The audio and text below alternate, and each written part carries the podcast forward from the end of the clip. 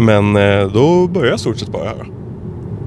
Oh, Thief Bagginses. Ja, Nej, men jag tycker det är ett my- Vänta, oh, fuck nu sabbade jag upp det på en gång genom att stänga av skärmen. Sådär. Nej men jag tycker att det, det, är ett, eh, det, det är ett bra sätt att starta på. Det blir som så här, eh, vad ska man säga, opretentiöst. Att man liksom bara sätter igång inspelningen. Men det var ju Göran Persson. Det var Göran Persson som uppfann det. Men eh, jag och Viktor är ju då på väg till Mall of Scandinavia. För vi ska se en liten film idag. Viktor, vilken film ska vi se? Eh, vi ska ju se Smurfarna 2. Ner på djupet, som jag har hört att den ska heta. Den har inte producerats så länge. Så att det är kul att de bara kunde hafsa ihop en sån här film som vi nu ska se. Jag har ingen aning vad den handlar om. Det finns inga föregångare utan de döpte det bara till Smurfarna 2. Ner på djupet. Ja, den har ju då haft en produktionstid på ungefär 10 dagar då.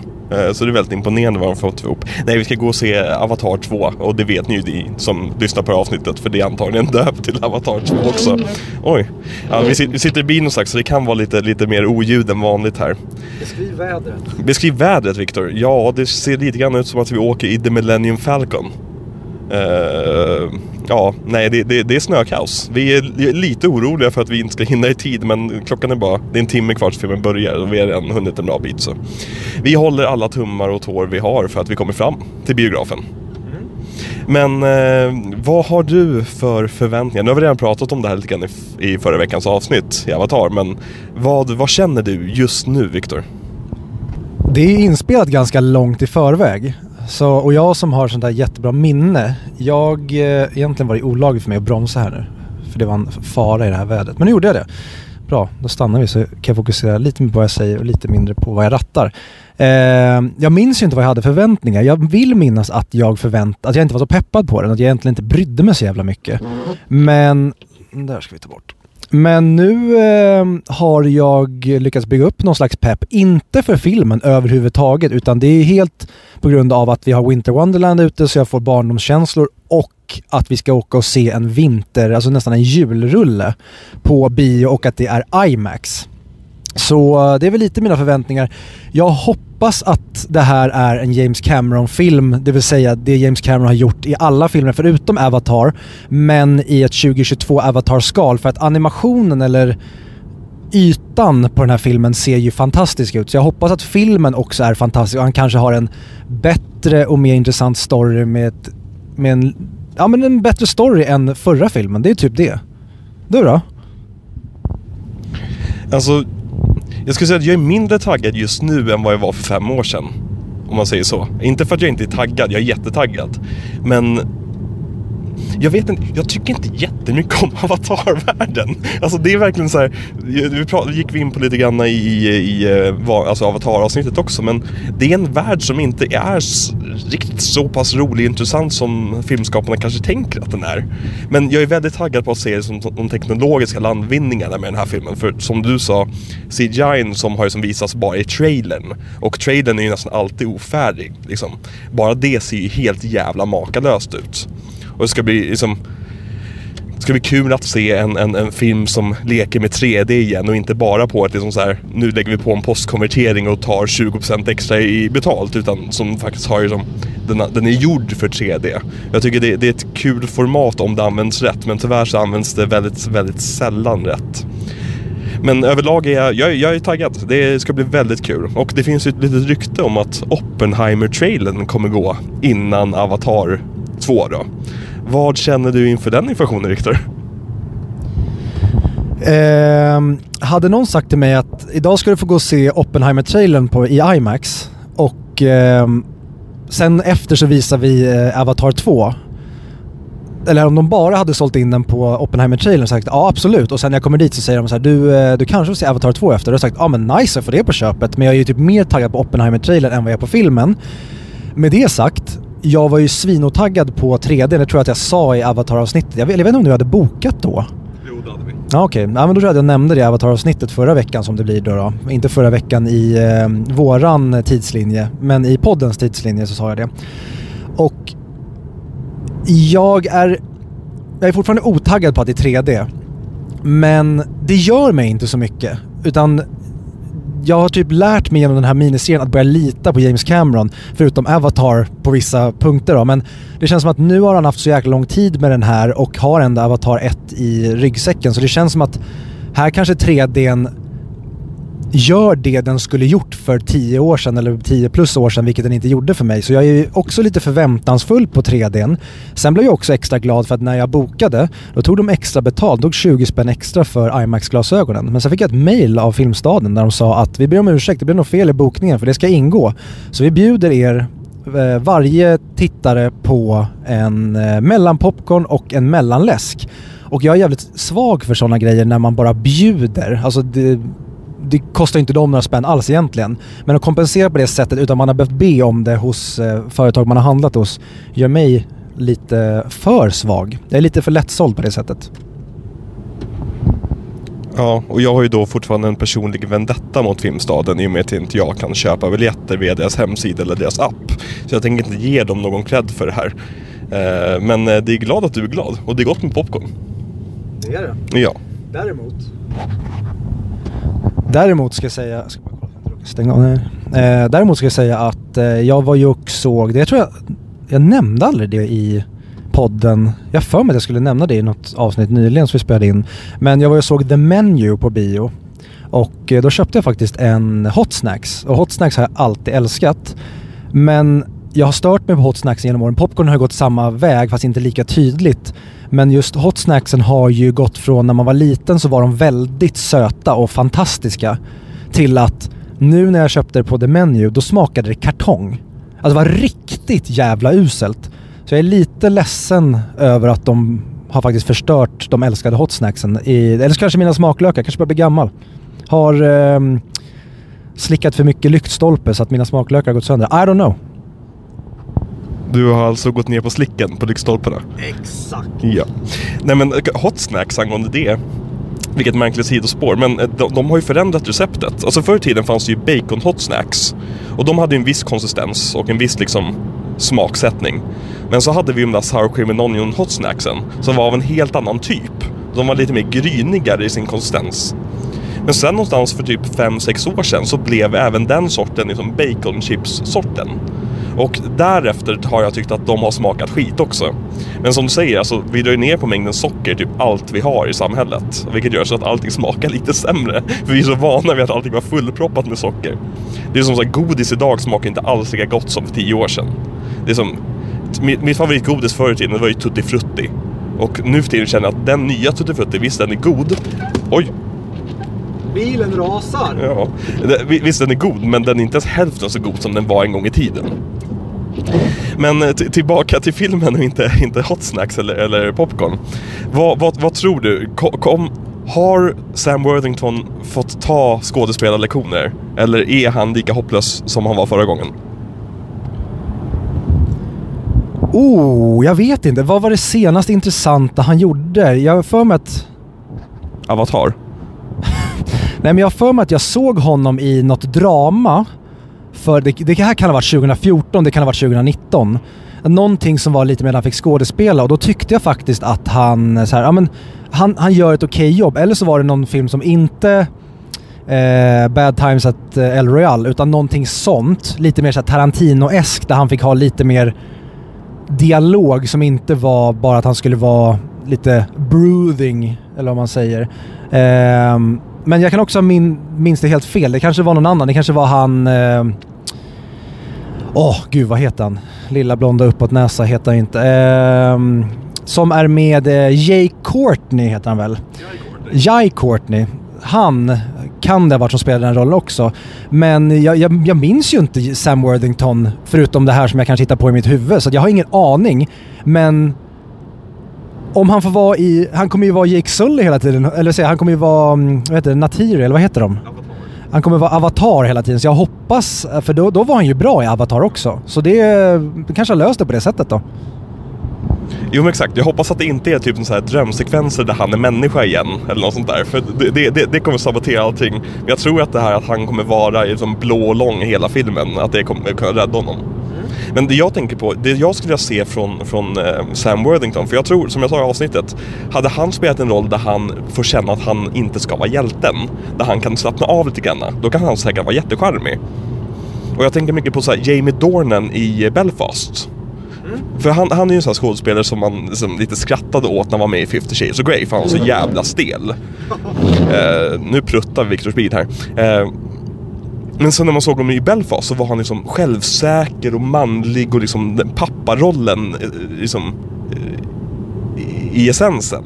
Och där tyckte han var jävligt bra. Så jag tror att Sam Worthington kan ha en Jamie Dornan i Belfast i sig. Dock vet jag inte om Avatar 2 i filmen där det kommer att plockas fram. Men eh, vad tror du? Tro, tro, det snackas väldigt mycket om att den här filmen... Vänta. Nej. Han såg väldigt halt ut. Eh, nej, det, det snackas väldigt mycket om att den här filmen antagligen kommer floppa eller kommer bli en av de mest inkomstbringande filmen någonsin. Men det börjar snackas lite grann om awards redan nu. Om, utan att ha sett filmen, tror du att den här filmen kommer vinna en Oscars och vilka Oscars i så fall? Eh, jag tror att den kommer ta special effects, 100%. Eh, om inte Thor, Love and Thunder gör det. det var väldigt kul att de nu har submittat den. Bäst film till och med. Ja, herregud. Eh, jag tror att den... Eh, så här, jag... Eh, min surgubbe har ju eh, börjat eh, gräva ner sig själv. Tråkigt nog. Jag vill ju vara lite mer surgubbe och cynisk som jag var back in the day. För några veckor sedan. Men jag hoppas att den här filmen är jätte, jättebra. För det, då kommer det också vara kul, då kommer det vara kul sen om de ska göra två eller trean, fyran, femman eller vad det nu blir. Och även vad James Cameron kanske tar vägen efter det här. Så jag, jag har ju mina förväntningar uppe. Jag tror att den kommer gå bra på bio. Jag tror inte, tror inte den kommer slå rekord, eller så är det precis det den gör. Men jag tror inte den kommer floppa i alla fall. Sen tror jag att den kommer ta några Oscars. Eh, men den kommer nog inte vara... Eller vad fan, det har varit ett ganska svagt bioår. Den skulle eventuellt kunna ta sig in på väldigt många. Den kanske gör en Titanic. Okej, jag bettar alla mina pengar jag har på den kommer vara nya Titanic. Den tar hem allt. Så du bettar egentligen på att en James Cameron-film kommer vara en James Cameron-film? Ja, nej men för, för att för tre år sedan så var folk väldigt hånfulla om den här filmen. Typ så här, är någon ens intresserad längre av Avatar? Men nu de senaste veckorna och månaderna har vi märkt att liksom, hypen på sociala medier har ju gått upp jävligt mycket. Så jag tror, inte, jag tror väldigt många är nyfikna på att se vad är Avatar 12 år senare. Uh, så jag tror inte att den kommer floppa på något sätt alls. Det känns inte som att den kommer ta alla rekord någonsin. Men som sagt, det kändes inte så om Titanic och det kändes inte så om första Avatar heller. Så det är som, man får helt enkelt lita på James Cameron. Eller så är det här hans första stora flopp. Ja, och jag tror att... Äh, Säg att den här hade kommit ett starkare bioår. Då tror jag att den här hade kunnat floppa. Men det här bioåret har varit så bedrövligt, tycker jag i alla fall. Att jag har liksom fått leta efter filmer att gå och se på bio. Så jag tror att folk är väldigt, väldigt hungriga på att få gå och sätta sig i biosalongen. Och det tror jag verkligen kan göra att den här eh, kanske kommer med en fet jävla smäll. Eller som hans tidigare filmer, eller de två tidigare, där de inte smäller till direkt utan de kommer käka sig uppåt och sen ligga svinstadigt på första platsen länge och så pang! Så är det en James Cameron-film. Jag har en känsla av att den kommer vara lite Top Gun-effekten. Av att vi är så svältfödda på liksom genuin blockbuster action som inte är en del av Marvel-universumet. Att, att folk kommer flocka till den här. Och det var ju det som hände med eh, just eh, Top Gun. Alltså den låg ju kvar på topplistan i flera månader efteråt. Alltså, å, alltså månad ut och månad in. Det är helt sinnessjukt. En av de mest sedda filmerna i USA i, i oktober var Top Gun. Och det är som... Alltså, jag vill ju väldigt, väldigt gärna att den här filmen ska bli en enorm succé. För att det jag har hört James Cameron säga om, om just trean och fyrans manus, det är ju det att när han presenterade fyrans manus för, för Fox, då sa de “Holy fuck, we can't do this”. Men tydligen så ska ingenting ändras från det manuset. Och vilket gör mig väldigt nyfiken på vad, vad är “Holy fuck, we can't do this” i, Fox, i Fox-värld när det kommer till James Cameron. Det ska bli väldigt kul att se vad framtiden har att utvisa när det kommer till vad kommer Avatar att handla om. Någonting som har varit jävligt coolt nu om man ska göra det här till ett långgående eh, filmuniversum.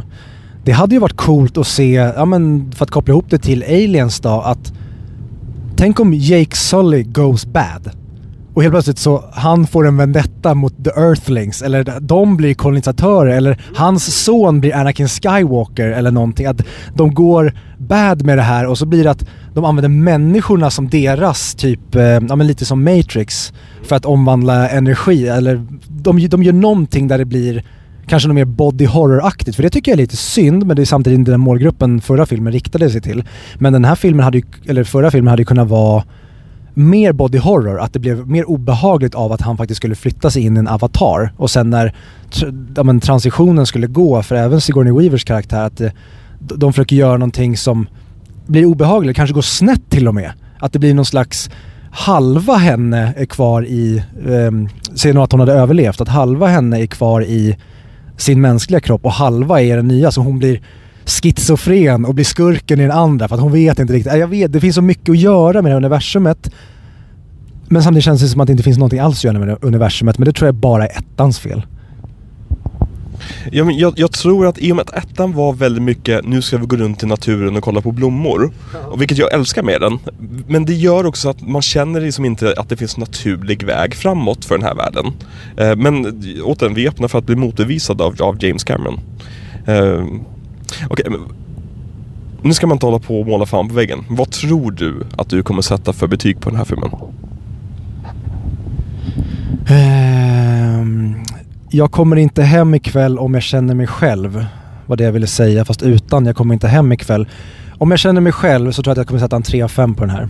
För det är vad jag tror att det här kommer att bli. Jag har bara sett en enda trailer och den såg jätteointressant ut. Och jag vill väl gå in med låga förväntningar men jag har väldigt höga förhoppningar och de kanske kan mötas någonstans och ge mig... I den bästa världen så är jag väldigt... Um, jag kanske inte är så jäkla kräsen när det kommer till den här filmen. Jag kanske är mer förlåtande och då kanske den ploppar upp om fyra och i den bästa världen då är jag helt head over heels. Och James Cameron kanske gör precis det som jag älskar med James Cameron i hans filmer innan Avatar och det blir en eh, femma. Han kanske lyckas få in aliens och eh, Terminator i det här på något snyggt sätt eller känslan från det och sen så är det det bästa jag någonsin har sett och det är väl drömmen kanske. Du då? Vi pratade ju bara eller eh, okej, okay, det här är lite spoiler för ett framtida avsnitt när vi pratar Casino Real. Men där försöker jag övertala Viktor om att eh, vi borde köra eh, Connery Bond. Om du sätter den här filmen som din bästa James Cameron-film, Avatar 2. Vill du betta Connery Bond som miniserie? Ah. För det kommer ju inte hända. Men i, i, I, vilken värld kommer du tycka att den här är bättre än Aliens? Nu vet jag inte om det är Aliens är din favoritfilm av James Cameron, det har vi inte pratat om än. Men... Uh... Let's go! Okej, okay. Viktor lovar här med att om han sätter Avatar 2 som sin favoritfilm från James Cameron så kommer vi också köra Connery Bond någon gång i framtiden. Nej.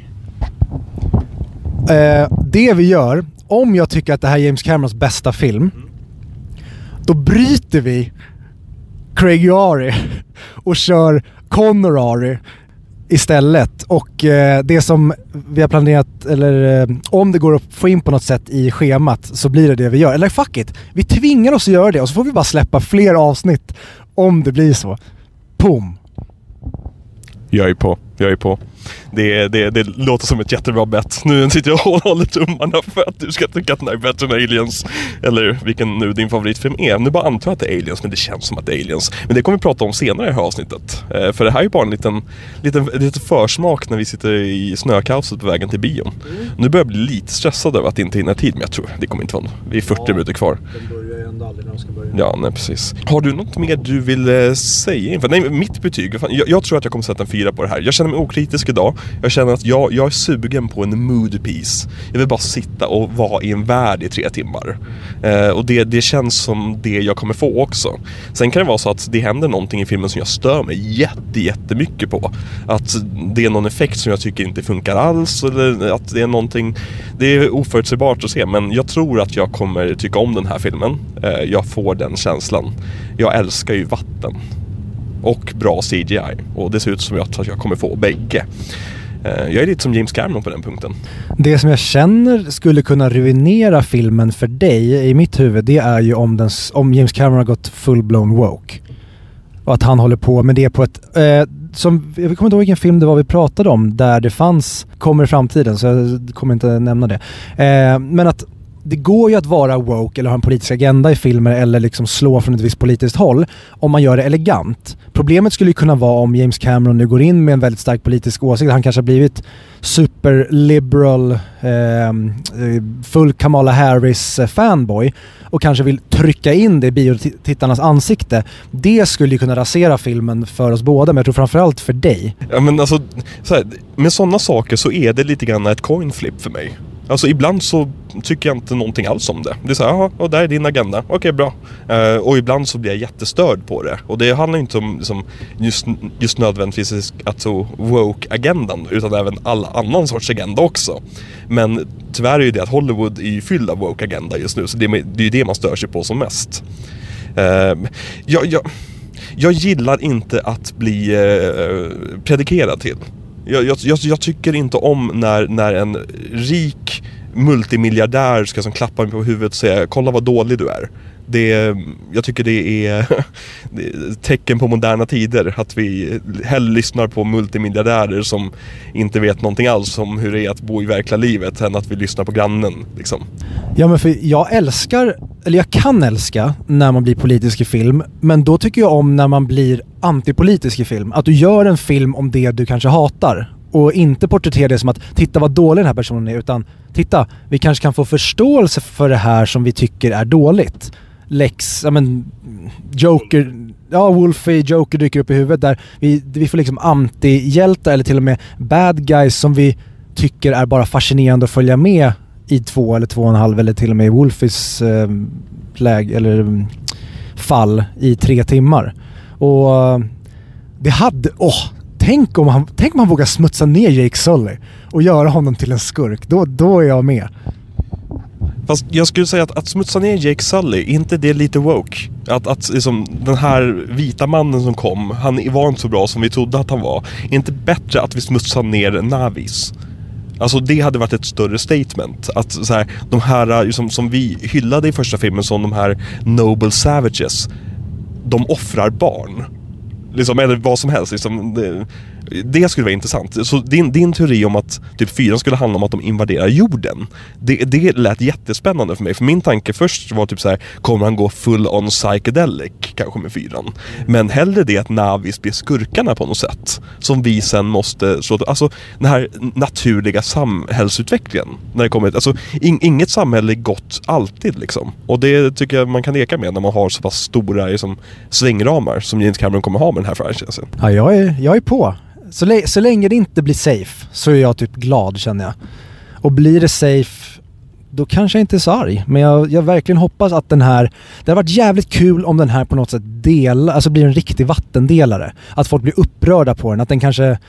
Den kanske är lite smaklös. Men det tror jag verkligen att den kommer att göra. Och skulle han göra det då... Den respekten jag redan har för James Cameron innan Avatar när han blev liksom glad och snäll den skulle multipliceras med tusen om han skulle våga... Att, tänk om han tvärtom då. Han går och pissar på hela liberal west, eh, eller vad det, liberala liksom eh, West Coast eh, människorna och gör något sånt. Det hade också varit skitkul. Jag, jag är öppen. Alltså, jag tror, vi pratade nog lite grann om det här i Avatar-avsnittet, men den bästa nyheten jag skulle kunna få om James Cameron just nu, det är att läsa att han har skilt sig igen.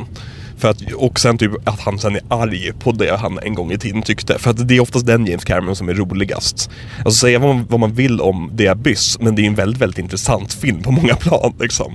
Eh, och det kan man inte riktigt säga om första Avatar. Den, den är en rätt ointressant film. Den är väldigt vacker. Eh, och det, det, är som en duglig story och allt sånt där som vi pratar om i avsnittet. Men The Abyss är ju hundra gånger roligare att tänka på så att säga. Har du något mer du känner att du vill nämna för våra lyssnare? Nej, jag tycker vi, vi kör. Vi... Så återkommer vi när vi har sett den. Exakt. Så Viktor, rulla vignetten.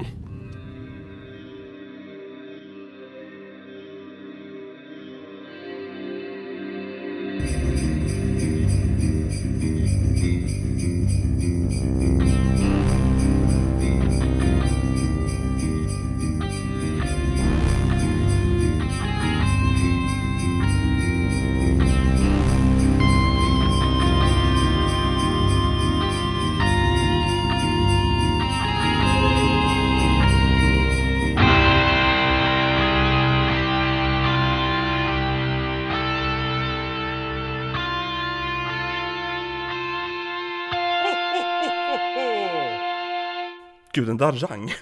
Har du rankt mig idag? Ring, ring, bara det slår en signal. Min, minns du det? Idolklippet. Ja. Klassiker, så tidig YouTube-klassiker. Ja. Good times. Ja, och fittan sticker fram. Ja. Som ing, ingen var riktigt säker på om det var en man eller kvinna som...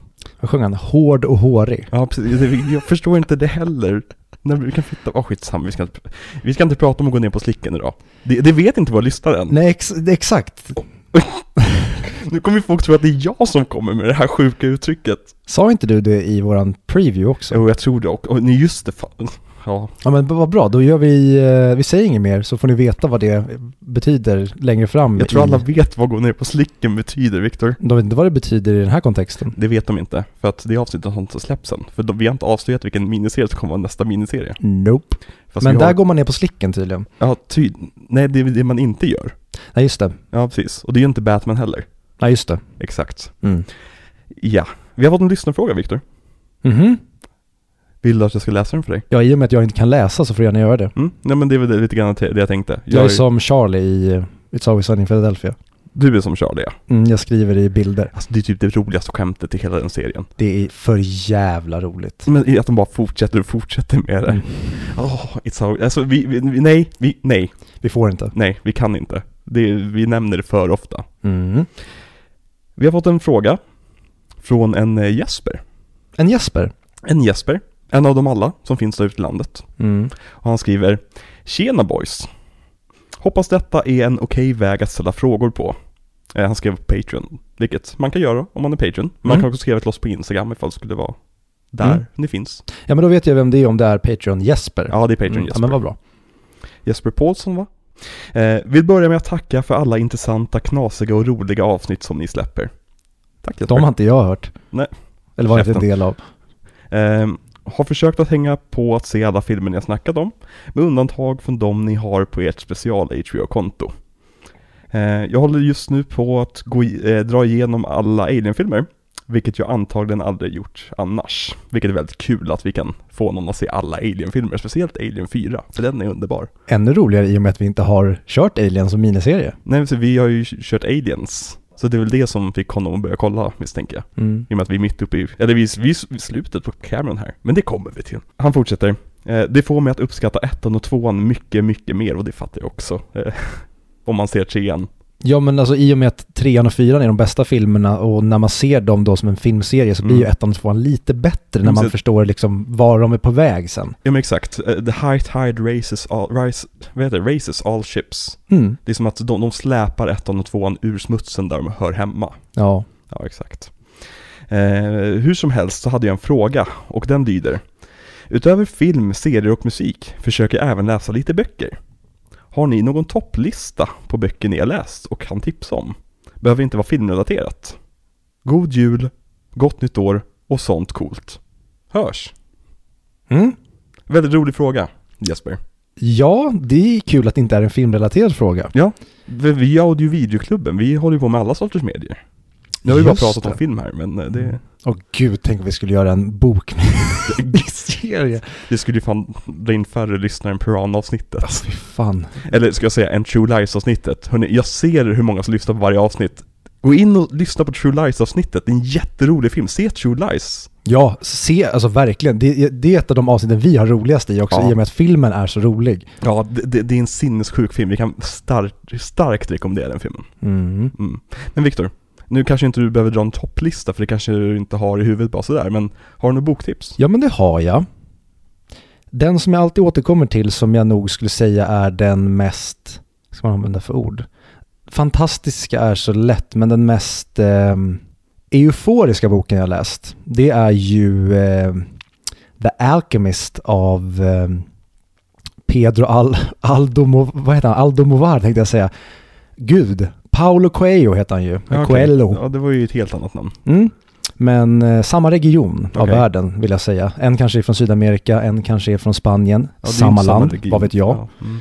Eh, men det är verkligen en bok som, den är väldigt kort också. Jag tror den är liksom runt 100-150 sidor. Okej. Men den är väldigt filosofiskt enkel och vacker och får en att förstå vad som är viktigt. Okej. Eh, Vad, vad, vad handlar det om? Den handlar egentligen om en fåraherde som ehm, han, han ger sig ut på en resa och tar vissa beslut. Okej. Och så får man se hur de här besluten, så här, var, var kan du befinna dig? Du kan befinna dig på en plats där du är en enkel fåraherde och sen möter du en person som ger dig ett val. Valet är svårt. Men om du vågar ta det svåra valet Mm. så kommer du bli belönad. Mm. Och den, den boken visar upp det på ett väldigt, väldigt enkelt och väldigt slagkraftigt sätt. Mm. Som jag tror tilltalar alla. Och den är ju väldigt, väldigt, väldigt hyllad. Mm. Så det är inte så att jag slår in någon stängd dörr här. Men jag kan verkligen rekommendera den. Det är en film, eller en film, en bok som jag verkligen, verkligen tycker om.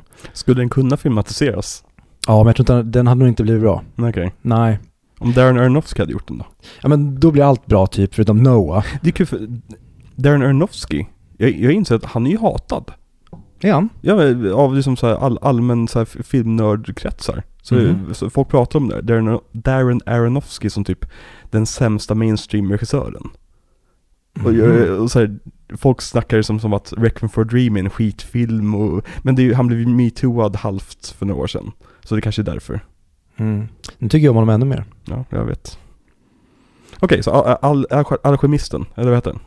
Ja, Alke, al, Alkemisten. Så att det är väl kanske den på rak arm, men Mm. jag tycker ju min favoritförfattare är ju Dostojevskij. Okej. Ehm, just för att han är väldigt bra på att förklara i, men i handling vad som händer om du, framförallt brott, brott och straff är så tydlig, bara Mm. så här, vad händer om du tror att dina val inte kommer att påverka ditt mående? Mm. Och vad, om du tror att du står över någon slags gud, Mm. eh, utan att bli religiös, utan han är väldigt rationell och pragmatisk att förklara så här, ja men en person tror att om jag gör, tar det här beslutet, kommer det då att kosta mig min själ? Mm. Och personen tror att nej, det är klart, själv, vad är det för gammal snicksnack? Och så visar det sig att så, här, hur påverkar ens persons samvete en Mm. och i slutändan kan det krossa en. Precis. Eh, och den har ju också liksom pratats om i alla tider. Det är ju en klassiker av en anledning. Ja men precis. Ehm, men, ja, men för att inte ta då just Brott och straff, då, Idioten av Dostojevskij Mm. är en väldigt, väldigt fin bok om en person som egentligen bara är ren. Mm. Och det visar, så här, vad kan du hamna på för platser om du bara är rak och ärlig? Mm. Och även så här, hur kommer folk vilja utnyttja din rakhet och ärlighet? Mm. Väldigt tung bok, väldigt mycket fluff, Mhm. men kontexten i den är väldigt, ja men så här, bok som man bara blir glad av, framförallt att den tar upp saker som är superaktuella idag. Mhm. Och Dostojevskij liksom var en, en filosof utan att vara en filosof. Mm. Han bara skrev, men det visade sig att hans typ profetior, de slår in nu på Mm. 2020-talet eller på 1950-talet. Och, eh, så det är väl kanske den. Sen, ja men de kanske lite mer. Just nu tittar jag på min nyuppsatta bokhylla så jag har ju alla mina Men böcker. Väldigt bra det där Viktor. Thank you very Det much. ska du vara nöjd med. Det, Mm. ja, det, nu, nu känns det, det känns som ett hem som du sa. Mm. Det är asnice. Jag, är, jag är nöjd. Mannen här är väldigt nöjd, nöjd, nöjd, nöjd. Han är glad för han är nöjd. Exakt. Mm. Eh, ska se. Alltså jag tycker väldigt mycket om Dan Browns eh, Robert Langdon-böcker. Det är blockbuster-litteratur. Ja men liksom. precis, det, Mm. och jag brukar säga att eh, Inferno är den bästa bladvändaren jag läst. Mm. Alltså den, vad den håller på med är bara så här, det, det, du, du ser verkligen biofilmen. Mm. Sen blev biofilmen inte så bra, men Ändrade de inte slutet på den att de faktiskt lyckades stoppa smittan? Spoiler alert. Fast i boken så sprids ju smittan, eller hur? Mm, åh gud, det minns jag inte. Äh, Det var så länge sedan jag läste den nu. mm. Eh, så det var den, men annars bara så, så, klassiker som Män som hatar kvinnor, Mm. alltså Millennium-trilogin. Jag har inte läst de efterföljande för vi pratade om det på väg hem från Exakt. bion att det tydligen finns, det ska komma en sjunde Millennium. Men jag har bara läst originaltrilogin och det är också så här fantastisk bladvändare. Ja men lite så då, om jag säger okej någonting som inte är med en handling, vad har jag läst nyligen? Typ Lilla landet som kunde av Mm, ehm, Mustafa Panshiri och Jens Ganman. Väldigt bra bok. Väldigt kul och eh, den, den känns nästan som att den dat- daterad idag. Att Mm. de sk- skulle behöva skriva en uppföljare till den, vilket jag typ har för mig att de är på väg att göra. Ja, den har ju varit i eh, produktionsstadiet väldigt länge. De, Mm. de, de, eh, skämtar ju med Mustafa i Sista måltiden. Om typ såhär, kommer inte boken snart? Eller? Va? Mm. Vart är boken någonstans? Eh, så det verkar som att den är på gång. Men de försökte ju på så här, det här projektet med här, nya Lort-Sverige och grejer också. Det känns som att deras projekt rann lite ut i sanden på grund av Corona. Ja men det är därför, för de släppte Mm. Lort Sverige del 1 Mm. eh, och del 2 är försenad då som du säger på grund av corona. Mm. Men annars, jag kan verkligen rekommendera om ni inte vill läsa, om ni vill lyssna på en bok så kan jag verkligen rekommendera Jens Ganmans En brunråttas bekännelser. Mhm. Den tycker jag väldigt mycket om, framförallt jag gillar att lyssna på Jens Ganman när han, han är en av mina favorit, eh, en av mina favoritjournalister jag gillar att läsa för att hans penna är så rolig och det Mm. flyter så äckligt bra. Och han känns snäll. Han, han känns aldrig som att han försöker vara elak när han försöker ta ner någon. Nej, och även när han är elak så Ja. känns det som att han är snäll. Ja. Det är jättemärkligt, men han, är, han känns som världens mysigaste eh, snubbe. Mm. Ehm, ja men hans En brunråttas bekännelser, annars så Viktor Frankels eh, Man's Search for Meaning Mm. läste jag hyfsat nyligen. Också bara, ja men en bok, han liksom beskriver sin tid i, jag tror inte han satt i Auschwitz, han satt i något koncentrationsläger Mhm. och bara pratar om ja, men de olika psykologiska stadierna som människor befann sig i, i koncentrationslägren och hur folk hanterade det. Och, ja, men vissa de var, de kunde få hopp, de, de kunde bli mer motiverade att leva om de, om de hade ett datum när de skulle avrättas. Mm. Och kom den dagen och de inte avrättades, då föll de i någon slags, som någon slags koma. Att då, det var som att jag lever mitt liv till fullo här inne i koncentrationslägret för jag vet att det där är min sista dag. Den dagen kom och de dog inte och de återhämtade sig inte för att hela deras, alltså mekaniken i hela deras kropp hade ställt in sig på att här är mitt slutdatum. Så att allting efter det blev som att jag kan inte komma tillbaka, jag kan inte programmera om mig själv att leva vidare. Och det fanns ja, men många De dör sådana... psykiskt. Vad sa du? De dör psykiskt. Ja men precis. Och För att de, citera hon eh, aktivisten. eh, nej men han bara berättar just den psykologiska aspekten och hur det, han bara egentligen återberättar många, och han, han, han var ju psykolog så att han, han förde psykologsektioner med sina inmates Mm. där inne och ja men bara ger sina vittnesmål om hur fånglägren påverkade dem. Mm. Eh, så det är väl några då, Mm. böcker. Du då? Jag läser ju inte jättemycket nu för tiden. Jag läste ju jättemycket när jag var yngre. Alltså det var typ det enda man satt och gjorde. Det var ju typ det innan, innan man upptäckte film ordentligt egentligen. Mm. Eh, vi satt och läste Harry Potter-böckerna och Sagan om ringen och Sune och Bert och liksom, man hade ju alltid en bok att läsa. Mm. Men sen kom det en slags någon, någon brytpunkt där, där, där det kändes som att det inte längre var värt tiden. Att, att man blev lite otålig av att sitta och läsa en bok. Mm. Så nu, nu använder jag bokläsaren som nästan någon slags meditationsstund för mig själv. Att koppla bort allt och sen bara sätta mig i soffan och bara läsa. Mm. Och den senaste boken jag har gett mig på att läsa som inte jag är färdig med, men det är ju Dune av Frank Herbert. Och den kan jag ju starkt rekommendera. Det är alltså, om ni gillar filmen så boken är ju liksom filmen upptjackat med LSD liksom. Det är så mycket så här drömsekvenser och liksom inre resor och, ja nej, fantastisk story. Eh, men sen kan jag också starkt rekommendera eh, Fire and Blood. Som då House of the Dragon är baserad på. Eh, det är ju då en spin-off-bok till eh, Game of Thrones-böckerna. Eh, den kan vara lite svår att ta sig an, för den är mer som en historiebok än en, en, en, en liksom roman. Där det händer saker och är karaktärer, utan det, hela boken är ur perspektivet av en historiker i Westeros som sitter och skriver ner allt det här. Så går, går han igenom hela Targa- Targaryens familjens, familjens historia.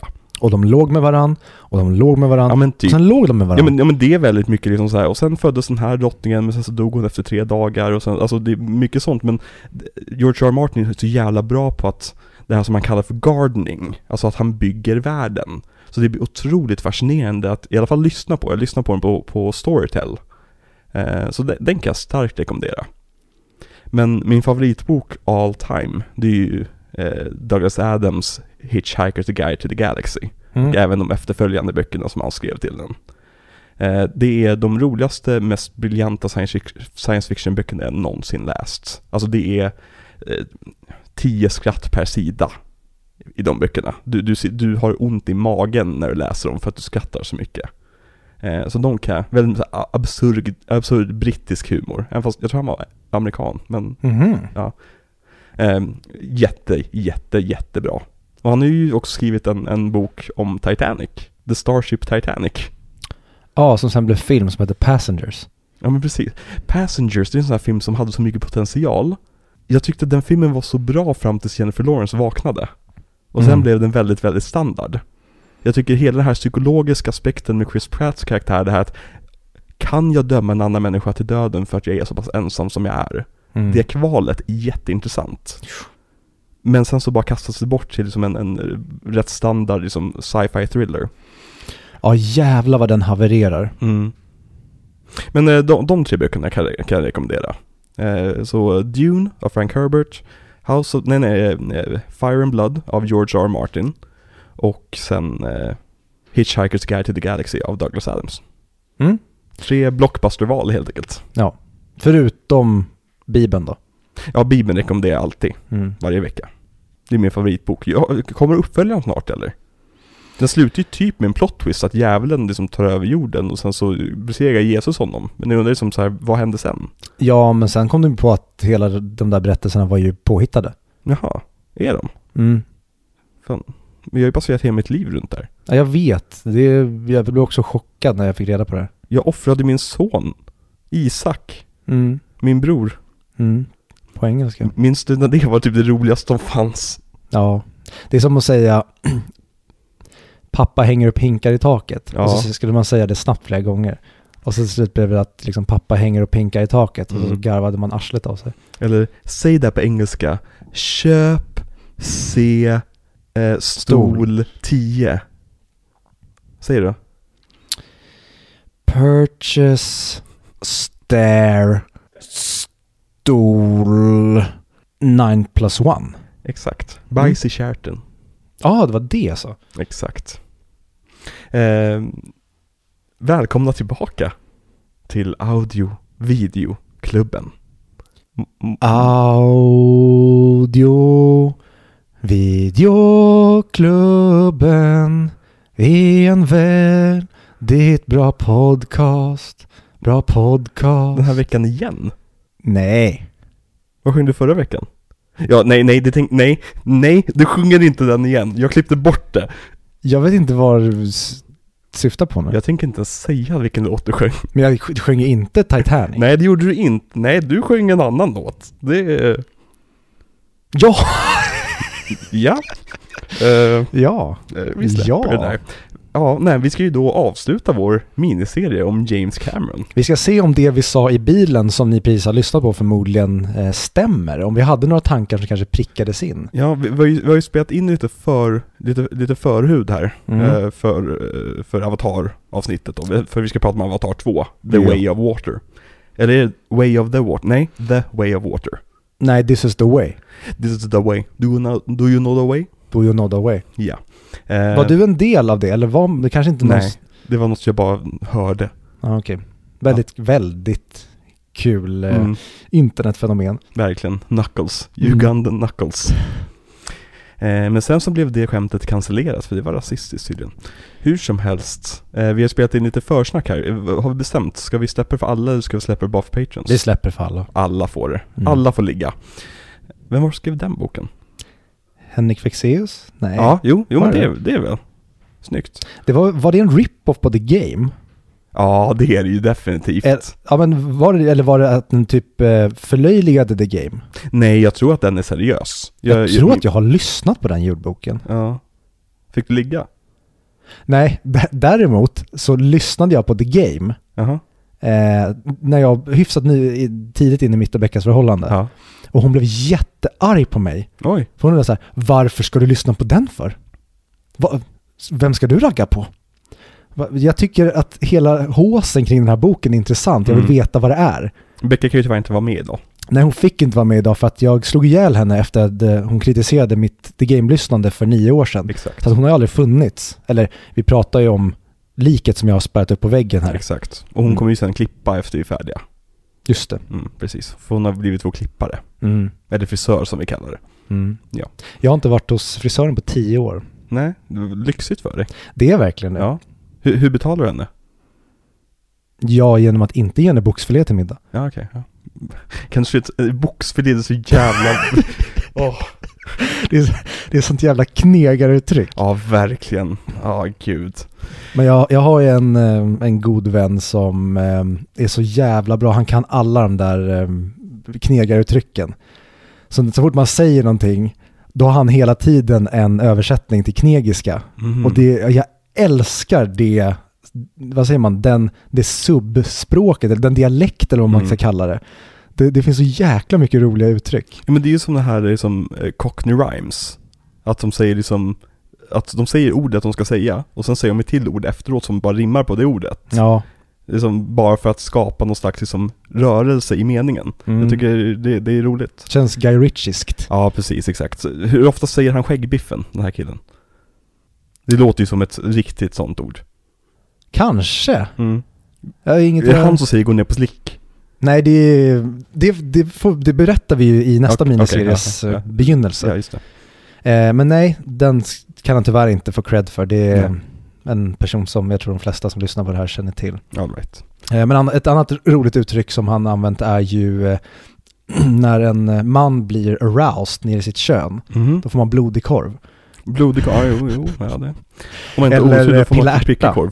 Vad sa du? Om man har otur då får man prickig korv. Ja, precis. Om du agerar på din blodiga korv kan det sluta med att du får prickig korv. Exakt. Och Eller- slut kan det sluta med att du inte har någon korv alls. Den filmen hade jag velat se. För i, eh, vad heter den, um, The Nick, Ja, då är det en kvinna som får syfilis och tappar näsan. ja precis. Eh, det hade varit kul att se någon som får syfilis och tappar snoppen. Mm. Och så handlar filmen om det. Hur personen ska tackla det. Gärna utspela sig runt nitt- 1900-talet. Mm. Testa och ring Netflix. Svenska Netflix säljer in den här idén. Den ska heta blodig slash prickig korv. Blodig, slash, prickig, slash, ingen. Mm. Mm. No soup for you. No sausage for you.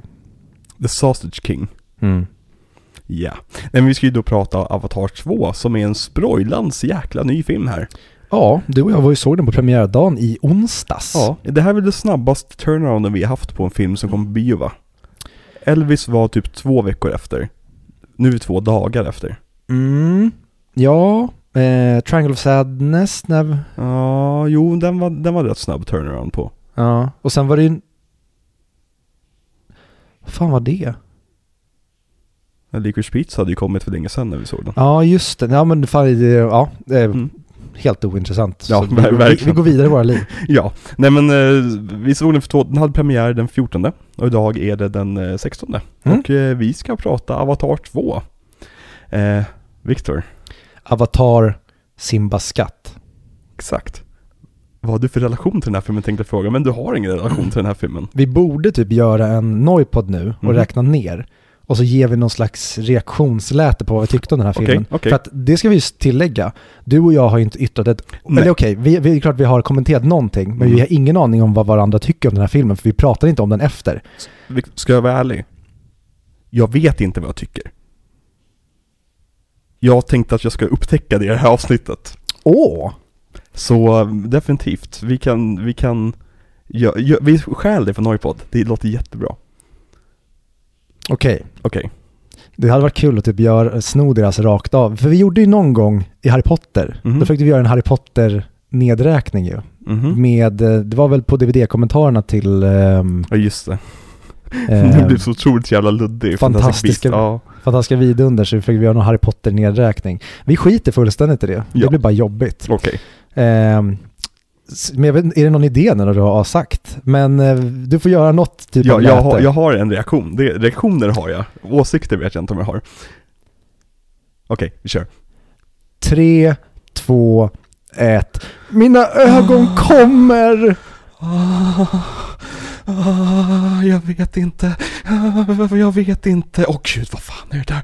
Ah, gud, mina ögon gör ont. Mina ögon njuter. Vad är det där? Det, varför går det där snabbt? Åh gud, jag vet inte. Oh my god, jag vill tillbaka in i den här. Den här får aldrig ta slut. Kan jag få gå hem nu? Eh, ja. Eh, jag, fy fan vad tråkigt att jag säger eh, kontroll C, kontroll V ja. Nästan. Ska vi vara överens i det här avsnittet också? Ja men vi kommer säkert hitta grejer som vi... Ja, antagligen. Jag, Men okej, Mm. om jag ska bara sammanfatta det kort. Ja, ja, börja du. Det är den det är den snyggaste bioupplevelsen jag sett för mitt öga. Mm. Vad de gör, alltså att, och också att jag varit så skeptisk till 3D. Men Mm. att se den i 3D i IMAX och se den här tekniken och vad de har renderat fram. Det, alltså, va? Fotorealistiskt. Ja, det, det, det, blir... Eh, jag börjar nästan känna att ehm, nu, nu kör vi. Mm. CGI. Nu, nu, börjar vi, nu börjar vi närma oss liksom där vi ska befinna oss. Okej, vi, bör, vi kan börja där. Mm. Effekterna. Mm. Vi brukar ta det mot slutet, men vi kan, vi kan fan... eh, Den här filmen kastar allting upp i luften och fångar ihop det, så vi, nu, nu, nu bara tar vi saker i luften här. I Endgame och Infinity War Mm. så snackade folk väldigt mycket om att Thanos var görsnygg. Och det är han. Han är typ den bästa effekten vi hade sett hittills när vi såg den filmen. Men på grund av den detaljrikedomen de la ner på Thanos så är de tvungna att dra ner detalj, detaljrikedomen på lite andra saker. Så vi får lite scener med dålig green screen, får lite så här flummig CGI kanske, scener där de inte har lagt ner lika mycket tid som liksom huvudkaraktären. Mm. I den här filmen är alla Thanos. Alla växter är Thanos. Alla djur är Thanos. Allt vatten är Thanos. Ewa är Thanos kan man säga. Det är... Jag vet inte.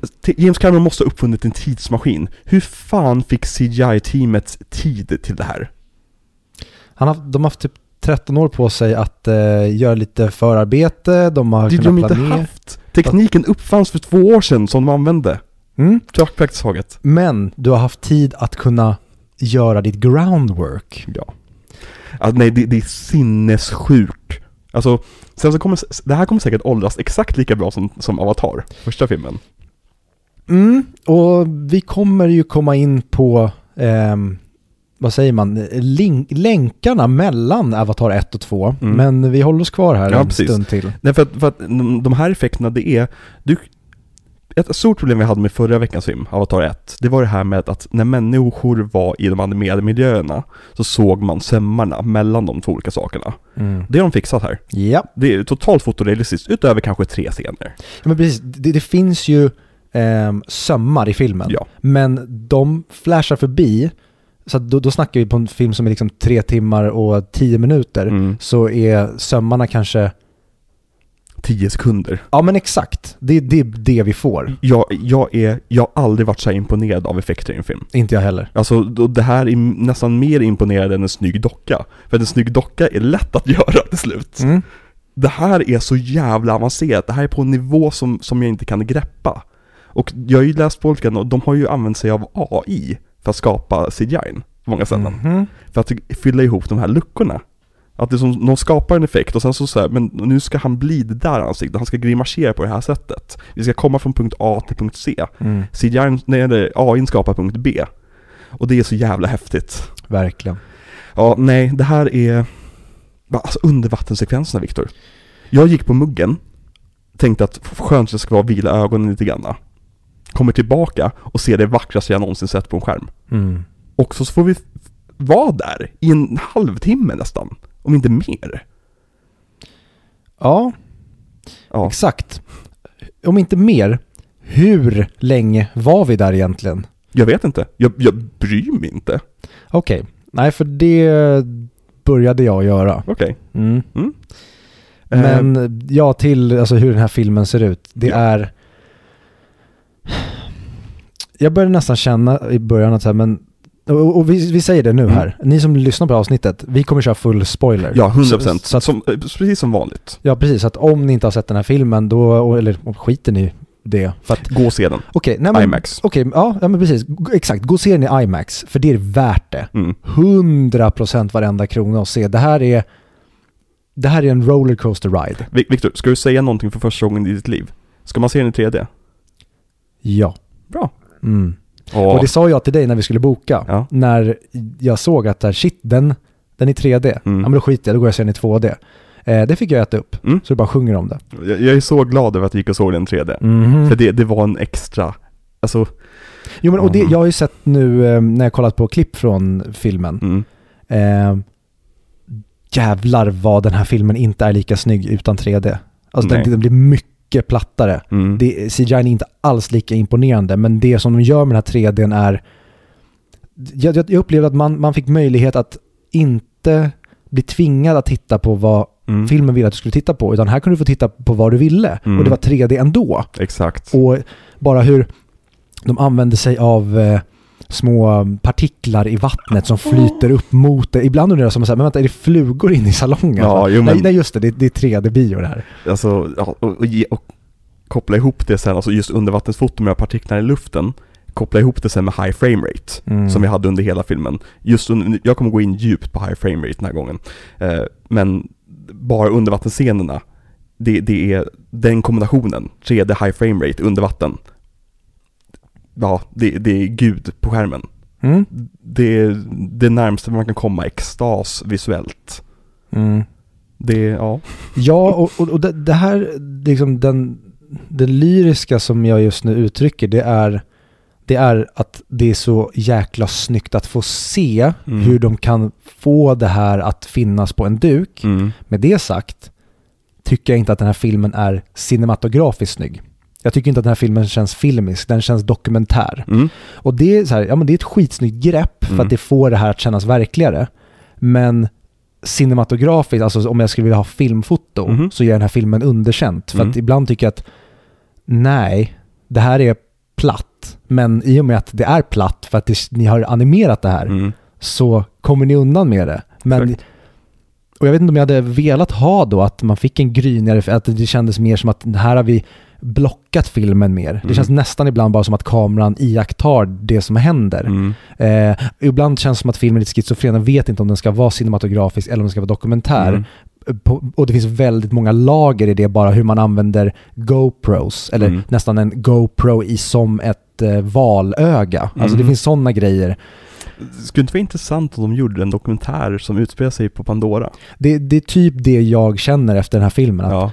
Droppa det här med ett narrativ. Ja. Gå, gå bara, så här, kör eh, Robinson eller vad heter den här expeditionen där några kändisar skickar, så här, skicka ut några kändisar vi känner Mm. på Pandora och de bara får försöka överleva. Mm. Det hade varit en mycket mer intressant film än att få se det här liksom Pocahontas-spektaklet. Mm.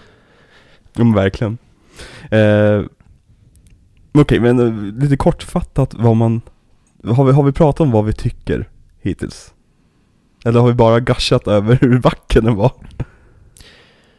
Okej, det här kan låta hårt jag kommer säkert liksom säga, jag kommer försöka nyansera det genom Mm. avsnittets gång. Men eh, utan de här effekterna Mm. och utan den här, den, den, liksom, den tekniska ehm, världsförändringen som Mm. vi typ får se, så är den här filmen skräp. Mhm. Jag tycker att den här filmen är så jävla ointressant. Eh, jag tycker att karaktärerna är jätteointressanta. Mhm. Jag tycker att filmen, och jag kommer komma in på det, vad handlar den här filmen om? Jag Mm. vet inte riktigt vad den här filmen handlar om. Eller den, filmen handlar om så mycket samtidigt och ingenting. Eh, karaktärer, ehm, musik, det, det finns så mycket i den här filmen som är så ointressant. Mm. Men tapeten är så snygg att I don't give a fuck. Mm. Men i slutändan så var jag väldigt uttråkad. Mhm. Så jag hade nästan så här, om, om jag skulle gå och se om den här filmen, Mm. då hade jag nästan gått hem efter halva filmen. För då kände jag att nu har jag fått allt som jag behöver. Mm. Resten av filmen är jag helt ointresserad av. Och tyvärr så känns jag, jag, jag nästan känner nästan likadant som jag kände efter Avatar 1. Mm. Att jävlar vad det här var häftigt att se. Mm. Men om tio år då kommer jag aldrig återbesöka det här. Mm. Och jag skulle vilja jämföra den här filmen med att om, nu tycker jag inte att ettan är Lejonkungen, Nej. men den här filmen är som, om du berättar den stora liksom plotten om den här hjälten Mm. som blir någonting i första filmen, Mm. då är det här ehm, eh, Okej, om den första filmen gick på bio, Mm. då är det här Disney plus spin-offen, alltså uppföljaren, Mm. som den skulle inte riktigt gå upp på bio. Nu gjorde de det ändå för att jag förstår, alltså jag, jag, jag gissar så här, om, om fil, när vi har fått 3, 4 och 5, Mm. då känns det som att man nästan kommer typ kunna plocka ur den här filmen ur narrativet. Det kommer inte ha påverkat någonting. Förutom kanske en detalj. Ja, alltså det är såklart att man skulle kunna argumentera för att vissa grejer förändrar saker. Mm. Men jag tror inte att de grejerna kommer... Det är nästan som att början på den här filmen när de säger så här, eh, det här har hänt Mm. och det här hände eh, under det de skulle här man åren. kunna ta i trean. Exakt, det skulle Ja, man kunna ja, ja. exakt samma grepp med i men jag trean. Och det är här, men behövde vi en tre timmar lång film för att Mm. berätta det här? Nej, nej, nej. Eh, jag känner nästan att vi hade kunnat göra det här på 90 minuter. Mm. Men samtidigt, jag får ju en tre timmar film som är gorgeous här och nu. Exakt. Eh, så att, precis som du uttryckte, jag, jag har väldigt många tankar men jag kände Mm. efter att, vad fan, James Cameron har inte brytt sig ett jävla skit om, ehm, om att berätta någonting här. Mhm. Han har bara velat göra en jävligt snygg film. Mm. Lite så. Vad skönt, för då är vi ändå oense. Mhm. För jag tycker att vi i den här filmen fick det som jag saknade i Avatar, första filmen. Det vill säga karaktärer jag bryr mig om. För jag tyckte att karaktärerna i den här filmen var jättefascinerande för en anledning. Jag vet inte om det är för att jag satt och var bara liksom avrunkad av James Cameron liksom under hela tiden och därför var okritisk. Men jag tycker liksom att det de gör med Quaritch är jätteintressant. Att han liksom typ nästan älskar att vara en, en, en eh, Navi. Eh, jag tycker att barnen är spännande att följa. Jag, jag, jag blev nästan lite grann så, varje gång de klippte tillbaka till Jake och Neytiri så var det lite så här: nej, nej bort med dem, jag, jag vill ha dem nya. Det är lite som att han gjort en legacy sequel till sin egen film. Eh, på ett sätt. Nej, jag, jag, jag, tycker, jag gillade det här manuset jättemycket. Och jag gillade hur småskalig den var. Att det som den handlar om att det här marinteamet jagar Jake. De fångar Jakes barn. Och sen måste Jakes barn räddas. Och sen måste Jakes barn räddas igen. Och sen måste Jakes barn räddas igen. Ja okej, ja, om, om, ja definitivt. Det finns lite grann av en upprepningssjuka i den här filmen.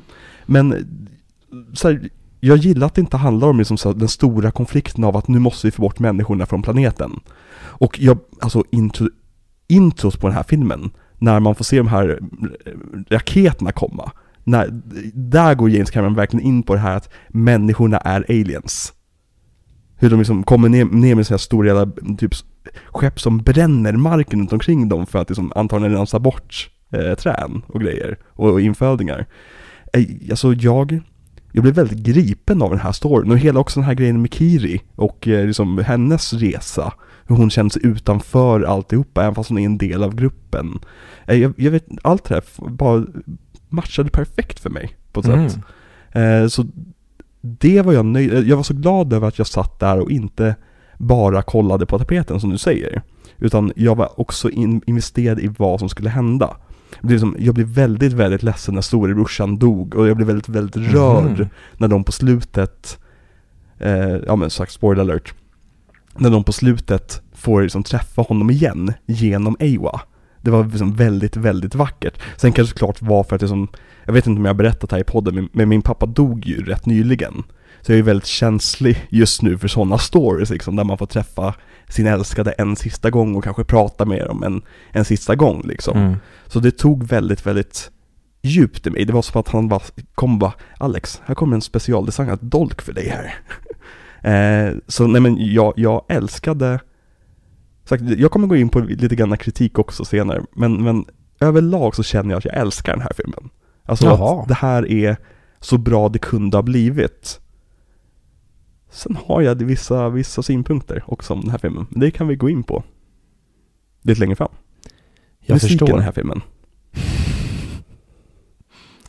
My Heart Will Go On spelas en gång var femte minut. Mm. Och jag förstår att kompositören, nu minns jag inte vad han heter, jag har det nedskrivet längre ner på, eh, på, på Typ Flangorn. Ja, precis. Flang, ja skitsamma. Han är ju en av liksom eh, James Horners gossar. Eh, hans skyddslingar. Någon som har liksom gått i skola hos honom.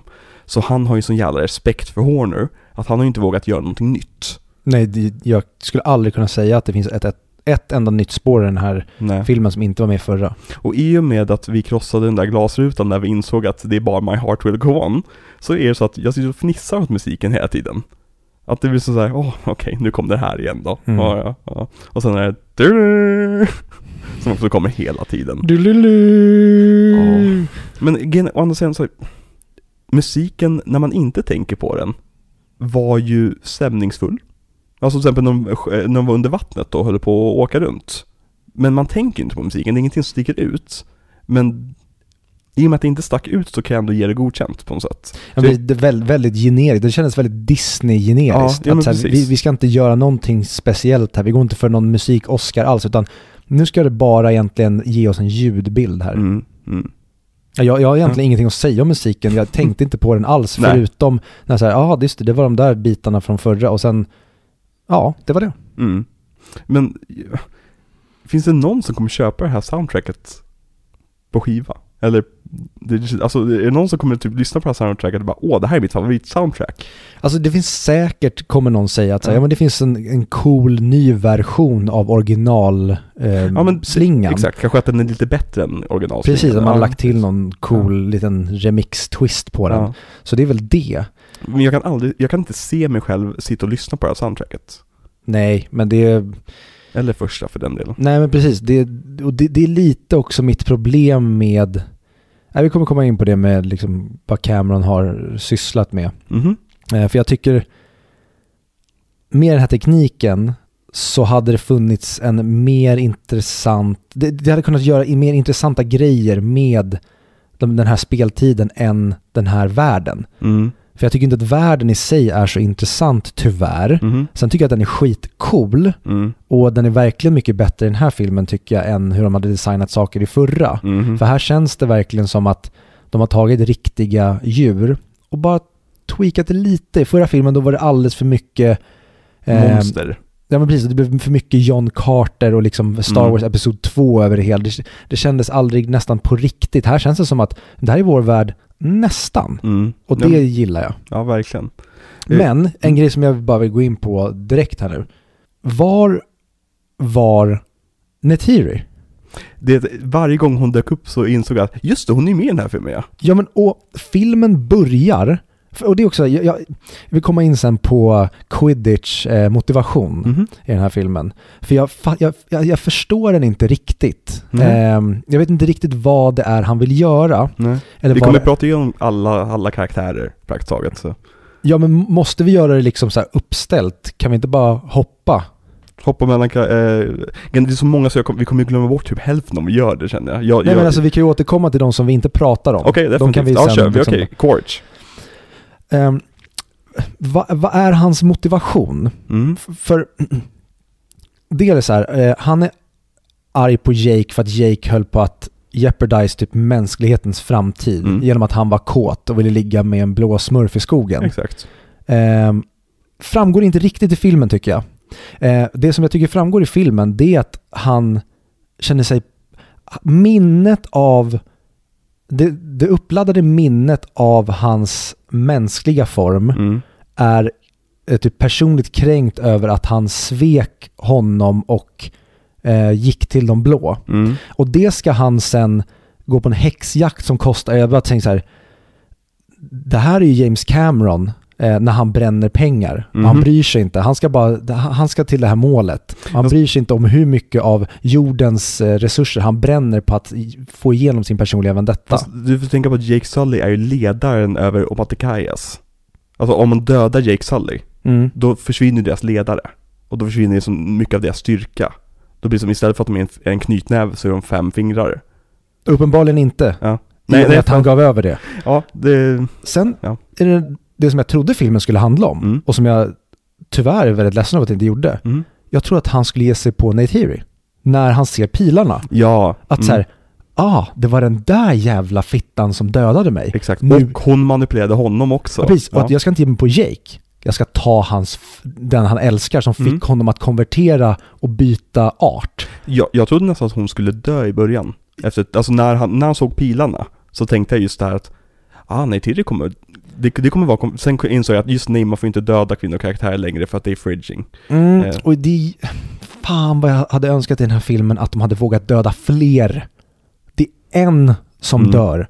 Det hade varit så jäkla ballsy som du säger. Våga döda Nate i början, eller våga döda något Jake. av hans barn i början. Eller, ja, nu så här, jag- nu ska de göra en lång filmserie och det är så här, Mm. Jake Sully är vår huvudkaraktär, men då hade du också behövt etablera Jakes, då hade typ Sam Worthington behöva spela en av hans söner, att han blir Mm. nya Jake Sully på något sätt. Och då sa ja men då kan ni döda av original Jake Sully. Ja. Sen kommer in problemet här också med att nu verkar man ju egentligen bara kunna ladda upp så att om, om din avatar dör, Mm. då kan du bara ladda upp det igen. Och det, det blir att stakesen inte på samma sätt. Sen såklart för, för, ehm, för na, naviserna, att så här, deras stakes är mycket högre. Men det känns nästan som att hela tiden, det, var mycket så här filmen var så här, eh, den här tekniken som vi inte pratade om i förra filmen gjorde att det här kunde hända och på grund av att han hade sex med den här personen så kom den här karaktären. Och det känns, jag blir lite så här, att ni kan skriva in vad som helst här nu. Mm. Det känns inte riktigt som att stakesen är på riktigt och liksom när Ewa finns och att Kiri föddes på något sätt trots att hon dog i förra filmen så kunde det, det blir som Mm. att om, om filmen vill att den här karaktären ska komma tillbaka då kommer filmen att bara kunna stoppa in den Mm. igen och ha en förklaring och förklaringen funkar. Ehm, så jag önskar att de hade haft högre stakes i den här filmen och vågat döda någon tidigt. Alltså tänk, Mm. nu så här, okej, det, är- det är en familjefilm det här. Mm. Det hade varit så coolt om man hade vågat döda typ minstingen. Mm. Och det hade varit så här. Och Nej, typ, nej, för fan, jag hade ju dött i bioslången. exakt vad vi hade känt. Jag älskade Tuck. Mm, Det är alltså jätte- så jävla charmig unge. Verkligen. Och bra skådespelad också. Nu, nu kan ju såklart manipuleras i efterhand med effekterna, men, men jävlar. Mm. Ja, men så här, våga, så här, lägg, lägg till ett till syskon. Mm. Och våga döda det i början. Och så blir vi rid av det. Eller att Jake möter Quaritch i början Mm. Och får his ass whooped. Eller att Exakt. liksom, för, för nu är det som att han bara så här, nej mina testosteronhalter är för låga. Vi drar. Mm. Men va, va, varför det? De, de kan ju ändå komma hit och bara slakta hela stammen. Ja, precis. det kommer de förmodligen göra ändå. Det trodde jag skulle hända också. så här, ja men precis, och, och det tycker jag är så synd att det, det nästan blir som att ettans handling blir irrelevant Mm. med tvåan, som att de då, som vi lärde känna och liksom, så det, det är de här vi ska bry oss Ja. om. Det har varit coolt om hela, alltså som Rohan, när Rohan flyr Mm. till Helms Deep. Precis, att det är folket, det är Moses. Ja, det har varit så Exakt. jäkla Mm. häftigt och verkligen så här, Ja men i och med att du ändå har Jesus i den här filmen, så Mm. kan du också lägga in Moses, tänker jag. Ex, ja, och det, det, sådana grejer som känns att, för att jag tänker nästan att den här filmen från början Mm. var fyra timmar lång. Ja. Och att det mm. finns plots här för att en grej som jag verkligen tyckte var så konstig, det känns som att de typ nästan zoomade in på det, det var ju Ja. Kate Winslets mage när hon blev gravid. Ja, Det var så här, varför är hon ens gravid? Hon, och sen... ehm, så men- det är ingenting mer det. Ja, precis. Och nu bara hoppar jag vilt här. Ja, ja. Men, men, men sen när de ger sig på båten i slutet, Ja. vad tog alla vägen? Ja.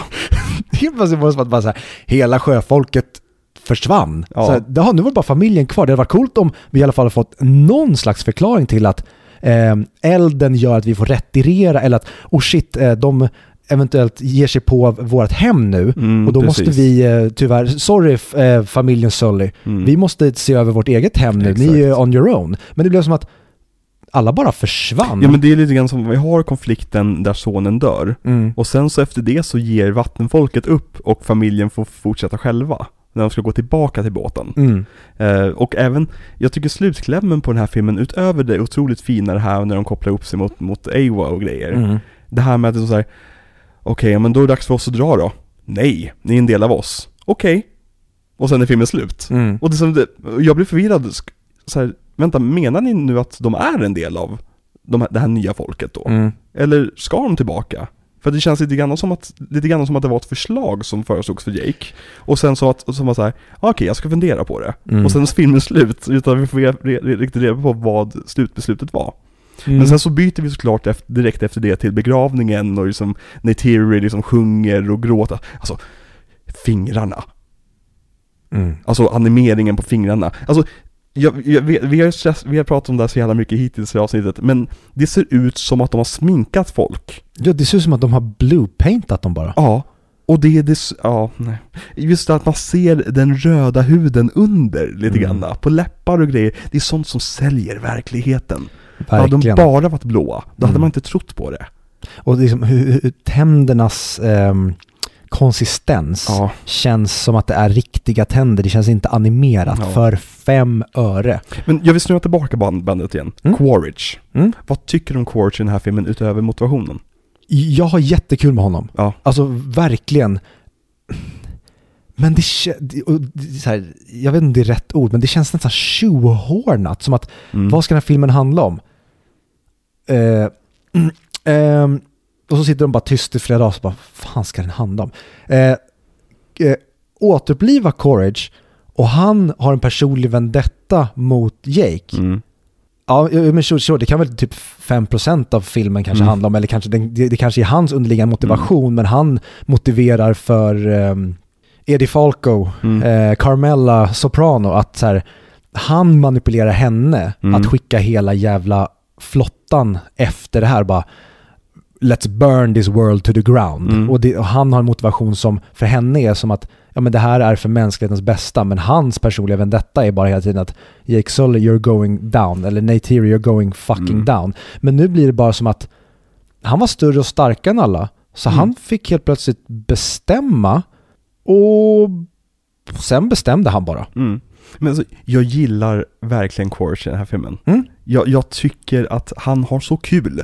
Ja, Och han, han, han, man får ju upptäcka världen igen genom hans ögon. Och det finns en switch där någonstans, lite grann vid, eh, vad heter de, drakarna? Eh, Ikri, Ik, Ikar, Ik, Ikrus, Ik, något, ja. vet inte. Ikran. Eh, när, han, när han kommer till dem, när han typ nästan så här. Ah, jag förstår Jake Sully. Mm. Jag fattar varför han defekterade. Och det hade varit så jäkla coolt att se. Låt filmen handla om Quaritch är det jag försöker komma in på. Quaritch hade varit huvudkaraktären i den här filmen. Ja, Gör Jake Sully och Neytiri till en, en okej, god skurk, så att säga. Få filmen, få Avatar 2 att handla om Quaritch resa in i Navi-världen. Och sen så kanske de har fight och liksom allting. Och sen kanske han joinar dem på slutet. Att hans karaktärsresa Mm. har, har ju som varit, det, jag trodde, han kommer ju definitivt joina dem i trean. ja. Det, det, det är 100% setup för det med hela Spider-grejen och allt sånt där. Men jag gillar också, återigen, Spider, jag tycker inte skådespelaren Spider var jättebra. Men jag gillar konceptet med Spider väldigt mycket. Jag tyckte väldigt mycket om det också. Men Mm.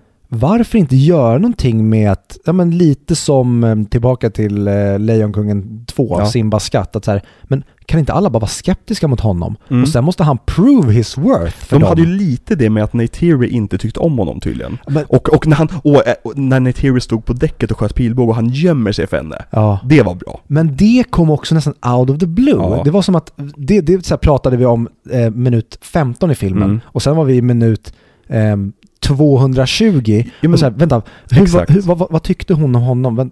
Ja, just det, så där var alltså, det. Var, det, Det är rule of two istället för rule of three. Ha en scen i mitten någonstans där de typ äter middag och hon kanske ger lite extra sina egna barn eller någonting. Alltså nu bara drar jag någonting i röven. Mm. Men Nej, bara- men jag trodde också att det på något sätt här skulle komma och bita Spider i arslet, att när de bränner ner den andra stammen, Ja. att någon skulle typ ta sig till deras stam och bara, ja ah, det var den här pojken, det var han som visade, och de bara, ja ah, han har svikit oss. jag trodde att de skulle göra mer, eh, alltså ordentliga jämförelser mellan Spider och valen. Mm. Och det gör de, men de gör det inte hela vägen ut. Eh, och Mm. ja, valen. It's too painful to talk about. Det är typ enda gången jag skrattade i filmen. Ja, Den men, alltså, det, var, alltså, det var så out of the blue att valen helt plötsligt blev undertextad. och, det- och sen bara vilken lins när så, helt plötsligt ska perspektivet vara ut från hans öga. det är sinnessjukt, Det men det är varit så- kul. Och det var som att först förstod han inte honom. Mm. Sen förstod han honom. Och jag, jag förstår så här, för de, de pratar engelska. Mm. De så här, ah, det började låta som engelska Och för det mig. tyckte jag var snyggt. så här, jag, jag köper det, men jag tycker typ inte ens att de hade behövt kommentera det. Nej, Det hade nej. de bara kunnat göra. Ehm, men just det när, när han typ börjar förstå valen, Mm. eller så här, när valen börjar förstå honom. Ehm, vi behöver inte ha så här, jag förstår inte ett ord vad du säger, utan vi är eh, spirited kin. Mm. Vi förstår varann. Och så sitter han och pratar och valen så här förstår, eller gör bara så här, mm, när han förstår ja eller nej. Man kan göra en Chewbacca av det. Ja! Alltså såhär, oh so you mean that you're, you're, eh, så- alltså, att du kastas ut från din flock?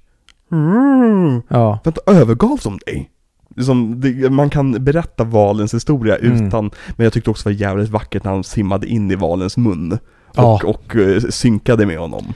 Men ehm, alla de här eh, drömsekvenserna och flashbacksen eh, tyckte jag var och framförallt Kiris. Mhm. Den tyckte jag var för jävligt. Jag, jag, vänta, vilken, det någon, Någon träffade eh, Augustin.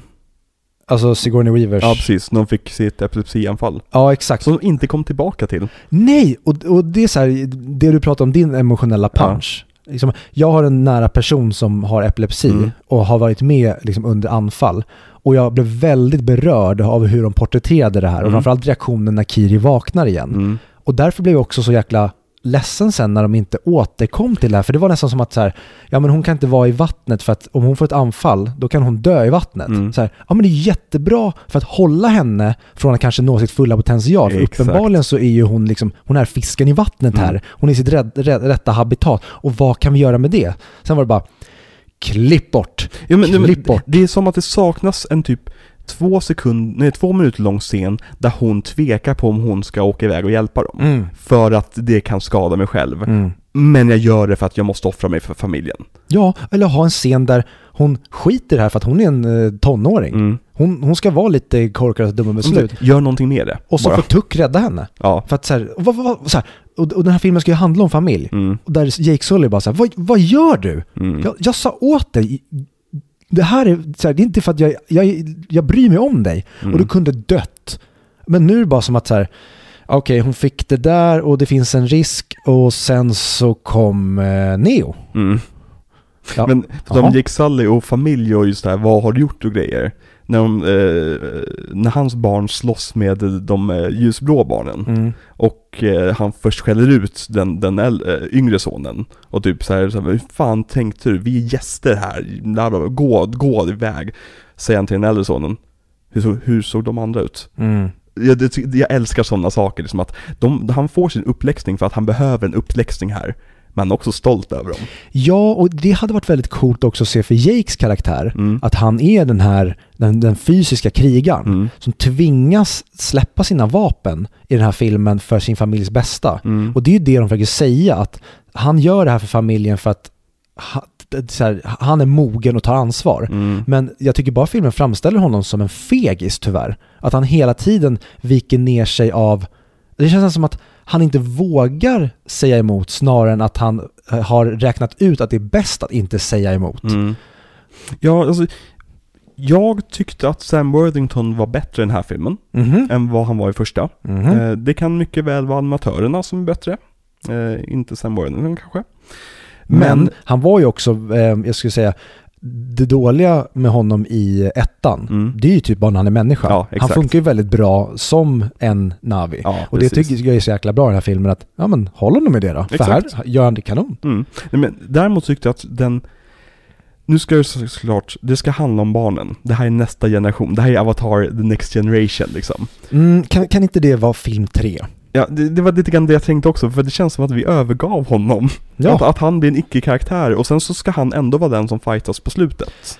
Eller hur? Och det, det tycker jag, det hade nästan, jag har en annan version av filmen i huvudet lite grann där Spider faktiskt blir manipulerad av Quaritch. mm. Och där Spider och, eh, gud nu minns jag inte namnet, eh, eh, två sonen, alltså huvudkaraktären praktiskt taget i filmen. Alltså, att de två slåss. instickare bara. Ja. Jag har ingen koll på vem som är vem av dem. Tyvärr var de för lika för mig så att ibland var jag Storebrorsan, lillebrorsan alltså. Ja, det var så här, Mm. okej, men vänta, vem, vem är med valen? Vem, vem är det som är ihop med henne? Så här, Håret får man kolla på. Ja, det, men- och- det lärde jag mig efter ett tag. Ja, och jag, jag typ, ja, så, jag, jag, ärligt talat, Mm. eh, jag vet inte vem, jag, det, det var den yngre sonen som dog va? Nej, den äldre. ja, nej, den äldre sonen är knappt med i filmen. Ah, okej. Så det, allting vi fick se med det som sonen så att säga, Mm. var den yngre sonen. Ja. Förutom när han typ eh, liksom bråkade med brorsan eller var med brorsan liksom. Mm. Eh, det, det handlade om son nummer två. Mm. Eh, men okej, Viktor, Viktor, det här, det här kommer bli kul. Berätta om vad handlar den här filmen om? Vi har ju då fått se en film tidigare där det är en snubbe som, han märker att han har en sjuk fetisch för djur och ett specifikt djur. Han gillar helt plötsligt att typ ha sex med schimpanser. Så att han får för sig att då kanske jeopardize hela mänsklighetens framtid genom att göra ett artbyte då. Så att han kan bli eh, en schimpans-ish och så att han får ligga med den här schimpanskvinnan då. Mm. Och han tänker inte riktigt på att det här skulle kunna göra så att hela mänskligheten går under. Mm. Men vad bryr han sig? För han, är, han har en jävligt sjuk fetisch bara. Mm. Och sen i slutet av den förra filmen så visar det sig att eh, han offrar hela mänskligheten och eh, blir en schimpans. Mm. Den här filmen då? Den börjar med att han har ju då förökat sig med sin schimpanskvinna och eh, de då lever lyckliga alla sina dagar till vi gör det igen.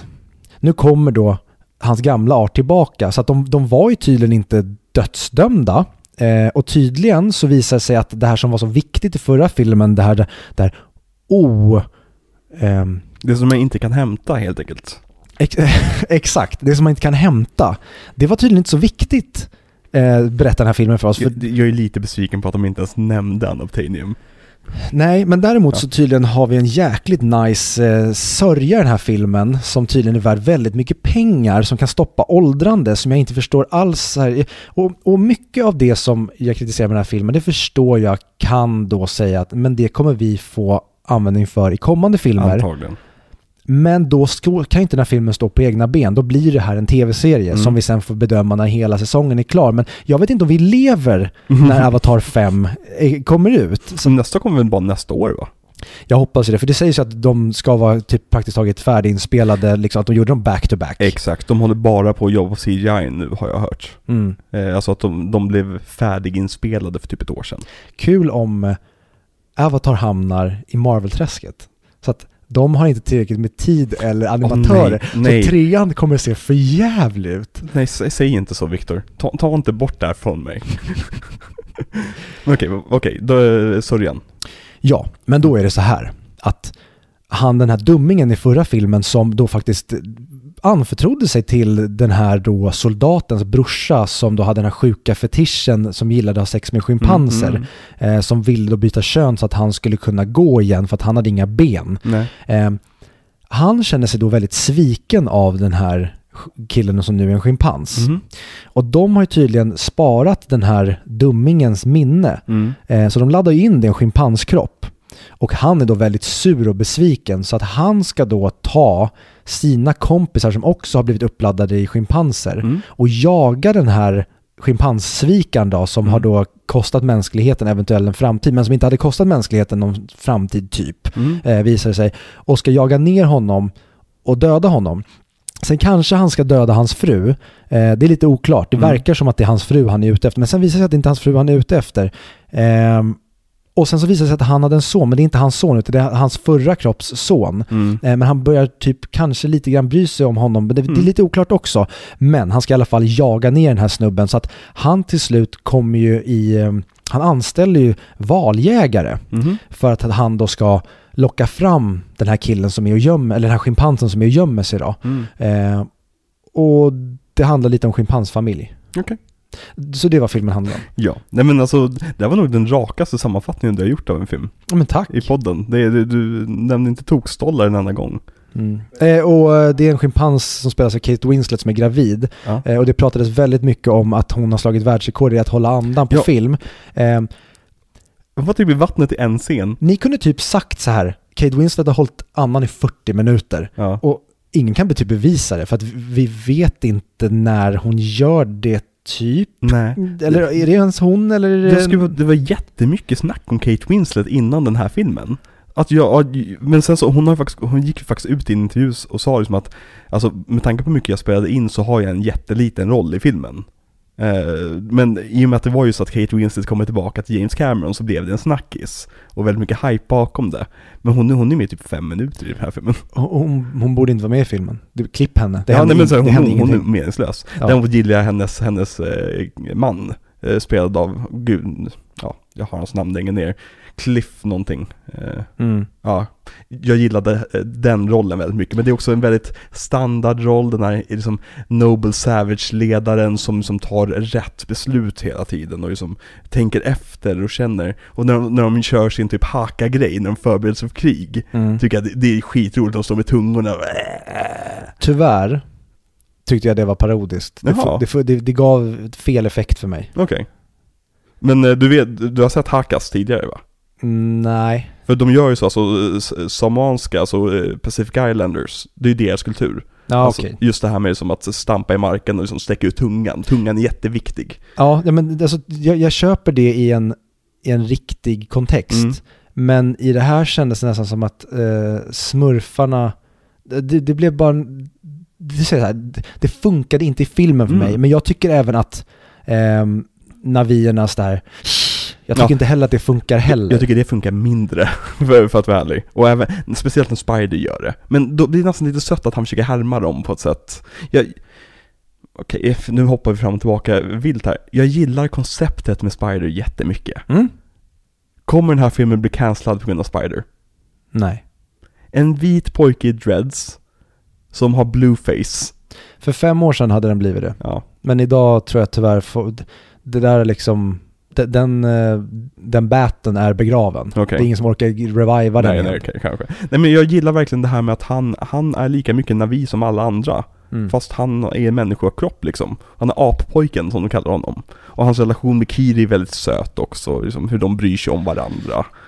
Eh, och jag tycker så kul när han springer med Navis typ uppe på så här eh, eh, de här rötterna som hänger från Hallelujah Mountains. Mm. Alltså, varför låter ni honom följa med? Alltså om ni ramlar kan ni säkert greppa tag med era stora lemmar liksom, eller svansen eller någonting. Om han ramlar är han körd. Ja, det är, alltså jag gillar verkligen att han, han behärskar det. Ja, att ja, han men säger till dem att så här, men typ, eh, kom igen, jobba. Ja. Jag, men också så här, de, de bryr sig inte om han dör. Alltså det, så här, han, han, som han sa, han är bara aptolk eller vad fan han kallade honom. Eller att han Exakt. blev deras tolk, men först var han bara någon, Men, och så, pojke. så gillar jag det här med att han har, ju, han har ju hatat sin pappa hela livet. mm, Han har hört de här hemska skräckhistorierna om sin pappa. Och sen får han träffa sin pappa. Och hans pappa är det han vill vara. Och jag menar alltså att han är, hans pappa har ju blivit en Navi. mm, Han vill ju vara Navi. mm. Den disconnecten är jätteintressant tycker jag. För att du skulle ju kunna göra det i en normal film. Lite grann att liksom, du, har, du har aldrig träffat din pappa men du har hört jättemånga dåliga historier om dem. Men du vill fortfarande vara som din pappa för att det är din pappa. Mm. Och hela den biten att han inte riktigt vet var han står. Han vill inte hjälpa dem men han kommer ändå hjälpa till när de frågar lite grann. Att det här lite barnsliga är liksom att Nej, jag tänker inte hjälpa till, det är fel. Så okej, men, men, men du är skitbra på det här, kan inte du berätta vad han sa? Jo, jo, han sa det här och det här. Mm. Nej, fuck, det skulle jag inte sagt. Eh, nej, förlåt, liksom. Eh, jag gillar verkligen den biten av Spider. Sen tycker jag att den skådespelaren inte riktigt, kanske riktigt når upp till samma nivåer som andra i den här filmen. Men han är också väldigt utlämnad i och med att han är typ den enda människan.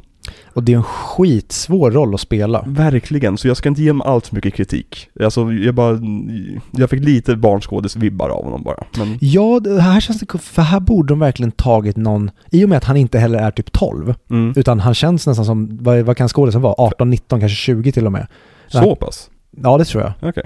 Eh, då kan du ju lika och nu när du har tekniken, Mm. ta ett jävla superskådisnamn som Mm. är fantastiskt på att göra en, den här typen av roll. Ja men de-agea honom lite eller gör någonting som gör att här har vi den enda människan pretty much i filmen här som ska typ spela en Navi. Han måste acea sina uttryck och känna att det känns som att han är det här djuret, eller han, Mm. är, han är så omänsklig fast han ser mänsklig ut. Nu känns det som att han är en människa som lajvar en Navi. Mm. Och jag hade velat ha honom, att han var en Navi men ser ut som en människa. Mm. Och det är ju tyvärr skådisen som inte bottnar i det. Nej. Men det är också Camerons uppgift att men du måste ha någon som kan leverera det här. Du borde castat Jacob Tremblay. Han är alltid Ja. bra. Eller hur? Han är den bästa barnskådespelaren jag någonsin sett, typ. Mm. Eller casta Tom Holland och de-agea honom. Ja, precis. Nej, Timothy Chalamet. Ja, sure. Alltså, har, har du sett Bones and All? Nej, jag är tyvärr Ja. helt ointresserad av den trots att jag älskar Call Me By Your Name. Ja, och uh, Movies insatte den som sin toppfilm från 2022. Alltså, Jaså? nummer ett. Mhm. Å andra sidan så var det ju andra lite sämre filmer på den listan också som jag inte alls håller med om. Men eh, det kan vi ta en annan gång. Mm, jag såg trailern och hoppades på att shit, det här, det här kommer bli nice. Mm. Fanns ingenting där tyvärr som, och jag gillar verkligen Timothy Chalamet och Mm. därför blev jag så förvånad över att jag inte, det finns ing, jag kommer behöva tvinga mig själv att se den här. Och det vill jag, jag, jag hade hoppats på att jag i alla fall skulle vilja se den när den fanns tillgänglig, Mm. men det finns ingenting i mig som rycker. Mm. Men okej, Viktor. Vad tycker du om High Frame Rate? För den här filmen är ju filmad i 48 frames per second. Och ibland mer, och ibland mindre. Som jag sa, jag hade gärna velat se då att de gör 48 frames per second och gör då kanske hellre en dokumentärfilm i den här Mm. världen. Eh, i, den här filmen nu så tycker jag att det funkar kanon för att den är så jäkla cool. Det, det här spektaklet är coolt att se. Men filmiskt tycker jag inte om 48 frames per second, inte här heller. Nej. Så, och jag vet inte, det kanske är som CGI, att så här, men 48 frames per second kanske ska användas till någonting annat längre fram. Mm. Som vi nu har fått se med Avatar, att liksom CGI nu typ börjar nå awesome nivåer. Precis. Men tyvärr, nej, jag... Den gjorde mig ingenting, men jag vill inte se det. Nej. Jag vill inte se det igen, om det inte då är ett sånt här CGI-spektakel. Men då är jag typ inte så intresserad från början ändå, utan då kommer jag nästan gå och se den som en Cosmonova-upplevelse snarare än att nu ska jag gå och se en film. Mm. För att, okej, vi vi kanske ger lite kontext till vad ens framerate är för något. Mm. Alltså på, på en filmrulle, då har du liksom som att det är bilder som går efter varandra. Och när de bilderna rör sig tillräckligt snabbt, då ser det ut som att det är rörelse. Alltså en film är egentligen bara ett magitrick. I det att du visas jättemånga bilder efter varandra och det ser ut som att någon rör sig. Digitalt foto har inga sådana begränsningar egentligen. Men på grund av tradition så har vi lagt framerate även på digitalt foto. Anledningen till varför en vanlig film går på 24 rutor, bildrutor per sekund. Vet du varför det, det, eh, det numret valdes? Oh, ja, jag, vi har, har glömt det däremot. Ja. Det är den lägsta bildrutehastigheten som man kan ha utan att det ser hackigt ut. Går du under 24 frames per second, då ser det hackigt ut. Och film är jättedyrt, så de försökte gå ner till det lägsta de kunde göra. Så egentligen, det vi har levt med sedan 20-talet är en nödlösning fram tills nu. Men den nödlösningen är så pass ikonisk för oss att vi ser det som filmisk verklighet. Precis, och det är därför när du då filmar idag med en iPhone Mm. så ser det inte filmiskt ut. Nej. För att det har en helt, det, det, är, liksom, det är inte film som vi upplever film, utan det är video. Precis. Och det är ju kanske det största problemet då med när du börjar öka bilderna per ruta. Mm. Det är ju då att det blir mer som att du filmar med din iPhone, snarare än att här skapar vi film. Exakt. För den här filmen är ju filmad sagt någonstans, jag har inte exakt koll och James Cameron har inte gått ut med det här, men någonstans mellan 60 och 24 hela tiden. Undervattensscenerna skulle jag gissa på är, är den högsta frameraten. Och det är också där det ser snyggast ut. Mm. För high framerate, det, det ska du använda för att skapa verklighet. Mm. Desto högre framerate du har, desto verkligare eh, ser det ut. Men du måste vara väldigt försiktig med hur du använder det, för du kan gå över i fake-skalan, så att säga. Mm. Av att du, för vi är så vana, vi, vi har så mycket kontext i våra huvuden som vi aldrig tänker på. De här scenerna när Jake Sully och eh, Quaritch slåss mot varandra, och det är hög framerate, då tänker jag på tv-spel. För att tv-spel har inte haft några begränsningar med antal frames per second, så den typen av fightscener som sker i den hastigheten ser jag som tv-spelsfighter. Ja, jag håller med dig och det skulle jag säga hela den här filmen är för mig. Det är en Ja. skitsnygg tv-spelsfilm. Ja, men och, och, här, och frågan är då, vems fel är det? Att jag, inte att jag inte tycker att just de bitarna ser snyggt ut. För att James Cameron vill ju bara göra det mer verkligt, eller hur? Mm. Ska, ska James Cameron inte få experimentera med verklighetstrogen film för att vi har en relation till den här saken sedan tidigare av, felakt, av den felaktiga versionen av det? Det är lite som att man säger, nej jag vill inte plantera gräs på gräsmattan här ute för att jag hatar hur konstgräs känns. Det är liksom, för, förstår du vad jag menar? Alltså konst kommer ju alltid utvecklas. Och, vi, och som sagt, det här med 24 frames per second, det är ju inte optimalt. Men vi tycker att det är optimalt för att vi är så vana vid det. Det är lite det här Henry Ford, I want a faster horse. Ja, och det är väl både och skulle jag säga. Det i den bästa världen så hade, så här, det, är klart att han, han här, det finns ingen som ska kräva honom att det ska se filmiskt ut. Mm. Men vi förväntar oss också film. Mm. Det är klart jag vill att folk ska liksom testa nytt. Mm.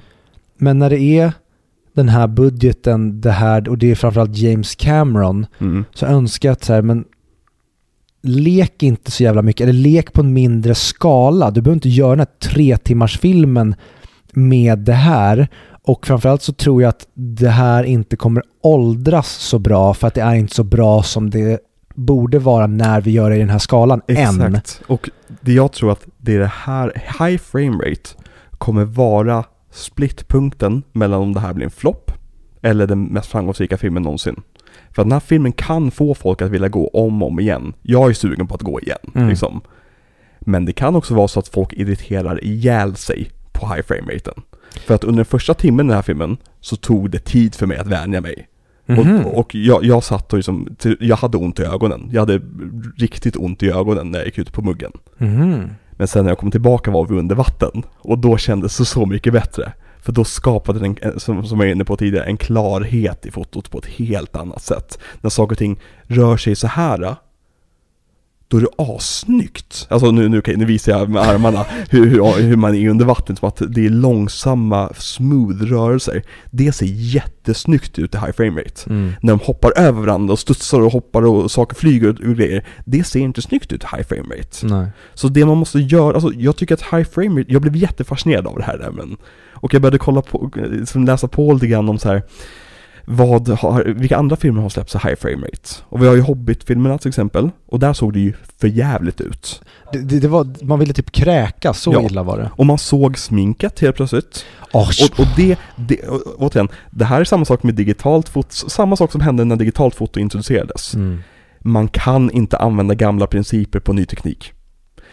Om du sminkar dina skådespelare på samma sätt när du filmar med filmrulle som med digitalt så kommer digitala fotot göra så att de ser sminkade ut. Okej. Filmar du skådespelare som är dåliga på att skådespela i high frame rate, då ser du dem tänka ut vilken replik de ska säga. Mm. Men här är James Cameron så jävla smart för att de kan ju manipulera allt sånt där i efterhand i och med att alla karaktärer är animerade. Mm. Så du behöver inte ens vara nervös för det och det tycker jag är jättebra. Alltså, det finns så mycket här som är så jävla nyskapande. Men den här filmen är ju 48, eller 48, mellan 48 och 60 för det mesta. Vi, säger, vi säger att den är 48. Vi säger 48. Ang Lee har släppt två filmer. Eh, Billy Lyns Long Halftime Walk och Gemini Man. De släppte han i 120, Just det, det kommer jag ihåg när Gemini kom att det var en sån jävla snackis. fast inte i Sverige. De släpptes aldrig i 120 i Sverige tyvärr. För att vi har inte ens de projektorerna. De finns inte på svensk mark liksom. Eh, det krävs otroliga produktioner för att kunna köra 120. Och folk säger när de såg Gemini Man att jag ser eh, Will Smith jag ser honom skådespela på ett annat sätt jag aldrig sett honom göra förut. Jag ser hur dålig skådespelare han är. Mm. Just för att du har, du, du, det finns ingenting att gömma dig med. Alltså en vanlig film sagt är på 24 frames per second. Ang Lee filmade i 120. Vi kan säga 4 bara för sakens skull då. Det är 100 fler bildrutor per sekund. Det är så mycket mer information. Allt blur tas bort. Du vet när, när du har, när du har en, en, film, en film och så drar man handen liksom upp och ner eller en boll som studsar. Mm. Då är det ju så att bollen är ju inte skarp hela tiden. Utan på grund av filmrutan så blir det suddigt ibland. Saker och ting rör sig liksom.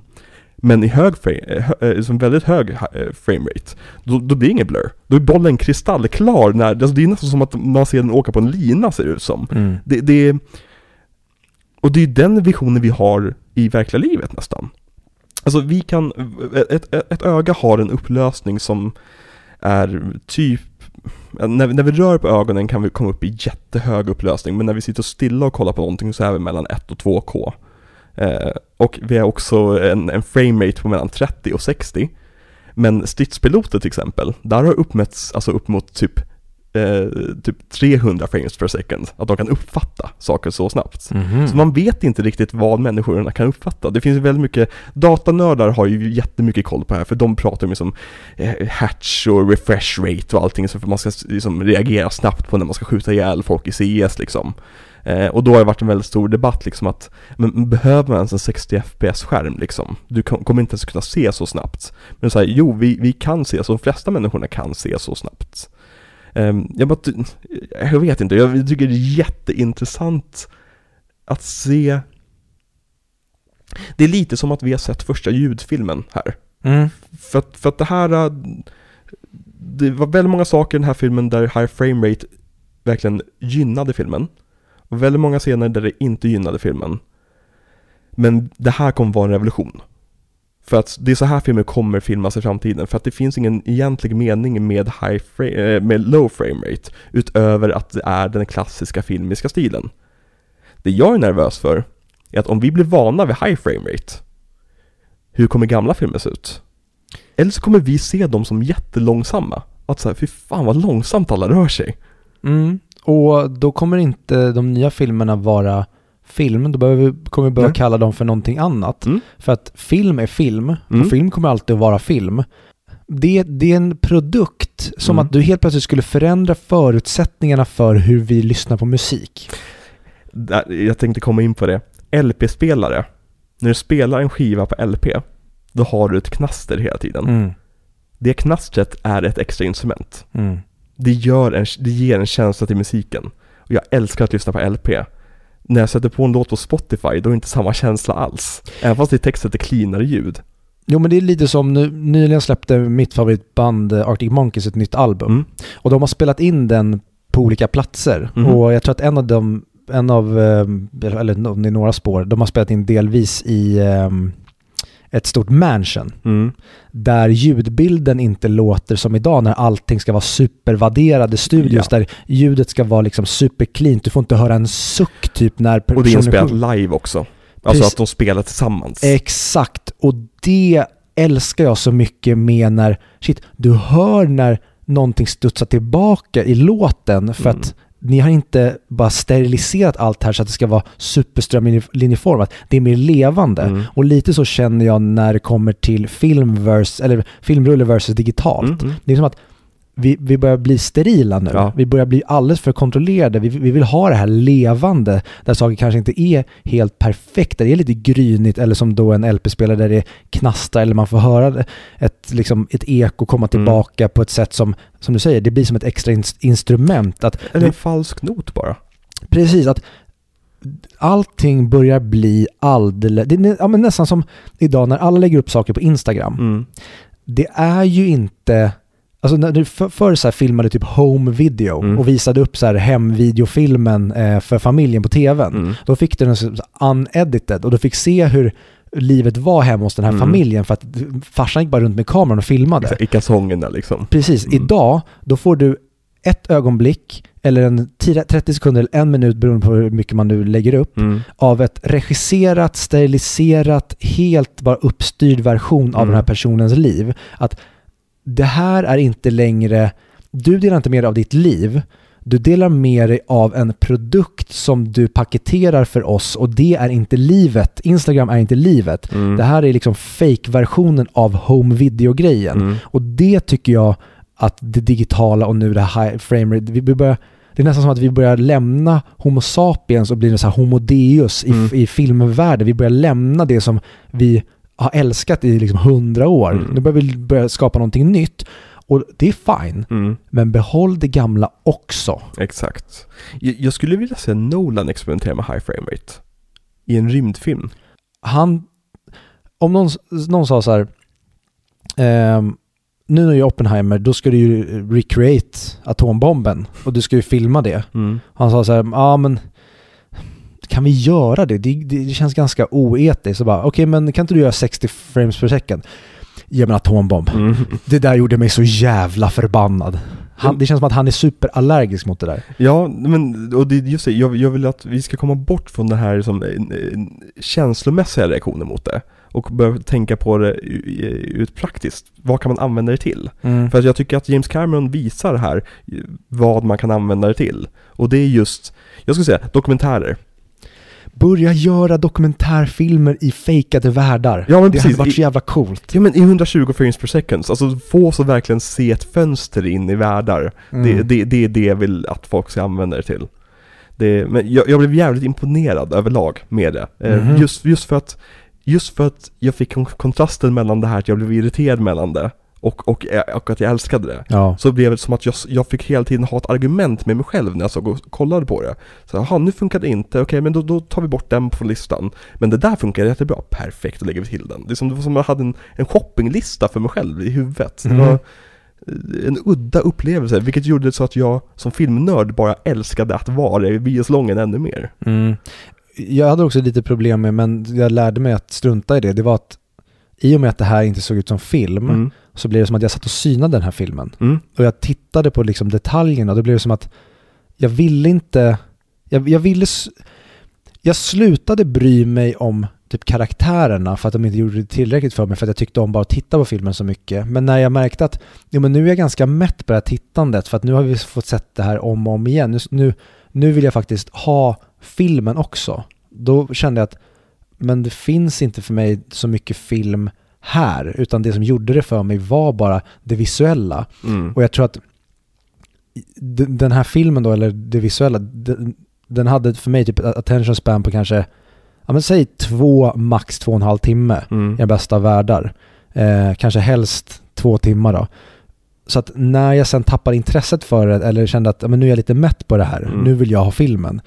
Då var jag inte investerad och brydde mig så mycket om Mm. det, att det. För att jag satt och var väldigt, tyvärr, under slutfighten var jag jätteuttråkad. Mm. Ja, den är väldigt generic. Däremot så, un, under, jag håller med dig, jag var också rätt uttråkad under hela det här med att båten sjunker och, och så vidare. Men sen helt plötsligt fick man lite så här scener på typ folk som springer genom korridorer där vatten forsar in och grejer. Ja. Och då fick jag så PTSD till som, oj, oj nej, Va? och har han dränkt folk på riktigt igen Ja. här? Åh nej! Och sen så som, eh, sitt, ligger de i det här vattnet och, och liksom försöker andas mot, upp mot taket och så här. Och jag, jag känner James Cameron, de fick sitta där i dagar och, Ja. och då, då blev det roligt helt plötsligt. Alltså, den här miniserien har gjort så att alla James Cameron-filmer blir roliga att se. För att du vet vilken jävla psykopat han är. Du vet vad som händer på hans inspelningar. Eller gör det fortfarande? Exakt, gör vi det fortfarande?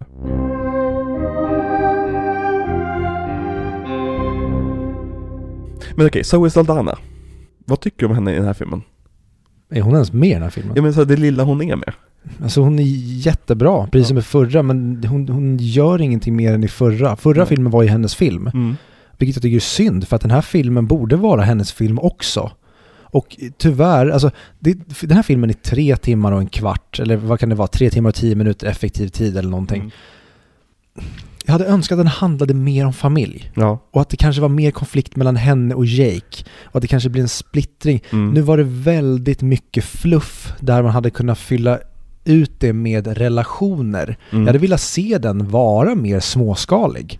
Att Mm. det här kanske är den småskaliga filmen som bygger upp för ett big battle i trean typ. För det, det känns verkligen som mycket av de här loose endsen i det här, det gör ju det här till en mellanfilm på något sätt. Mm. Men det känns inte som att den ska vara en mellanfilm utan det känns som att det här är som en appendix till ettan och Ja. att nästa film är den riktiga tvåan. Det, jag, jag vet inte riktigt var den här filmen befinner sig. Det är lite som att de använder den här filmen för att säga världen finns fortfarande. Ja, Nästa år får ni uppföljaren. ja, precis. Det blir som att första filmen var testet Mm. och nu är den riktiga. Det, första filmen är typ prequelen nästan. Mm. Så nu ska ni få se den riktiga filmserien här. Men jävla vad synd att de inte använder Zoe Saldana mer. Mm. Att, men gör henne då, om, om Jake då är lite mindre intressant i den här kanske, eller kanske har tappat sin liksom mojo. Mm. Men låt henne ha kvar sin mojo och bli den, den vakande modern som Mm. kanske inte lyckas hålla ihop sina barn. De, de lite springer runt och hon tappar kontrollen och kanske vad, gör det med henne? Men hon har inget ark i den här överhuvudtaget. Kan, man kan klippa henne från filmen och bara säga hon dog.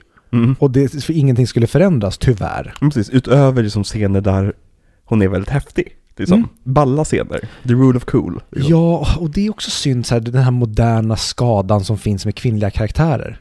Jag vill inte ha coola kvinnliga karaktärer. Jag vill ha, alltså, jag vill ha kvinnliga karaktärer som Mm. gör saker som män inte kan göra. Den här liksom, den moderliga styrkan, den här omhändertagande, Mm. den, den känslosamma. Det, det finns så mycket styrkor som kvinnor har som män aldrig kan ha. Därför vill jag inte att kvinnor ska lajva män. Mm. Ja, Hon kan vara den här ashäftiga warriorn. Men ge henne också då någonting med substans att göra. Snarare Mm. att hon bara ska vara Legolas typ.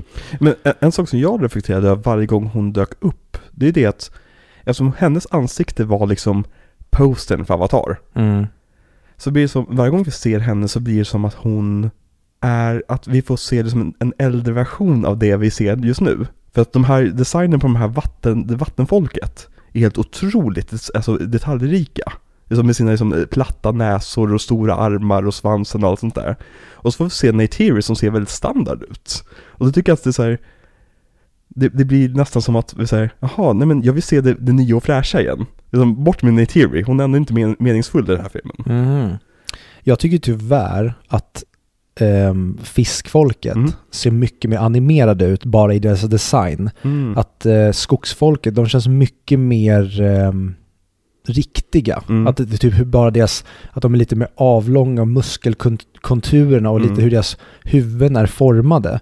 Det känns lite mer pixarigt med det här vattenfolket tyckte jag. Och den ljusa hudfärgen är ju inte logisk. Nej, nej, det tänkte jag direkt på. Alltså när man tänker liksom så här, hur, hur funkar hud och så vidare. Den Då- borde ju vara tvärtom. den, den mörka hudfärgen är ju mer naturlig, så Mm. att säga. Än den ljusa. Fan vad rasistiska vi är här.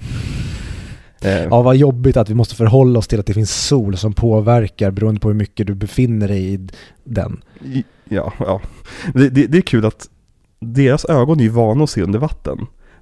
Men skogsfolkets ögon, de borde ju inte alls kunna se under vatten. Nej. Tänker jag, jag, jag hörde ju det här med eh, eh, Sea Gypsies, som, som eh, Mustafa pratade om här för mig. Mm. Att det finns liksom människor som har vant sig att se under vatten. Mm. På och det, jag tänkte väldigt mycket på det just för att jag hade hört avsnittet på typ vägen dit och grejer. Eh, nej men jag, jag tycker hon är jättebra i den här filmen men hon får inte jättemycket att göra tyvärr. Men hon är också en, hon är ju den känslomässiga kärnan i slutklämmen och den tycker jag väldigt mycket om. Så hon, hen, hon är ju en väldigt stor del i det jag tycker om så det känns märkligt att säga att hon inte är med så mycket, även fast hon inte är med så mycket. Eh, det, eh, hon, hennes karaktär är lite den, den typen av hon, man kan sammanfatta, hon sammanfattar min känsla för filmen. Att jag tycker om det men jag tycker inte om det men jag tycker om det. Att, att det, det är så här, jag har så många olika känslor samtidigt om det här. Mm. Eh, nej jag tycker, nej, hon, hon, hon, hon gör jättebra ifrån sig, Zoe Saldana, som Ja. alltid. Ja, och tänk då om man hade kunnat ge, typ när eh, Quidditch säger till Jake att så här, Jake, jag har dina barn, kom. Mm. Och att han typ, eh, eller att det, det inte ens behöver vara Jake, utan det är så här, ehm, du, eh, frugan, Mm. kom.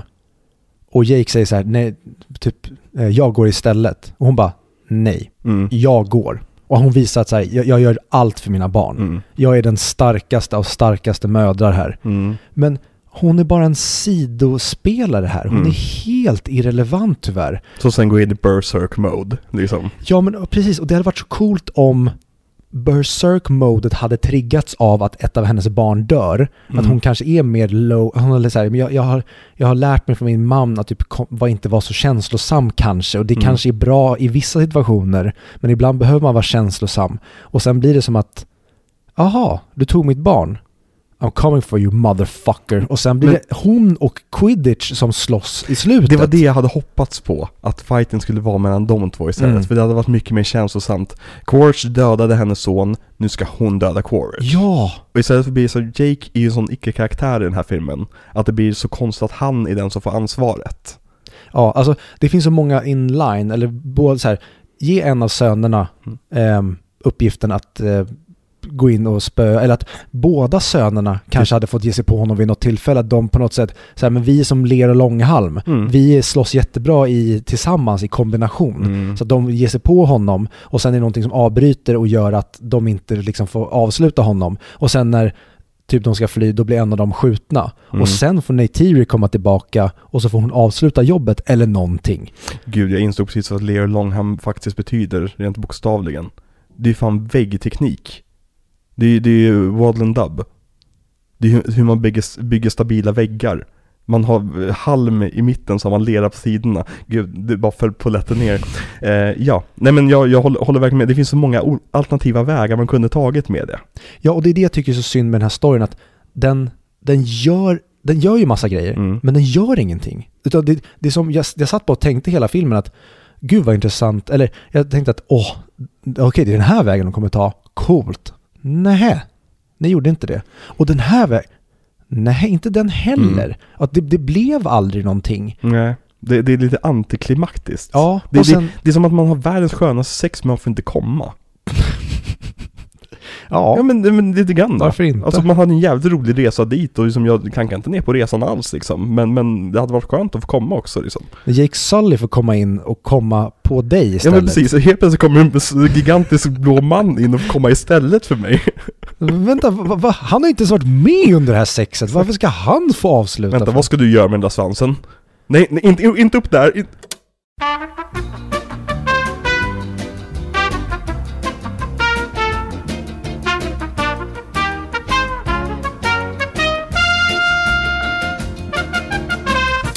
Sigourney Weaver. Som Kiri. Vad tycker, vad tycker, här är jag så jättesplittrad också. Vad tycker du om Sigourney Weaver, Weaver som Kiri?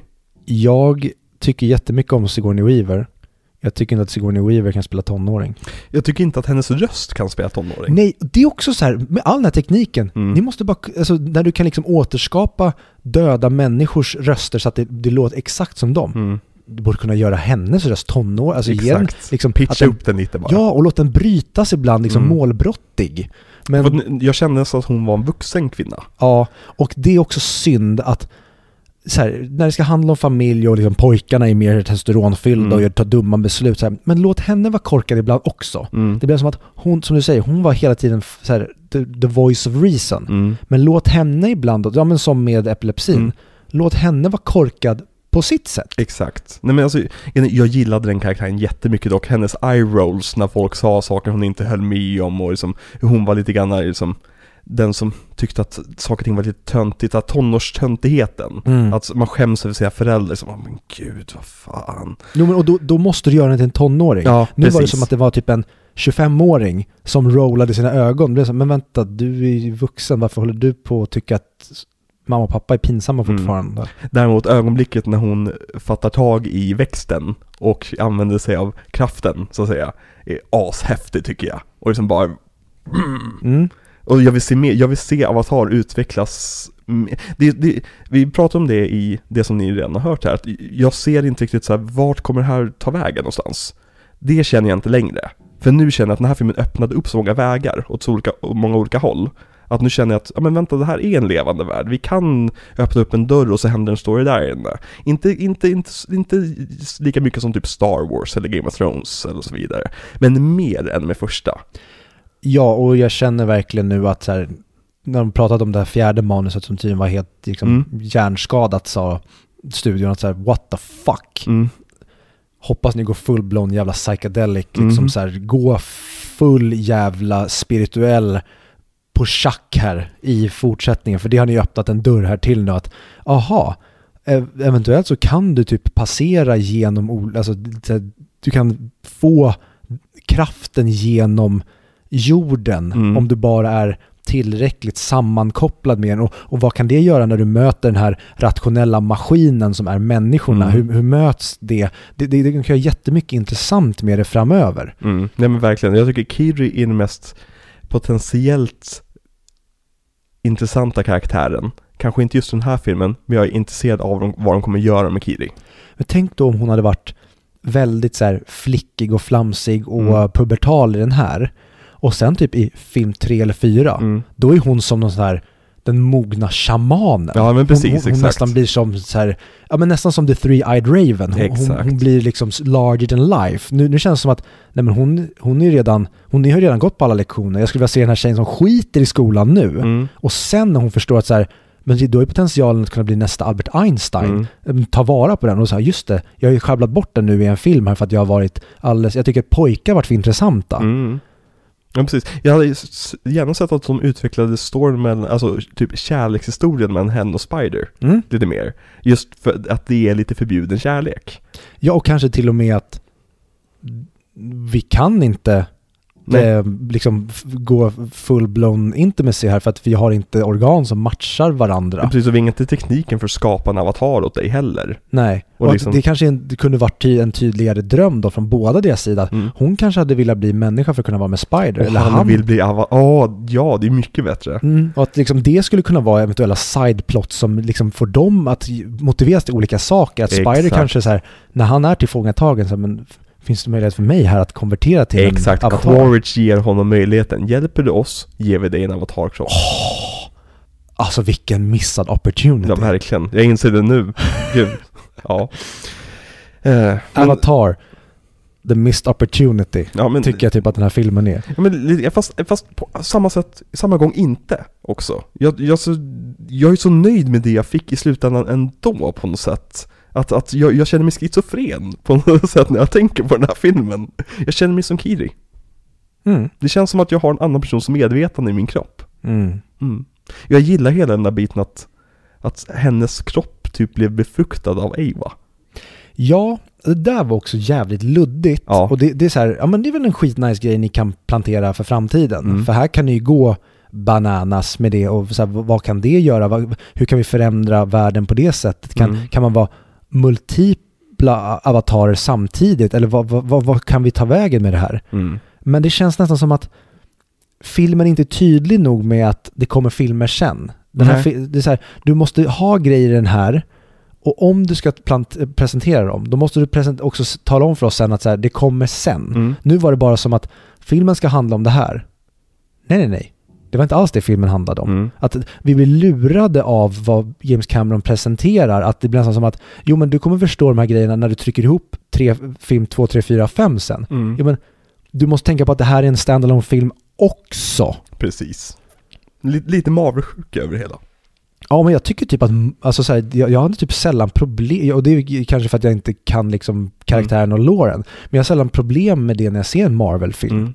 Att jag tycker inte så här, ja men om du presenterade det där, ja men det kanske bara var en kul wink. Ja, ja, precis. Här kändes det mer som att, Det saknades bitar. ja exakt. Ja. Nej Mm. men verkligen, nej men jag håller med. Och gen- jag satt och tänkte på också när eftertexterna började rulla. För jag vet eftertexterna var jättesnygga. Alltså bara få se lite mer från vattnet bara. Mm.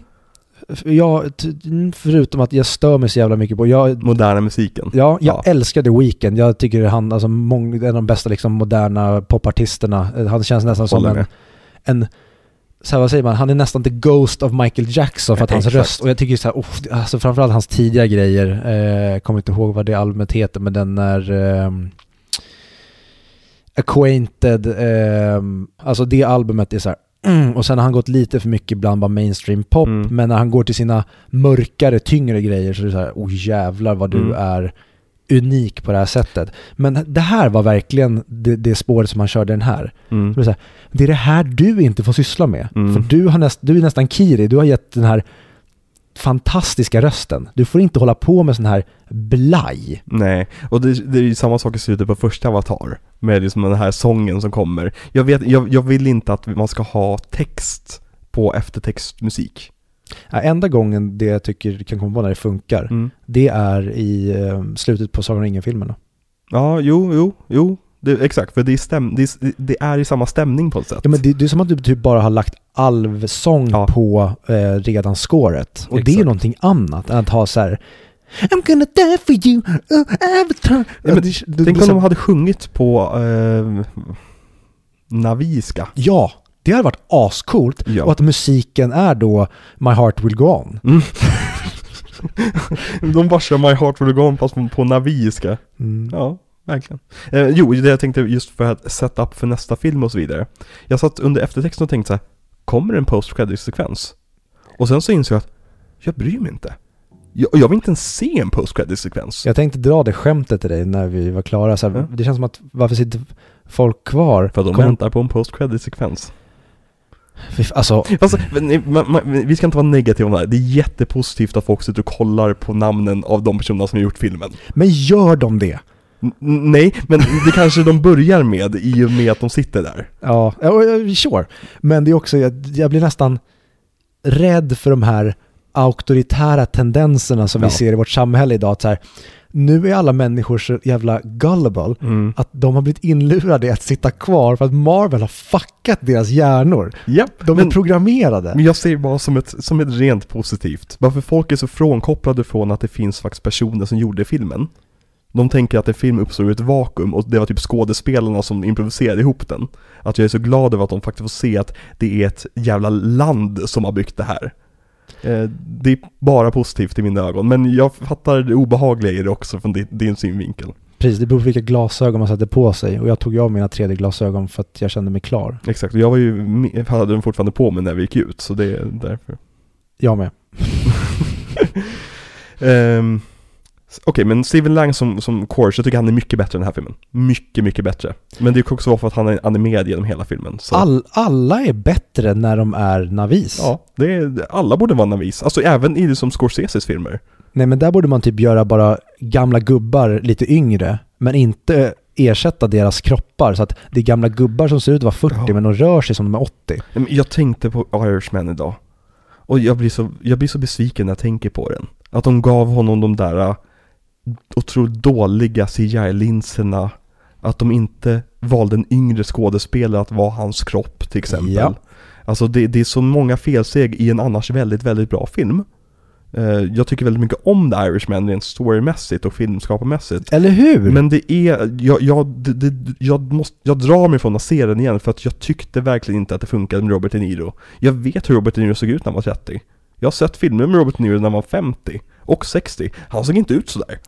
Gre- grejen är den att han är, när, han, när Robert De Niro var 12, Mm. då såg han ut att vara 45. Mm, Men när Robert De Niro är 80, mm, då kan han tyvärr inte, hur mycket ni än polerar honom, se ut som någonting annat än 80. nej. Speciellt i rörelsemönstret. Ja, det, jag, skulle, jag, jag tror faktiskt att jag hade låtit andra passera. Mm. Om de hade fixat den grejen. Mm. För att den scenen, när han sparkar på den här snubben på trottoaren, Ja. det är en, det är en classic meme. Ja men det ser ut som att han är fem sekunder från att bryta lårbenshalsen. Det är liksom så här, det, det är hospice nästa liksom. Ja, och det, det nästan diskar ju liksom, man, när, när Martin Scorsese ändå kan komma med så här, vissa poänger när det kommer Mm. till liksom amusement park-grejer med Marvel. Mm. Här, Men du har ju gjort, är en Marvel-film. Det blev ju för jävligt. Ja. Fan, Sen- måste, vi, ska, vi ska se om The Irishman en kväll tycker jag.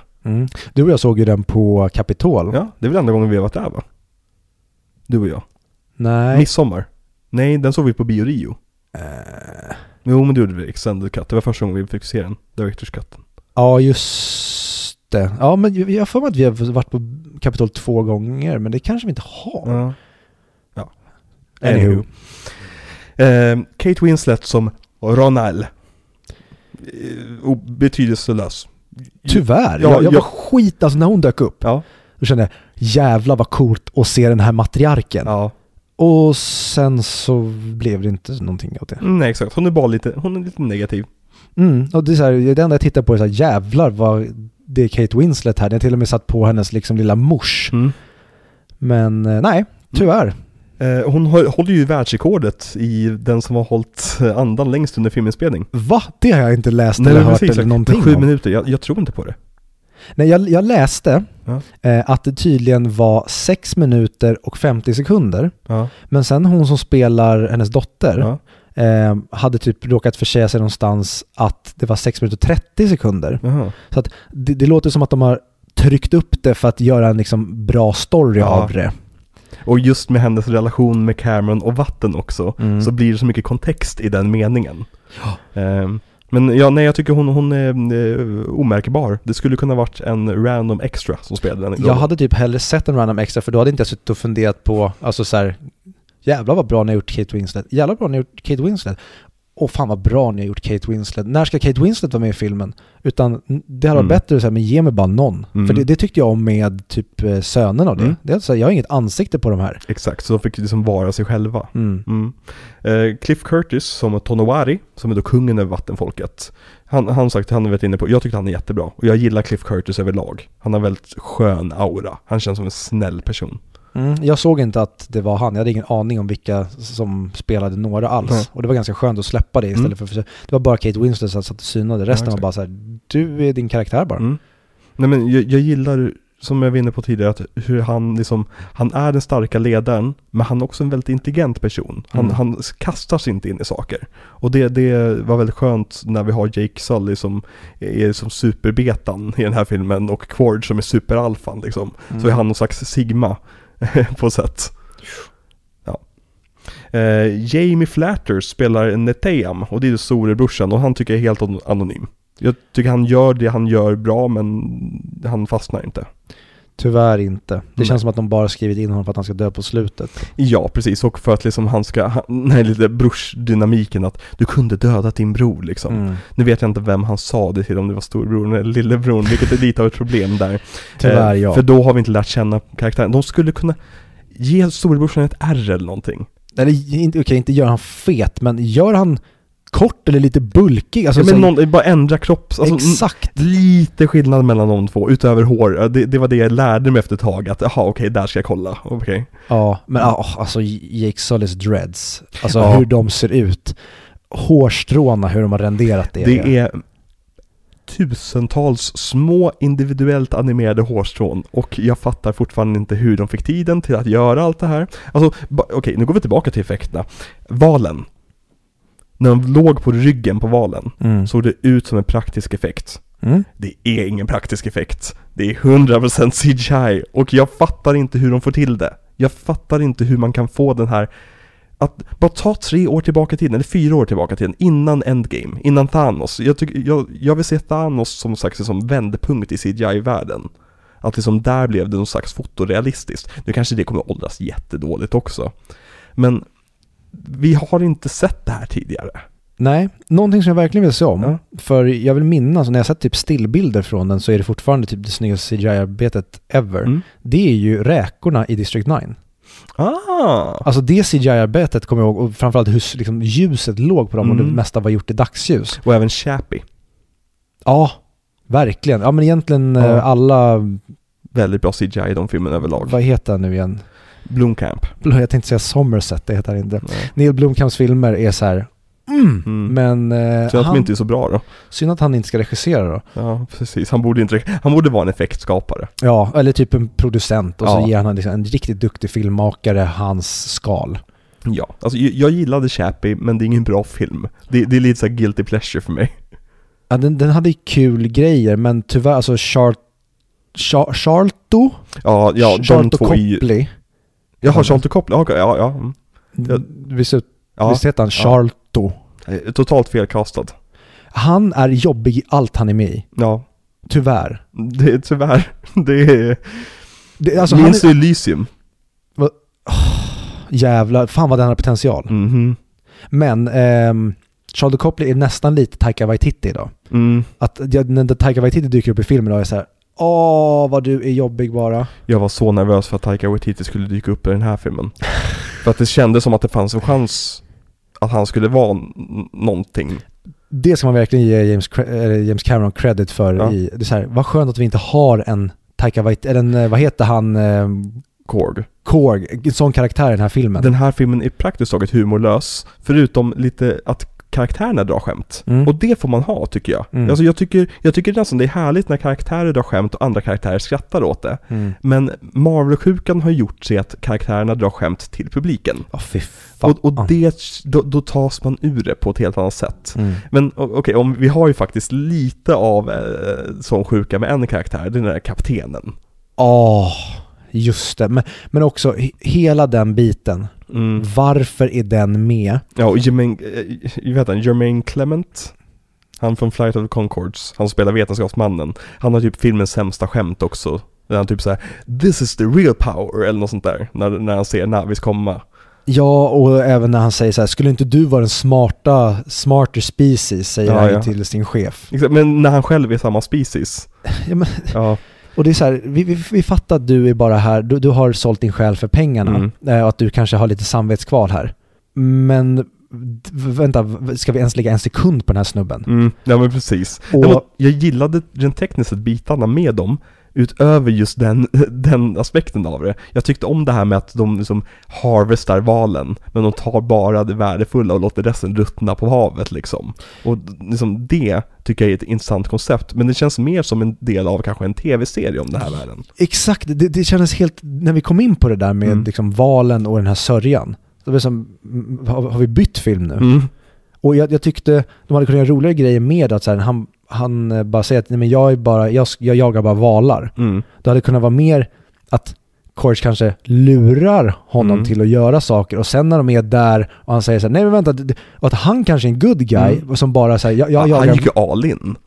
precis, han blev ju galen scientist nästan, att han bara, ah, nu, nu jävlar valjävlar, att han typ hade en personlig vendetta mot dem. Det var bättre om han bara var en fiskare typ, eller så här, Mm. att han han var en yrkesman och hade ingen personlig koppling till det här. Mm. Och så här, ja men okej, jag, jag får betalt så då är det klart vi ska jaga valar. Och sen när han, när vi har kommit fram till en viss punkt, då är det så här, jag gör inte det här. Jag har, jag, är klart, Mm. jag, jag är ingen perfekt eh, moralisk person, men här går min gräns. Mm. Och Courage bara, ja men bra, då sliter jag huvudet på dig eller någonting. Nu blev det Eller som att armen. Typ, det är filmens fetaste grej. Jo men och det, är så här, och det är därför jag är tacksam för karaktären. För att han gav oss det största what the fuck momentet, för att jag förväntade mig inte det. Nej, jag tänkte han kommer dra ut armen precis innan och så kommer han dö på ett annat sätt. Ja. Och så bara, nej, ni klippte av armen på honom av en fet jävla vajer. Ja. ja det, det var typ det häftigaste i hela Ja. filmen. Synd så här, men kunde inte gått full-blown det här i hela filmen då? Ja, ja precis. För det sörjer jag också lite med den här filmen. Mm. Tänk vad man kunde göra om de hade vågat göra den här mer barnförbjuden. Ja, men, men det hade ni aldrig fått bli. Tyvärr inte, men i en perfekt värld så Ja. hade jag velat se den. Den hade kunnat vara snuskare, våldsammare. Exakt. I en värld där pengarna inte behöver dras tillbaka. För jag vill ju i det här universum, jag vill ju se en, en riktig sexscen. Mm. Alltså full nudity där, när du ändå är inne liksom i valkroppar och håller på med det Ja, här. exakt. Ge oss riktigt gårigt. Och där kan man jobba med, för det tyckte jag om när det liksom gick ner på att det såg ut som fysiska, praktiska effekter Mm. inne typ i valen. Mm. Så här, åh fan vad nice, det här ser riktigt nästan lite, det, det är för kläggigt för Mm. min smak. Och det hade jag velat se typ ännu mer i filmen. Den känns nästan, skogen känns nästan för steril ibland. Jag vill Mm. ha en ko, mer kåda. Ja, okej, i ja, skogen. Ja, mm. ja nej men alltså, det, ja. Alltså, när jag bara tänker tillbaka till scenen med armen, alltså Mm. det, det, det är typ den scenen som har fastnat med huvudet mest av alla scener i den här filmen. Just för att det var så oväntat, det kom från ingenstans. Och ju, bara paniken också när man ser att han, han är fastspänd. Och man vet att, man vet ju hur, alltså man har ju inte fastspänd på det sättet, men du får inte loss armen. Men, men tänk då om han inte hade varit ett full-blown asshole som hade velat dö och att han är typ gisslan av Courage. Då hade man ju faktiskt så här, och hoppas du får ut armen. Mm, Nope. Eller att slå ihop eh, vetenskapsmannen och Exakt. honom till en karaktär och genom lite samvetskval Mm. spara lite tid och liksom effektivisera. Att han blir av med armen men överlever och Mm. kanske blir deras typ lite mar, liksom en marinbiolog åt dem som kanske hjälper dem framöver. Att det har varit nice också om de så här värvade fler människor Mm. varje film, att de har sina allies. Det tyckte jag dock var skönt att Max Patel och hans spellmen inte var med så mycket. Men jag tyckte att de var med tillräckligt mycket för att det skulle vara så här: okej men vad kul att de fick vara med igen. Och sen bort igen. Åh, Giovanni Ribisi. Ja, så skönt att jag var så nervös över att han skulle vara med igen. Han är ju castad rätt högt också. Mm. Och så är han med i en scen där han är med på ett klipp och det är liksom ett klipp från förra filmen. Ja, det var jätteskönt. Men jag hade velat, och det är ju tyvärr castingen och typ karaktärernas fel. Mm. Jag hade velat ha med eh, de gamla karaktärerna i den här filmen. Att jag kände att så här, vad kul att de är en del av gänget. Mm. Men tyvärr, som du säger, vad skönt att de inte är med. Ja men för de, alltså, han som spelar Norm Spellman, han är ju jättedålig. Han fick ju vara LVP i förra avsnittet Mm. till exempel. Här tycker jag att han funkar helt okej. Eh, men det är just för att han inte får någon dialog praktiskt taget. Ja. Eh, utöver att liksom säga att det här är epilepsi, liksom. Eh, men så har vi Britton Dalton som spelar Loak. Och det är då lillebrorsan, eller typ huvudkaraktären i filmen. Mm. Vad tycker du om honom? Han gör ett jättebra jobb. Ja. Han skapar en karaktär för mig. Mhm. Han är egentligen bara en upptäckare. Mm. Han visar bara mig den här världen. Mm. Men jag, jag, jag skiter i om jag får följa någon annan i nästa film. För Okej. han, har- han har tyvärr inte skapat något band till mig överhuvudtaget. Jag, Jag vill typ hellre följa valen. Jag- vet inte riktigt vad det är med honom, men jag blev jättefascinerad av honom. Jag tyckte att det fanns någon slags karisma som sken igenom CGI där. Jag skulle vilja se vad Britton Dalton gör i framtiden. Om han är lika bra skådespelare i live action. Som han, som han var här, för jag tyckte han var jättebra faktiskt. Mm. Eh, intressant att se. Jag undrar verkligen vad, vem kommer vara huvudkaraktären i nästa film? Är det Kiri eller är det Noak? Eller Loak menar jag. Jag tror att Jay kommer dö i nästa film för övrigt, insåg jag nu. Det hade varit nice. Ja. Ja, jag tror det är Kiri. Eh, Jack Champion som Spider, han har varit inne på. Eh, Trinity Joe Bliss som Tuck, lillungen. Underbar, min MVP. Äger varenda scen hon, hon eller han är med Jag vet inte om det är en tjej eller kille. Det är en tjej. Det är en tjej, okej. Ja, nej jag tycker bara supersöt. Kunde varit superirriterande, var bara övergullig. Mm. Ja, Verkligen. det är mm, perfekt. Hon kändes typ som eh, Dot i eh, Småkrypsliv. Ja, tack. Det var den liknelsen jag letade efter.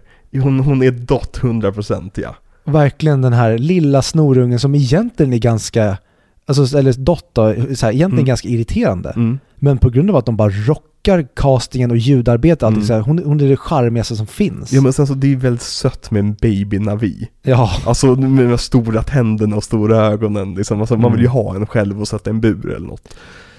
Jag menar inte på det sättet Viktor. Va? Jag är inte Matthew Vaughn. Bailey Eller Bass. RS, är det det du menar? RS? Ja, ja, oh, oh, säger vi så nu? Det var länge sedan. Ja, det var länge sedan han var på besök. Nej, han var på besök i Avatar-avsnittet. det var länge sedan vi spelade Just det, var in länge sedan vi spelade in det, så var det. I våran tidslinje. I vår tidslinje så har vi inte nämnt honom på flera veckor. I er tidslinje, kära lyssnare, så nämnde honom, vi honom förra veckan. Japp. Ja, vi kan inte komma bort från honom. Precis som barnen i hans källare. Eh, Bailey Bass spelar, eh, vad fan står det? Zirea. Det vill säga hon kärleksintresset. Jätteintressant start. Ja. Sen blev hon helt ointressant. Ja, jag tyckte om hennes empati. För, de nya, nyankomna. Mm. Hur det här är som att, nej men hörni, de är nya. Ge dem tiden att Mm. lära sig. Så här andas du, så här ska du tänka under vattnet, allt sånt där. Men sen försvinner ju hon från filmen. Mm. Och det är lite synd. Jag tycker det är synd att eh, Sully-familjen Mm. behärskar vattnet. Ja, Det, det, lite det, för snabbt. det, det, ja, men det är också lite, eh, vi, de, det är klart de ska behärska det för att Mm. det är de vi följer. Ja. Men de borde aldrig lära sig behärska det. Mm. För det blir nästan som att då har de andra, deras fysiska fördelar och det här folket, Mm. det spelar inte ingen roll. För det här kan du lära dig tydligen. Mm. Det, det hade varit intressant om de hade gjort, ja, men de kanske fick ta med sina flygdjur. Att det är Mm. så här, vi kan lära oss en viss gräns under vattnet, men vi kan aldrig bli riktigt som er. Mm. Men till slut känns det som att de är typ lika bra, om inte bättre än dem under vattnet Nej, ibland. men jag känner de här jävla trollsländerna som de åker på, Mm. eller vad det nu ska vara. På vilket sätt är de bättre än, än, än de där drakarna de hade? Det tänkte jag också på så fort quidditch dök upp. Ja. Då bara, jaha, så den här kan göra det. Varför? Ja, För att det är ett nytt djur och det är kul och, och intressera nya saker och så vidare. Ja. Vart tog Turuk vägen? Det tänkte jag också på när de flög därifrån. Ja, för ingen, han red ju inte på Turuk.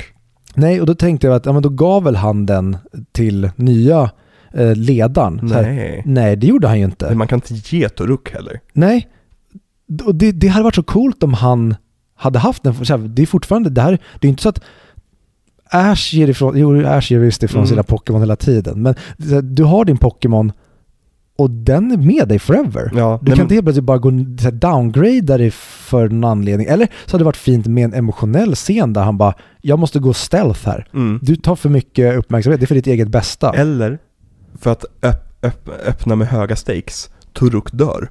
Det här monstret som alla var så rädda för, som var en maktsymbolen i första filmen, Mm. dör av ett typ skott i nacken. Mm. Bara för att liksom säga liksom att nu, nu är det på allvar liksom. Mm. Eller någonting, bara ge oss en förklaring till vart Turuk är. Vart är Turuk? Eller? Vart Vad är din tror- teori? Var, var, var är Turuk? De behövde lägga renderingen på annat. Antagligen. De, de insåg väl det, att fast de, de animerade ju de andra drakarna. Mm. För jag vet, scenen när Quaritch får tämja en drake, tyckte jag var underbar. Hur han liksom så här, okej men uh, sö, sömnampull eller sömngas eller någonting, och så bara, vänta, Jake gjorde det här? Ja men då, då, jag måste ge ett försök i alla fall. Ja, men det var också en konstig grej för att han pratade om så här, vi, vi ska bli Navis. Mm. Sen var Händer det... inte det? Nej, det hade varit så jäkla coolt och de nästan så infiltrerade. Det var det jag trodde skulle hända, att de skulle ta av sig marinkläderna och grejer. Fast å andra sidan, de har fyra fingrar. Jo, men vad fan. Jo, jag, jag vet, man hade kunnat komma runt. Varför hade här, Jake Sully blev välkomnad? Varför kan inte de bara hitta på en bra rövarstory att så här, vi blev outcast, vi älskar Jake Sully, Va- vart är han? Mm. Vi, mm. jag, måste, jag måste prata med honom. Exakt, vi, vi avatarer, vi var en del av hans team som han aldrig träffade. Kanske. Eller någonting, ja, ja men exakt. Ja, men och det skulle kunna vara ett bra sätt för om då någon i stammen ger ut vart de har tagit vägen. Att Mm. de manipulerar sig in och skapar ett förtroende för exakt. stammen och sen bara okej, nu har vi fått informationen vi vill ha. Slakt. För det hade de kunnat göra tycker jag. Mm. Slakta hela stammen. Att det Mm. spelar ingen roll att ni flydde eller till och med att låt hela stammen slaktas och familjen Sully lyckas med nöd och näppe ta sig därifrån. Mm. Och att det blir en riktig flyktfilm istället. Mm. För nu blir det bara att ja, potentiellt kommer det bli problem här. Vi drar Mm. och så hänger vi här och sen kommer faran ändå. Det har varit mer coolt med en typ Empire Strikes Back. Mm. Att fuck, Imperiet är oss hack i häl. Eller så här. Du har en, en eh, vi, börjar, vi börjar filmen på, på Jake Sully och hans familj, jada jada, de är i grottorna där uppe i bergen och så vidare. Och sen ser vi en, en, en natt, nattscen. Man ser en känga sättas ner. En kulen natt. En, det kan vara en kul natt. Hur, hur fortsätter den sen? Min båt jag styrde. Just det. På havet vågade, vågade, våg. Ja, ja, ja okej. Så skummet i Men, det. men vi, vi ser typ en känga, en marine boot, en mar- marine boots känga sättas ner. Mm. Man hör Quaritch röst ge order till någon, någon liksom så här. You go left, I go right, liksom, men någonting bara liksom. Man ska tro att det är Quaritch som är tillbaka. Och sen får vi en reveal att Oh my god, han är Navi nu. Det hade varit någonting också. Det Och- finns så mycket man kan göra med det. Det hade varit så coolt också att lite så här. Ja men när jag tänker på, nu är det fel att jämföra med Mm. liksom en, av de bästa liksom, cinematografiska och eff- emotionellt liksom, effektfulla filmer som någonsin har gjorts. Mm. Men lite som när man, man blir tagen på sängen i Sagan om ringen-filmerna, typ när, ehm, när man får Frodos dröm och sen när han vaknar i Två tornen. Att det hade varit så coolt att med, här, mer chockera oss med en, en eh, filmstart. Mm. Med då att, ja men tänk om vi hade börjat med att bara så här, eh, god morgon på er, ni vet vad som hände i förra filmen, vi litar på att ni har sett om förra filmen. Mm. Eh, booten är det typ det första vi ser. Mm. Hela skiten bara slaktas. Familjen Sully får fly. fly. Mm. Och det är premissen för filmen. Och sen kommer titelkortet upp efter man flyttar därifrån. Att om man bara, eh, vad fan, för då skulle också legitimera hela förra filmen att här, vi kämpade mot människorna, nu är människorna tillbaka. Mm. Nu känns det som att hela förra filmen nästan är pointless. Att Mm. de, här, de, de räddade trädet Ewa från människan, för människorna är tillbaka nu. Ja, men jag känner lite grann det att när alla fem filmer finns och jag vill se om Avatar-filmerna, då finns det stor chans att jag kommer hoppa över första filmen. För att som du säger, den känns nästan meningslös. Det, det är bara Jake Sullys liksom, Ja. injis, eller, vad heter det, initiering till den här stammen och hans artbyte. Exakt. Artbyte. Jag vill säga könsbyte, men det är inte det det är. Nej. Och eftersom du inte tyckte om Baz Luhrmanns eh, Great Gatsby så behövde inte du göra ett könsbyte heller.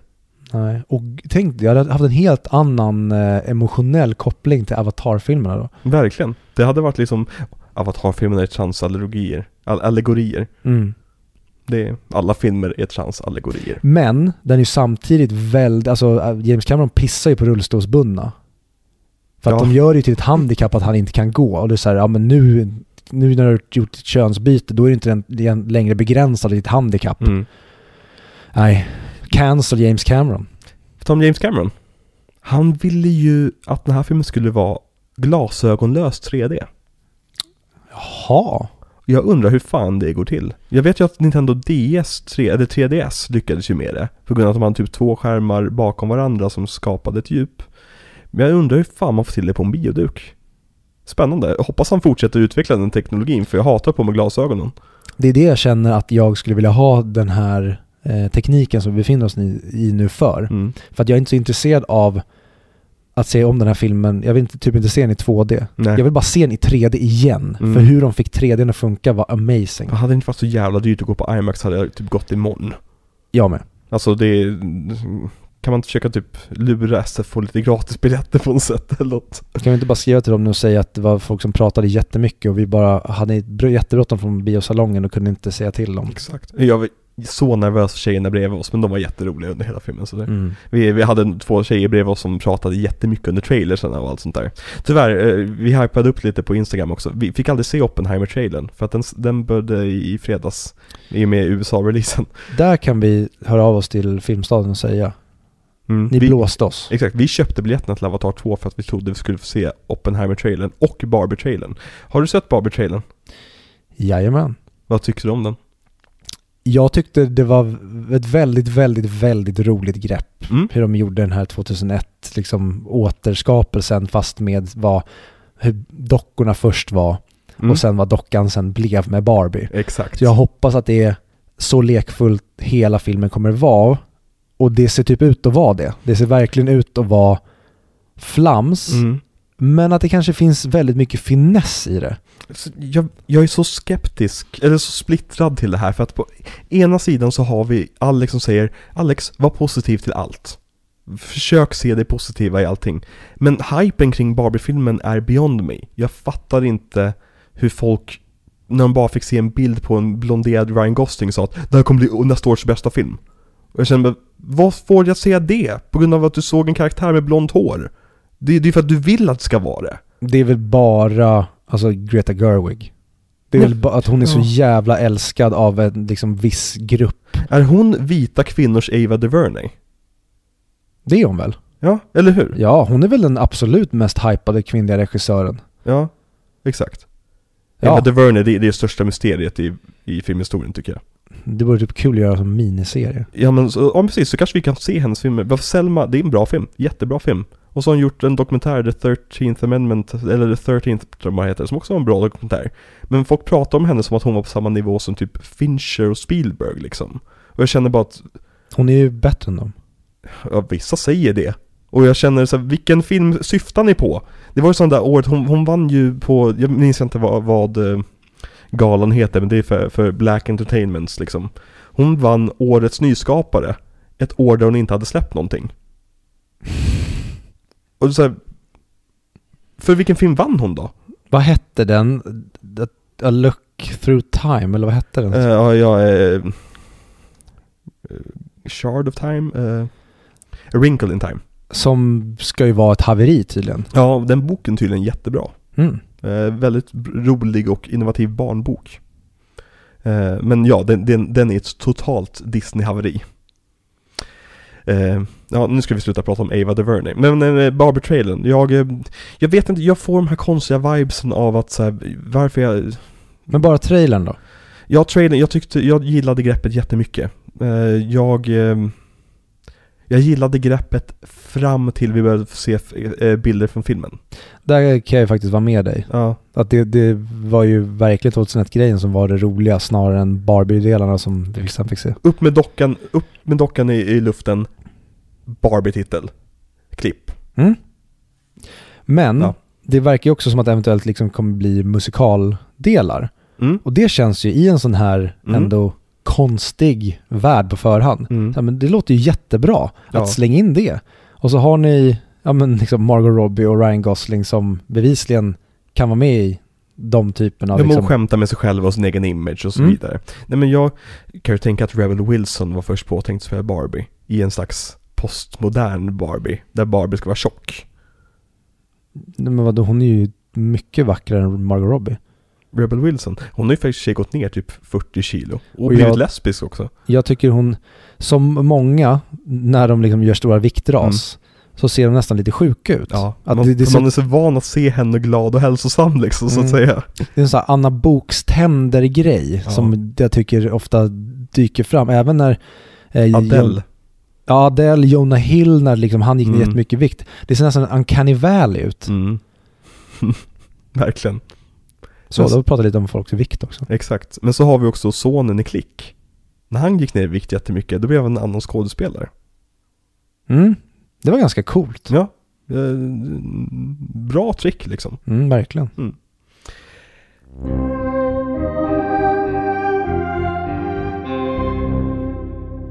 Vad tycker du om postern till den här filmen? Okej, den är bedrövlig. Ska vi gå vidare? Ja. Nej men alltså det, det är en Marvel-poster. Jag, jag, jag är så besviken på den. Jag, men jag tror jag vi snackade om i försnacket också. De borde bara haft loggan. Ja.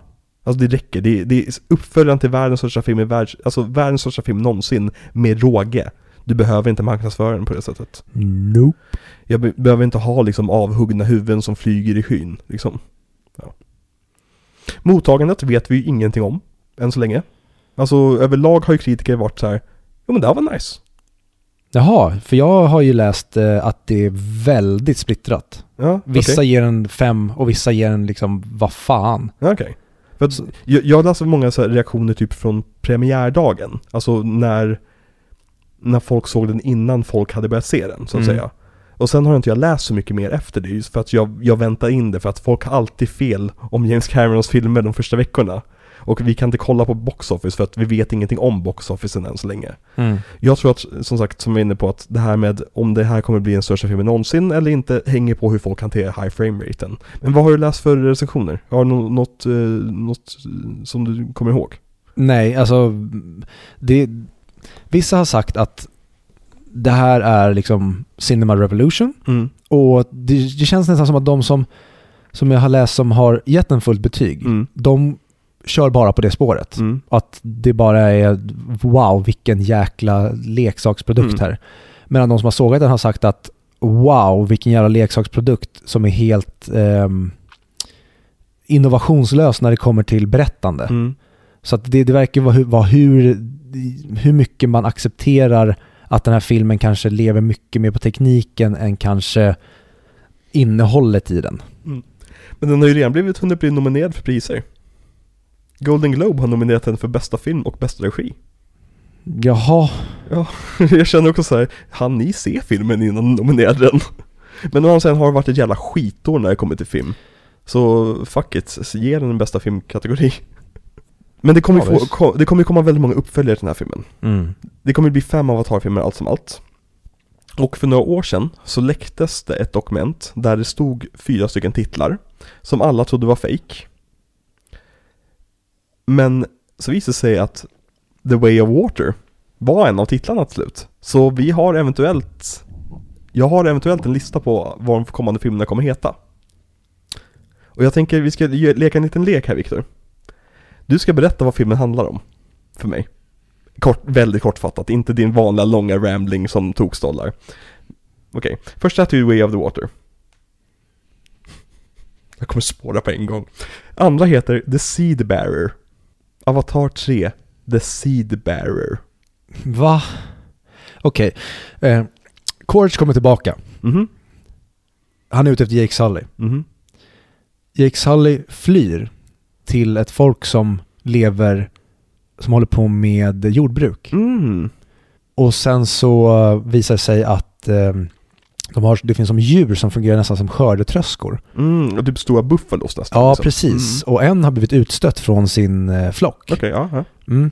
Och sen så blir det då att det är några som jagar de här bufflarna. Så Courage han hijackar dem och tvingar dem att locka ut Jake Mm. Sully. Och sen så blir det en battle där det nästan blir som att marken rämnar och de håller på att nästan kvävas under jord. Men då har Kiri lärt sig att typ kontrollera saker. Så hon ser till att de här växterna som håller på, eller ehm, typ sädeslagen som håller på att växa, de trycker undan all jord så att familjen kan klara sig. Mm. Och så dör ett barn. Okej. Kanske. Och Neytiri hon är knappt med. Okej, ja men det är okej. Mm. Då går vi till nästa. Den kommer heta The Tulkun Rider. Tulkuns, det är, det, det är valarna va? Mm? Märklig titel. Vilken dålig titel. Ja, och den handlar ju bara om att eh, de bara rider på valar.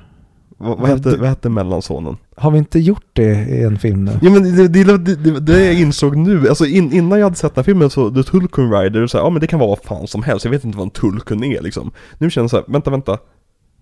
Ska vi tillbaka hit till fjärde filmen? Tydligen. Och den kommer tydligen handla så mycket om att rida på Tulkuns, att vi ger den titeln, The Tulkun Rider. Och den ska ju vara den what the fuckiga filmen. Ja, jävlar. Ja, de kommer säkert ha bytt ut de här titlarna. Det här är dåliga titlar Viktor. Jättedåliga titlar. Men det tycker jag The Way of Water också är. Jo, men den, den är så här, den är duglig. Den är bättre, men den är också dålig. Ja. Den femte och sista filmen kommer heta Avatar The Quest for Awa. Alltså, bättre för att den är mer classic, men den är ju dålig. Det var bättre om den hette Avatar colon Awa. Ja, ja. Eller i en värld där liksom ettan heter Avatar, Mm. tvåan heter... När vi säger, Avatar. vi säger att den men- heter typ Tulkun då. Ja men precis. Ja, men, och så heter verkligen. femman, den heter Awa. Ja, precis för, för, för tvåan handlar inte om avatarer. Nej, verkligen inte. Utan den handlar om recombatants.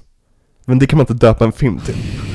Battleship 2. Ja, med Rihanna.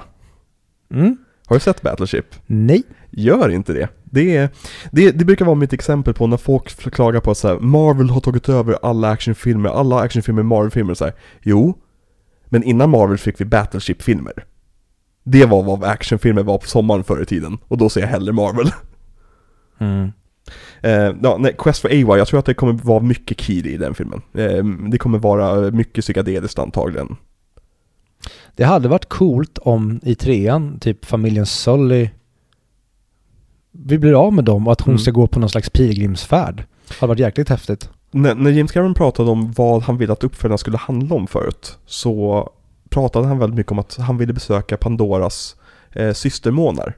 Åh, det var jättesnyggt att de insåg att Pandora var en måne i den här filmen och därmed hade solförmörkelser konstant. För det glömde de i första filmen. För att det, bor du på en måne då, blir du, då har du solförmörkelse en gång om dagen antagligen. Och det, det, de nästan filmade det Mm. som att det skulle ha en påverkan. Ja, jag vet. Och så händer ingenting det. Nej, Men för mig var det bara världsbyggande på sätt som att så här, Jo men okej, vi har räknat ut det matematiska här. Det var, det var väldigt mycket James Camerons matematik i det. Jag men tyckte, ge, ge oss det en gång ja. och sen bara sker det. Mm. Nu var det som att varje gång det hände, det var så här, nu är solförmörkelsen på väg. Det, det kändes nästan som när, ehm, när kanonen i eh, Disney Wars laddar Mm. för att skjuta. Det vi väntar på att den ska ladda tillräckligt mycket energi. Det var som att, åh nej, nu blir det solförmörkelse. Och vad händer då? Kommer de bli varulv? Jag tänkte på, James Cameron har tänkt på det här tidigare. Han tänkte på det här när han skrev första filmen. Det är därför allting är bioluminescence. För att det är en planet där det är mörkt typ halva dygnet. Det är därför allting är självlysande såklart på Pandora.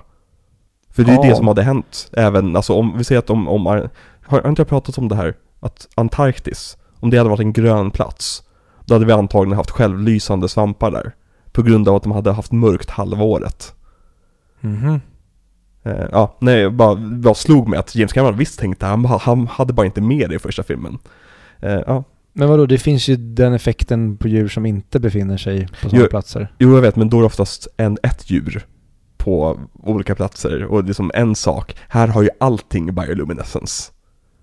Det såg man ju som så fort det blev mörkt så deras prickar på, på, på, i pannan började lysa och grejer. Varför inte norrlänningarna där? Ja, varför lyser inte vi människor? Visst är det att vi människor faktiskt lyser, men vi har så låg eh, ljusstyrka att man inte kan se det. Men om, om du mäter av med så här spektrografiska element så ser man ljusstyrka. Vi har också ränder. Det visste du inte Viktor? Det första visste jag. Inte Det är ränderna. som, vi, vi människor är så märkliga, alltså, eller djur är så märkliga reaktorer. För det är det vi är. Vi är vandrande reaktorer. Vi skapar värme. Det är jättekonstigt. Fall ja, vi, vi är bara saker som ska egentligen spridas. Exakt. Vi, det vi är, är liksom ett transportsätt för våra frön. Mm. Det är allt vi är. Och det är en skrämmande tanke. Men det är också lite, lite en lättande tanke på sätt. Nej, vi är inte det längre för vi har kommit förbi det där. Nu har vi faktiskt slutat vara djur. Ja just det, nu är vi bättre än djur. Ja. Vi är moderna människor, det är faktiskt 2022. Mm. Mm. Men okej Viktor. Vad vill du sätta för betyg på den här filmen? Det här är typ den svåraste frågan jag har ställt mig det här året. Jag vill, egentligen vill jag så här, visuellt är den 5 av 5. Ja, visuellt är den 6 av 5. Alltså Mm. det är liksom det vackraste filmen jag någonsin sett, ska jag säga. Alltså det är, här, det, det är inte den vackraste filmen jag har sett, men det är typ det, det mest, Spektakulära. ja, det är det mest häft, det är det häftigaste jag sett Mm. som liksom presenteras som en biofilm. Mm. Men jag har sett filmer som är så mycket snyggare än Ja. den här rent liksom cinematografiskt. Jag såg Schindler's list förra helgen. Det är som, Ja. Va? Och tyvärr, åh, det här känns, det är så konstigt för jag kommer också komma till, till det sen när jag kommer till min topplista.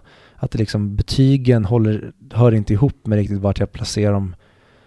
Men tyvärr, den här är bara, med, med de här 13 åren och allt vad den har gjort, mm. som film är det här, det här är en 5 av 10 för mig. Mm. Den, den, den är godkänd, precis. Men den är fortfarande fantastiskt teknisk. Men som film är så här, jag skiter i den här familjen, jag skiter i den här världen, Mm. jag tycker inte att speltid, speltiden förtjänas någonstans, musiken är helt ointressant. Mm. Ehm, tyvärr. Mm. Den, men samtidigt, jag skulle typ, om någon säger ja men fan ska vi gå och se den igen? Då säger jag ja, varför inte? Men bara i 3D, Mm. IMAX då. Jag kommer inte vilja gå och se den om vi ska gå och se den i 2D på Söder. Skulle du rekommendera den här filmen? Jag skulle säga så här, gå och se den i IMAX. Ja. Om du missar den på IMAX, skit i den. Alltså, vänta på en re-release i Ja. IMAX nästa år antagligen. Verkligen. Ja. Ehm, så ja, vad, tyvärr. Du, vad satte du på första Avatar? Eh, det är en 3 av 5. Okej, Och så det- du tycker att den är bättre än den här alltså? Ja men jag tycker att den är bättre som film. Okej. För att där, det, är så här, det här är den här storyn, den presenteras. Vi har en början, en mitt och ett slut Mm. och i slutet så har vi gjort den här karaktärsresan. Mm. Det här som jag säger, det här är som Simbas skatt. Mm. Den här filmen är inte för mig en film. Det är som ett det är som en spin-off-rulle på huvudplotten. Mm. Det här är egentligen bara ett sidosteg innan vi går tillbaka till vad vi egentligen ska hålla på och syssla med. Mhm. Och det är därför jag tycker att den är sämre än den förra. Men jag önskar att, tänk vad jag hade kunnat få ettan Med den här tekniken? med den här looken. Alltså det är nästan så att jag vill att Cameron ska skrota alla andra filmer och bara göra om den Avatar Mm. i, i den här tekniken. Eller gå ännu mer bananas. Mm. Och vad ger du för betyg? Mm. Jag vet inte. Jag vet inte. Jag kan inte sätta ett betyg på den här. Alltså storymässigt så resonerar jag mycket mer med den här. Vilka, så här, okej, vilka betyg skär du bort som den absolut inte kan få? Den kan inte få en etta, den kan inte få en två och den kan inte få en femma. Resten är möjligt. Nej, okej, nej, nej, okej, jag ska försöka tänka logiskt på det här. För visuellt så tycker jag att det är den vackraste bioupplevelsen jag har haft. Alltså rent, alltså jag satt och var wowed på ett sätt jag inte har varit sen, alltså, Sen det brann i Sundsvall? ja men typ, alltså på riktigt. Nej men alltså, ja. Och storymässigt tyckte jag att den var stabil och jag gillade många bitar av det. Mycket kan jag såklart kanske förbättra eller göra om eller så vidare. Så jag sätter typ 3,5 av 5 rent vad jag tyckte om filmen som filmfilm liksom. Eh, men den upplevelsen jag hade i bioslången alltså när jag ser en film, det jag vill det jag vill, vad vill man med film? Okej, den här filmen får mig att börja tänka, var, varför kollar jag på film? Det är för att jag vill känna saker. Och jag kände alla känslor Mm. när jag såg den här filmen. Alltså jag, jag hatade saker med den, speciellt att den fick mig att ha ont i ögonen. Och jag var skeptisk till saker och sen så var jag, var jag generös mot den och sen så var jag... Jag kan säga så här. jag sätter en like på den, på Letterboxd. Hittills får den en 4 av 5. Den kanske kommer droppa ner till en 3 en dag. Den kanske kommer gå upp till en 5 en dag. Jag vet inte. Men nu får den 4 av 5 bara för att, som ett så här, tack för gott arbete. Fan vad bra, alltså, mm, du, håll käften, gå härifrån, nej, nej kom, kom hit, ge mig en kram, nej, gå. Det är, jag, är- jag är schizofren, Mm. 4 av 5. Ja, Okej, jag höjer min till 3 av 5. För jag Okej. tycker 2,5 är- det är för surgubbigt av mig. Ja. Den är, det är ändå en 3 av 5. Den kom förbi liksom, det godkända. Och li, det, det, lite så här filmen är så här, du, du är en s- 10 av 10 pangbrud. Mm. Men öppna inte käften. Nej, lite, ja, så får man, så inte säga Viktor. Eller så här, du kan ju öppna käften i vissa Okej, ska situationer. vi bryta? inte-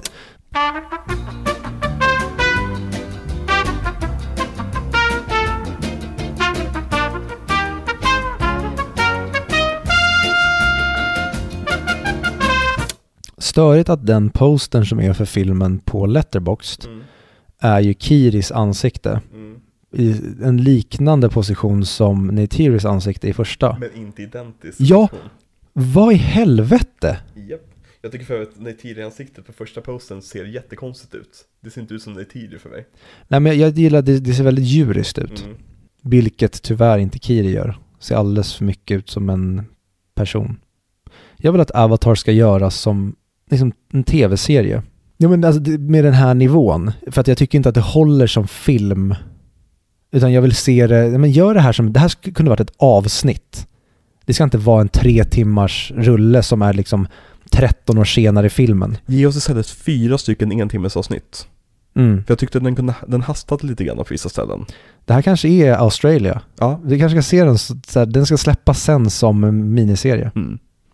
Men in, innan vi går igenom våra listor. Vem är James Cameron? Vem var James Cameron? Ja, okej. Vem var James Cameron och vem är James Cameron? För James dig? Cameron var en eh, fantastisk galning som gillade att tortera människor samtidigt som han utvecklar helt ny, liksom mind-blowing teknik inom film. Mm. Idag känns han lycklig. Mm. ja, men som, som jag sa förra veckan, jag vill inte att James Cameron ska vara glad. Nej, och jag, jag tyvärr, filmmässigt, känns, han känns för glad Mm. i eh, både Avatar och Avatar 2. Som det, tyckte du att han var preachy i den här filmen? Alltså med hela valjaktsgrejen. Jag, jag, jag känner inte av att, liksom, att han klappade oss på huvudet med det. Nej, det håller jag fan med. Alltså inte mer preach än vad hela den här films, alltså det här universumet handlar om. Exakt. För Men- tematiken är ju preachy. Ja, och nej, inte värre än så. Nej, verkligen. Jag är väldigt glad över att det inte blev värre. Mm. än så. Ja. Ja, Jag håller med dig, alltså James Cameron, han, han, han var en man som använde sig av ilska och eh, liksom, by the skin of his fucking teeth lyckas han få mästerverk ur röven Mm. genom att tortera sina kamrater. Mm.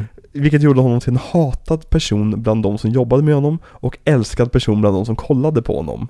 Och det är en sån fascinerande dynamik för att Michael Bean som var liksom hans bästa skådespelarkompis övergav honom till slut.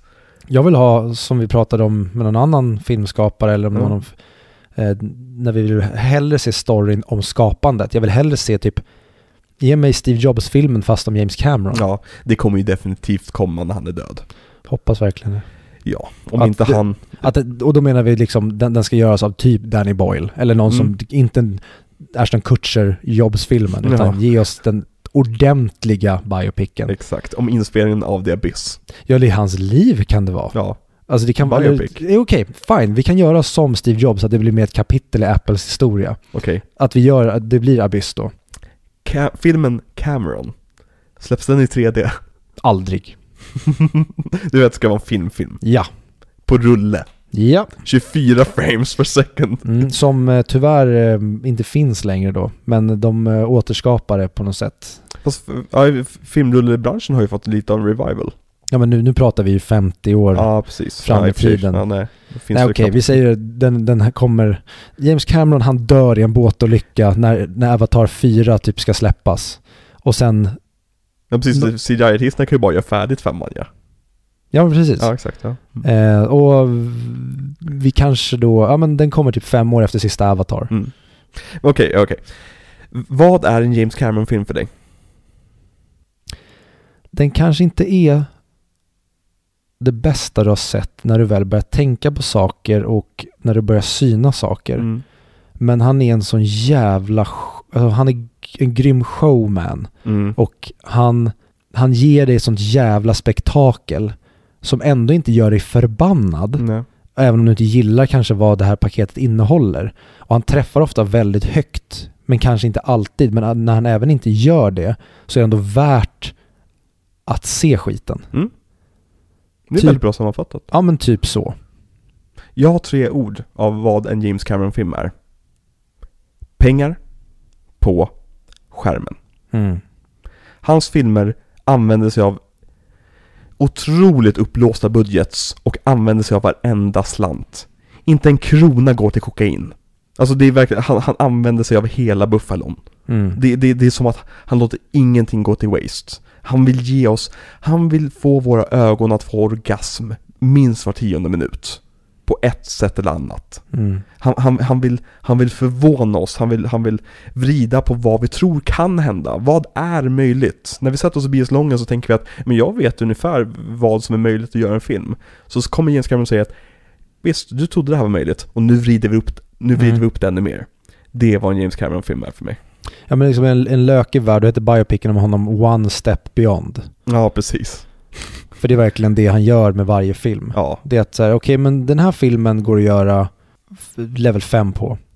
Ska uppfinna level 6. mm. Och så gör han det. Mm. Och ja sen- precis. Och så gör han det, det är Ja. just det. Och Han det är- kanske blir på bekostnad av andra saker rent liksom berättartekniskt Oh ja. eller storymässigt eller castingmässigt eller mus- musikmässigt. Mm. Men när det kommer till filmteknik Mm. så är det liksom, slår i, taket har gått sönder. Ja, nej men alltså, hans biopic borde nästan heta typ matematiken. För att han är så uträknande med Mm. allting. När det kommer till filmskapande och film, just, ha- han är en super, ha- han är en Typ av de- ingenjören nästan. Ja, ja men han, han är en producentregissör. I det att han, han, ska, han ska inte stå och eh, göra detaljjobb med skådespelare. Det är inte hans grej. Det ska han an, anlita någon annan för. Men det är han också jättebra på när han är bra på det. Ja, exakt. Men det han ska göra det är liksom att skapa filmen. Mm. Han ska vara han ska vara idén bakom filmen, han ska vara handlingskraften bakom filmen och han ska vara motorn som tar den framåt. Och det är det han är bra på. Mm, han ska vara Hitler och så anställer han sina undersåtar som får saker att liksom funka. Helt rätt. Vad är största överraskningen med den här miniserien för dig? Vad, vad är det mest så här, "Åh, det där trodde jag aldrig. Att jag inte skulle tycka om The Abyss. Mm? Antagligen för att jag har hypat den så länge. Ja men det är också en film som dykt upp genom åren alltid i olika listor i så här genrer som jag älskar och så här, om jag gillar den där filmen då borde du se den här filmen. Mm. Och sen nu när jag såg den så visade det sig att den var inte så bra tyckte jag, Mm. tyvärr. Och um, Jag skulle säga att jag har samma, samma som dig faktiskt, att jag inte älskade Abyss så mycket som jag älskade den förut i mitt liv.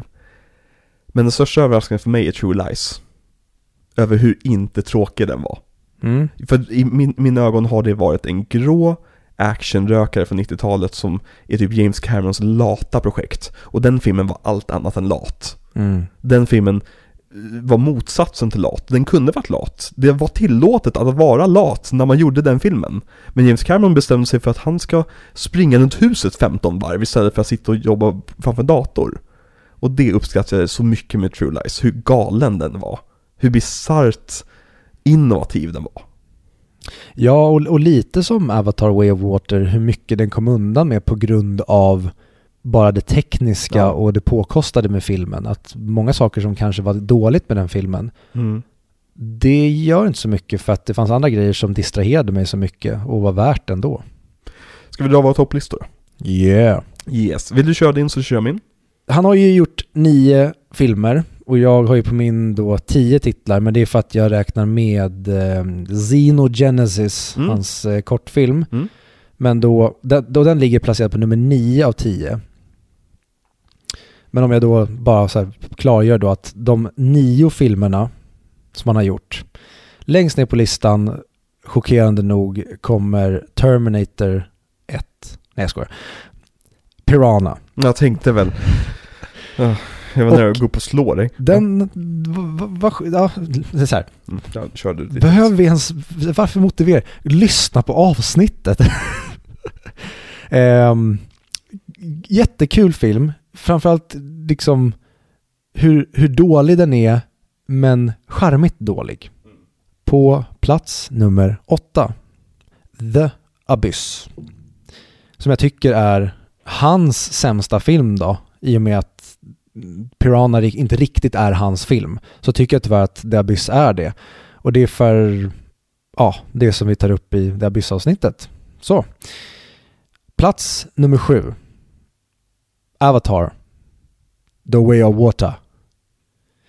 Som, eh, ja, den var precis det vi har pratat om nu. Ni har lyssnat på nästan tre timmar av vad vi tycker om filmen så ja. Och eh, på placering sex då, då har vi Avatar. Som vi också har pratat om. Som ni kan lyssna på. Men eh, jag tycker som jag sa, den är bättre än The Way of Water. Rent som en film tycker jag. Men tekniken i Way of Water är mm. Så jag, som vi sa, hade önskat att första Avatar hade kunnat ha samma look som första. Eller som andra menar jag. På placering fem. True Lies. Och jag har ett lägre betyg på True Lies än vad jag har på båda Avatar-filmerna.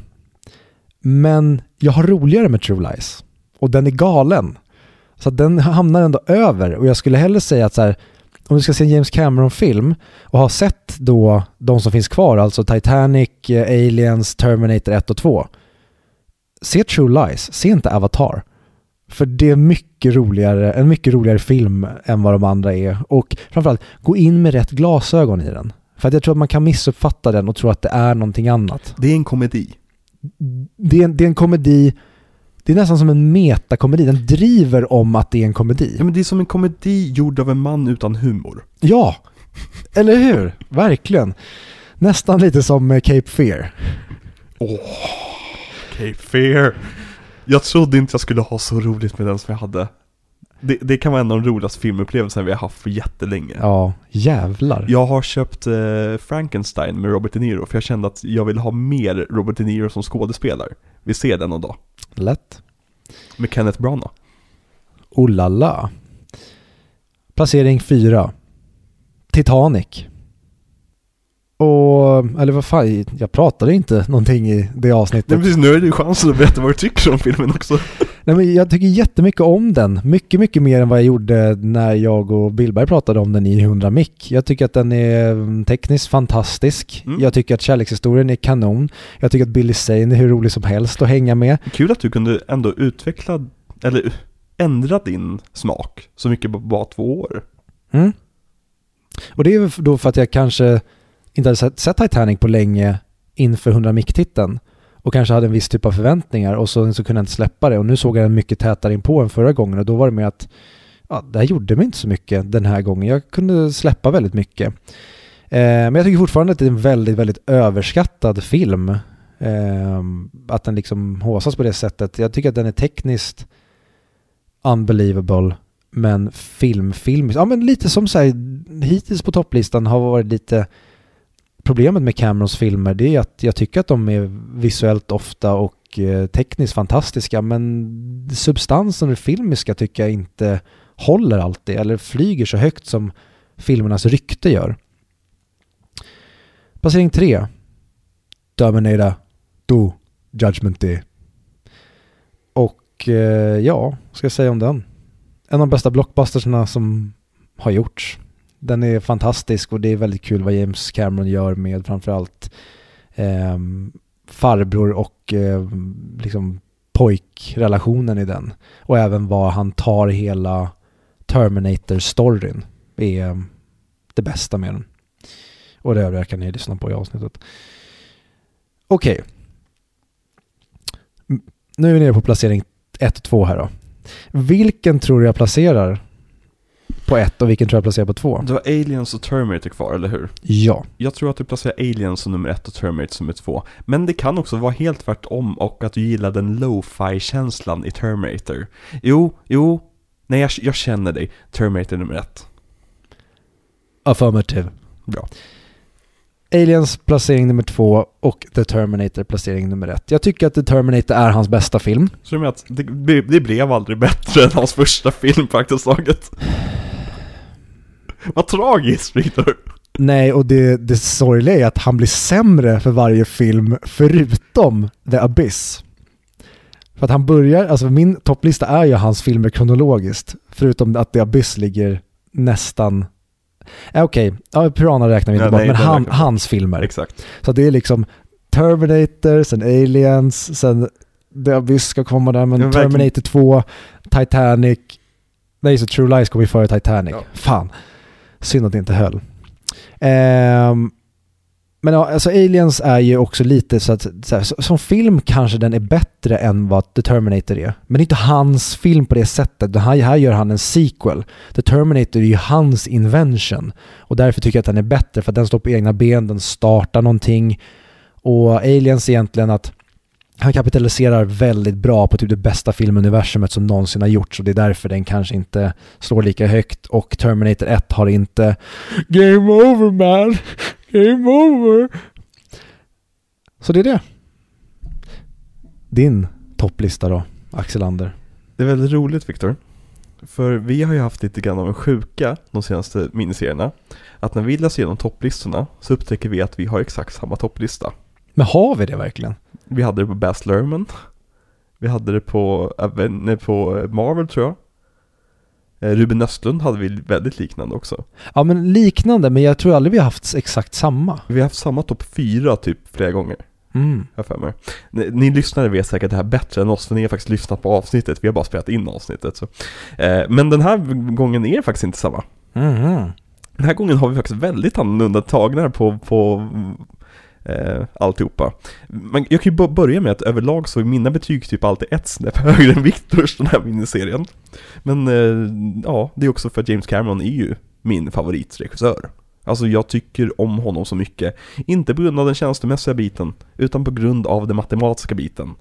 Det är liksom nu kommer jag säkert säga att nästa regissör vi kör är också min favoritregissör och den efter det och den efter det. För det blir lite grann så när man gör den här podcasten, att man blir väldigt kär i de här personerna. Mhm. Man, man blir väldigt, man tar dem under sina vingar. Och man, så här, man, man blir nästan lite sur när folk klankar ner på dem som personer. Om man skulle läsa typ en artikel och säga Nej, men du har inte förstått. Du måste se alla hans filmer först, sen kan du förstå.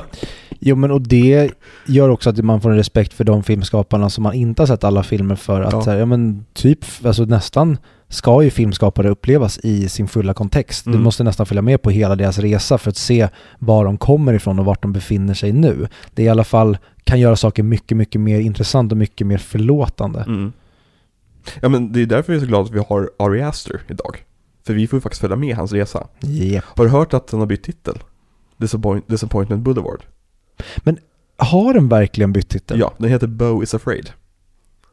Som jag tycker är en mycket sämre titel. Eh, Disappointment Boulevard är fantastisk. Japp. Eh, men min topplista. På botten, på plats 9. Vad tror jag har där? Kanske Piranha. Ja, Piranha 2, The Spaning. Eh, Charmig liten skräckfilm. Eh, eh, hade inga problem. Charmig lite komedi menar du? Ja men sk- komediskräck. Nej fast det är, ing- det är ingen komedi. Det, det är en komedi för det är ingen skräckfilm. Jo men det, det, det är som att, om, om du jämför med första Piranha så det är ju en komedi på riktigt. Det här är nästan som att, återigen, en komedi gjord av en man utan humor. Mm. Ehm, ja, nej men jag, jag tycker väldigt mycket om den, eller väldigt mycket, jag tyckte om den. Jag tyckte att den var helt okej. Den är bedrövlig på många sätt också. Men den tyckte att det, det det var mycket, man såg mycket av så här Camerons undervattensfoto till exempel och det, ja, det, jag hade rätt kul med den ändå. Plats nummer åtta har jag Avatar. Eh, som jag tycker är James Camerons sämsta film, som han har gjort själv. Och det är, ja, lyssna på, jag tycker fortfarande mycket, jättemycket om den. Alltså det är fortfarande, jag tycker att det är en bra film, jag tycker det är en snygg film för det mesta. Sen så har vi vissa effekter som har åldrats väldigt, väldigt dåligt i den. Eh, och överlag så är det en rätt tråkig story, men jag, alltså, jag är positiv lagd till alla på den här listan. Så det är svårt att säga liksom att det här är den sämsta filmen, utan snarare det är hans minst bästa. Men det var ju det avsnitt du var överlägset mest negativ i. Ja men verkligen, ja men det här avsnittet drog ju fram den stora motorsågen bara för att jag kände att jag kan inte bara sitta och hylla honom vecka ut och vecka in. Jag måste ju ta ner honom på jorden lite grann. Mm. Men jag skulle säga att det är lite kul för att min, min lista är uppdelad i två stycken fält. Med en viss film som bara lägger sig mitt i mitten och bara knyter ihop dem. Eh, men nästa film på listan, det är då The Abyss. Nummer sju på listan. Hans näst sämsta film. Och där, återigen, blev besviken den här gången på att det inte var så bra som jag minns den.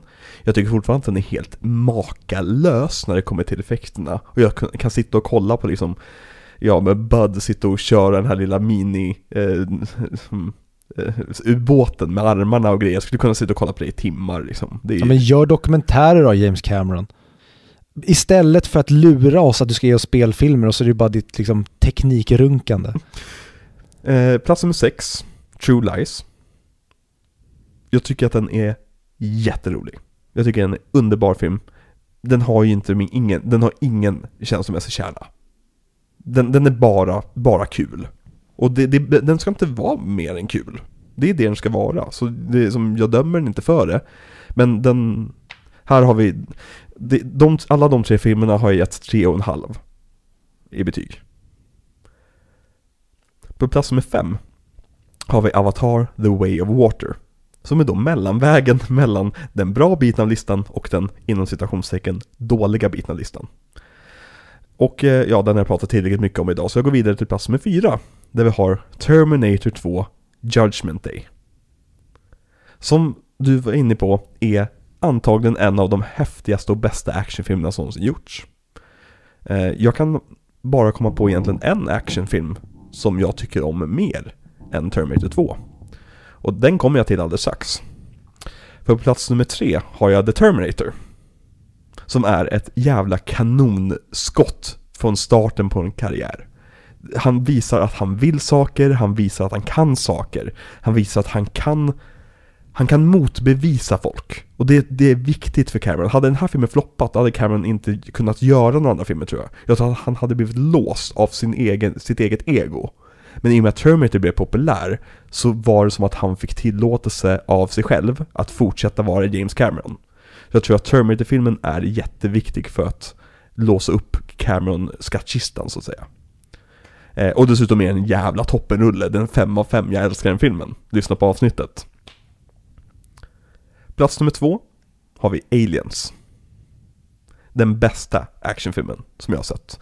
Säger jag just nu, jag kanske kommer revidera den åsikten nästa år. Vem vet? Men just nu så är det liksom, det är, ja, och känslomässig basis. Här finns känslorna som inte finns i så många andra Cameron-filmer. När Ripley går ner igen för att hämta Newt från, drott från drottningen. Hennes ansiktsuttryck, någon story som skakar i hissen men är bestämd och redo att bara meja ner varenda jävel som kommer emot henne. Den scenen kommer jag aldrig glömma. Och på plats nummer ett så har jag Titanic. Som är en film som jag är så jäkla okritisk till. Jag kan inte känna en enda negativ tanke om den filmen som varar längre än fem sekunder. Det är lite som att den, Titanic är min dagisfröken. Som jag hade när jag gick i, i, i, på dagis. Det är som så, den, den filmen tog hand, hand om mig, den filmen omfamnar mig, den filmen är lugn och ro för mig. Det är njutning och det, okej okay, njutning, jag, jag lämnar dag, dagisfröken-metaforen. Eh, den är bara, den är hemma. Det är mitt urkort. Det är det jag jämför vad film ska vara mot. När jag tänker på en film så tänker jag typ Titanic. Så jag, alltså det är typ min favoritfilm genom tiderna. Och eh, jag förstår kritiken mot den. Det är ingen perfekt film. Jag kan säkert sätta mig och försöka få fram kritik mot den. Men jag har ingen lust. Så den ligger där uppe. Mm. Ja, men jag, jag, jag, köper din motivation i och med liksom att det är en så här, nostalgisk sköld du mm. har. Ja men det, går, det är som Sagan om ringen. Jag kan inte vara kritisk. Ja, Okej, okay, för det, det har jag slutat vara att liksom um, ibland kan jag låta vid vissa tittar mm. mig själv vara, ha en liksom nostalgisk sköld. Mm. Men jag kan även det jag älskade som barn idag kan jag liksom så ta sönder om det förtjänas att ta sönder. Oh ja. Många av dem kan jag göra med. Titanic kan jag inte göra med. Jag, jag försökte nästan den här gången att sitta och liksom vara lite, lite så här.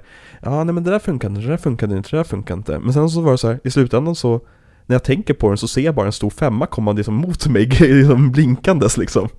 Um, så det är där den ligger. Mm. Så det var min topplista. Så vi hade väldigt annorlunda listor. Mm. Och jag ska säga det, jag har ju bara en 5 av 5 och det är ju första Terminator. Mm. Så jag tycker ju inte att James Cameron har... Det är hans enda mästerverk som slår i taket för mig. Mm. För att hans andra filmer har tyvärr för mycket skavanker lite liksom då och då. Ehm, och han är, han är ingen favorit för mig och kommer nog aldrig att bli. Mm. Ehm, framförallt vad han liksom har tagit vägen under 2000-talet. Precis. Eh, men framförallt hans liksom tidigare filmer älskar ju mycket av hans världsbyggande framförallt. Mm. Och liksom, ja men bara kolla på Terminator 2, ja men där kanske jag kan bli lite arg på honom att han inte valde en teknik som kanske skulle åldras bättre när han gjorde T1000. Mm. Eh, och det är sådana grejer, att han kanske gör lite mycket för film där och då för min smak. Mm. Jag, jag, har verkligen med åldern börjat tycka om mer filmer som, där det känns som att den här filmen ska gå och se om 20-30 år mm. och den ska funka precis lika bra. Det har blivit mer typ min, min kopp te mm. med åren. Men ni lyssnare, vad tycker ni om James Cameron? Har ni haft kul med den här miniserien? Skriv till oss på sociala medier eller på Patreon om ni är så eller ni kan mejla oss också. Vi har en mejladress, audiovideoklubben.gmail.com mm. eh, Bara berätta för oss, vad tyckte ni om de här filmerna? Vad tyckte ni om James Cameron överlag? Är ni glada över att vi valde James Cameron? Tycker ni att, ni, vi, att vi är helt dumma i huvudet som valde James Cameron? Eh, skriv lite åsikter och synpunkter till oss så kan vi läsa upp det i kommande avsnitt. Ja. Det skulle vara väldigt kul. Mm. För jag vill, jag, jag vill, att vi ska ha en dialog med, med lyssnarna. Jag tycker det, vi är en klubb tillsammans. Det är bara det att det är vi som leder klubben, men ni är en del av klubben. Och det tycker jag är väldigt kul när lyssnarna skriver in. Verkligen, och många av er gör ju det, men framförallt på liksom Patreon. Ja precis, så och vi har börjat nu att vi tar de frågorna i podden istället. Istället för att bara skriva svaret direkt till er. Ja. Det blir lite mer en kommunal upplevelse. Mm. Här är vi socialdemokrater. Det är vi. Ja. Är vi färdiga med James Cameron? Det är vi. Vi är färdiga med James Cameron. Vad, vad har vi som bild? Eller har du redan valt ut det? Ja, det är Jimmy själv. Ja men såklart som eh, finns med i eh, collaget. Inte hästen då? Förlåt? Hästen. Från True Lies? Nej, vi tar James, James Cameron, ja. Ja, blir det blir liksom... Jag tänkte ta Arnold först, Ja. men... ehm, nej, Nej, Jimmy får vara med. Jimmy får vara med. Det har han förtjänat tycker jag. Mm. Mm. Nästa vecka då? Då- Vem är det som kommer på besök då? Det är han som är pappa till alla barn. Exakt. Vi ska prata om Tomten far till alla barnen, som ni alla vet eftersom ni lyssnar på Titanic-avsnittet där vi spoilar det. Ja, och det är så jävla perfekt, vill jag säga ändå. Tack så Ehm, mycket. Att vi ska prata om den när den då går på julafton och avsnittet släpps den 26. Så att eh, förhoppningsvis har ni alla sett den då på julafton Ja. och känner er redo för att höra våran eh, kanske slakt eller tokhyllning av den. Mm. Och den släpps ju då den 26 som sagt. Eh, vad är det för datum när det här släpps? Den 21 va? Nej, 19 måste det vara. Det är den 19. Då har ni fortfarande fem avsnitt kvar på julkalendern att kolla. Så om, om ni har missat att vi har en julkalender på vår Patreon-feed Där vi går, vi sitter alltså och kollar på För det här, jag hörde från lyssnare att de, de hade missförstått vad, vad det var. Vi sitter alltså och kollar på Sunes jul och har Sunes jul liksom in, in the picture. Så vi, vi, vi, det är reaktionsvideos på Sunes julavsnitten som julkalender Mm. Precis, att mellan våra huvuden så spelas Sunes julavsnitten upp Exakt och vi gör från lucka 1, eller avsnitt 1 fram till 24 mm. hela december fram till jul. Exakt. Så det finns fortfarande fem dagar kvar och det kommer inte försvinna. Eh, eh, ni kan ju bli Patreon i, i nästa jul om det skulle vilja vara, om, om SVT till, tillåter oss att ha kvar det här. Eh, så, nej men in och kolla på julkalendern. Det, det blir väldigt kul. Jag, det var en väldigt rolig dag att spela in allt det där på. Dagar. Ja, okej, två dagar då. 24 dagar. 24, ja just det, just det, vi har inte spelat in de fem sista ja. Det Nej. hände ju live. Ja. Exakt, Mm. det, så jag vet inte om det var kul eh, alls. Eh, men eh, ja, nej men så in, in och kolla. Det är väldigt roliga grejer. Mm. Och sen så har vi alltid som vanligt, vi har jättemycket på vår Patreon-feed, bara in, in och kötta med det. Eh, och när vi ändå pratar om Patreons, vill vi tacka våra Patreons, eller hur Viktor? Vi vill tacka våra klubbare. Nattklubbare menar jag. Exakt, våra nattklubbare. Eh, ni är underbara, ni är perfekta, ni har raka tänder. Eh, vi uppskattar väl, alltså vi uppskattar så mycket att ni stödjer den här podden. Och vi har fortfarande inte kommit på någonting kul att göra för Patreon-potten nästa sommar. Eh, så om ni har idéer, så hör av er, så ska vi ta och kolla om det är möjligt att, att genomföra. Och vid det här laget så är vi så idélösa att vi kan ta vilken jäkla idé som helst vid det här laget. Alltså det hade ju i en, en fantastisk värld varit väldigt kul för att jag har ju varje år en eh, visning inför midsommar av Ari Asters midsommar. Det hade ju varit kul om man hade fått in tillräckligt mycket pengar att hyra någon slags biograf eller Ja. ett, ett ställe där man kan visa den på stor skärm och där liksom Gud. alla våra lyssnare som vill får komma och vara med. Forellen finns inte längre va? Jo, nej, Nej, den är ju riven väl. Men... inte Forellen-bion. Nej, det är den ju inte. Exakt. Nej, jag bara menar att det, det skulle inte vara helt omöjligt att kanske kunna faktiskt skaffa sig en- Kul om vi skaffar en lokal och så är det två personer som kommer.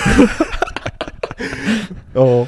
Nej, nej men alltså vi har väldigt många, många, många idéer, men sagt, om ni, om ni kommer på att men det där borde ni göra såklart. Dra upp till Mollkom och kolla på filmproduktionen i Dalarna. mm, Kanske träffa Ulf Malmros. mm. Ska vi köpa Ulf Malmros? Han är rätt billig nu för tiden misstänker jag. Ja, han regisserar ju knappt längre. Det är hans fru som gör åt honom. Ja, precis.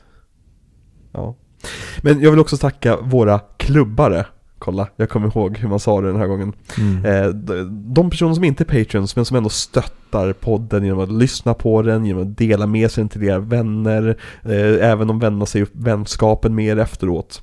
Eh, ni delar våra inlägg, ni likar våra inlägg, ni kommenterar på våra inlägg. Vi älskar er också. Däremot har ni inte raka tänder som nattklubbarna, det kan inte jag rå på.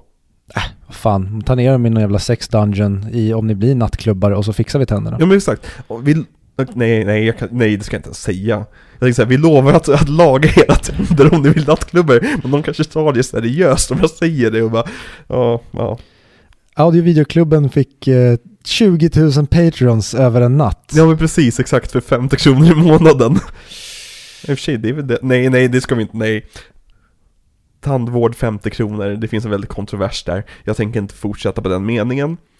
Eh, Ska vi avslöja nästa miniserie? Eller ska vi ta nej, nästa det, vecka? nej, det gör vi väl nästa vecka. Ja, det gör vi nästa vecka. Då så. Kul om vi har glömt att ta det nästa vecka, men det kan vi inte ha gjort. Just det, vi har spelat in det avsnittet ja. Ja. Jag har klippt det avsnittet ja. Eh, ja. Ja, jag vet inte, jag minns inte vad som vi säger det. Jag ska lyssna igenom slutet på det så ska vi kolla om vi kanske måste spela in en extra bit på det. vad kul och flummigt det här blev nu då. Eh, ja. Ska vi avsluta? Vad, vad avslutar vi med? Armen. Hosianna Davids son. Hosianna dock, okej. Det, var, det var väldigt svettigt. Det kör vi. Som kommer i Herrens Öra. namn. Jag tänker på armen. Sunes jul, vår julkalender. Men också armen. Men det har inte kommit än. Exakt, det får, har det inte? Är inte det typ avsnitt 18? Nej, jag har för mig att armen är typ 22, 21. Okej. Fast vi, i och för sig, alla, det var ju fel ordning på Ja, avsnittet. det- Vilket var jättekonstigt. På konstigt, eller vårt speciala HBO-konto Ja. så låg avsnittet i fel ordning. Mm. Det är jätteudda. Men det kanske är att det var i en speciell ordning på typ en, en speciell DVD-release. Och att det var den som lades upp på det här specialkontot. Ja, Eller någon kanske la upp det packad eller något. Eh, Ewa? Det måste vara H. H, okej. Eh, Horich. eh, Helvete vad snygg den var. eller bara, ett, bara helvete. Okej. Okej. Helvete. Helvete.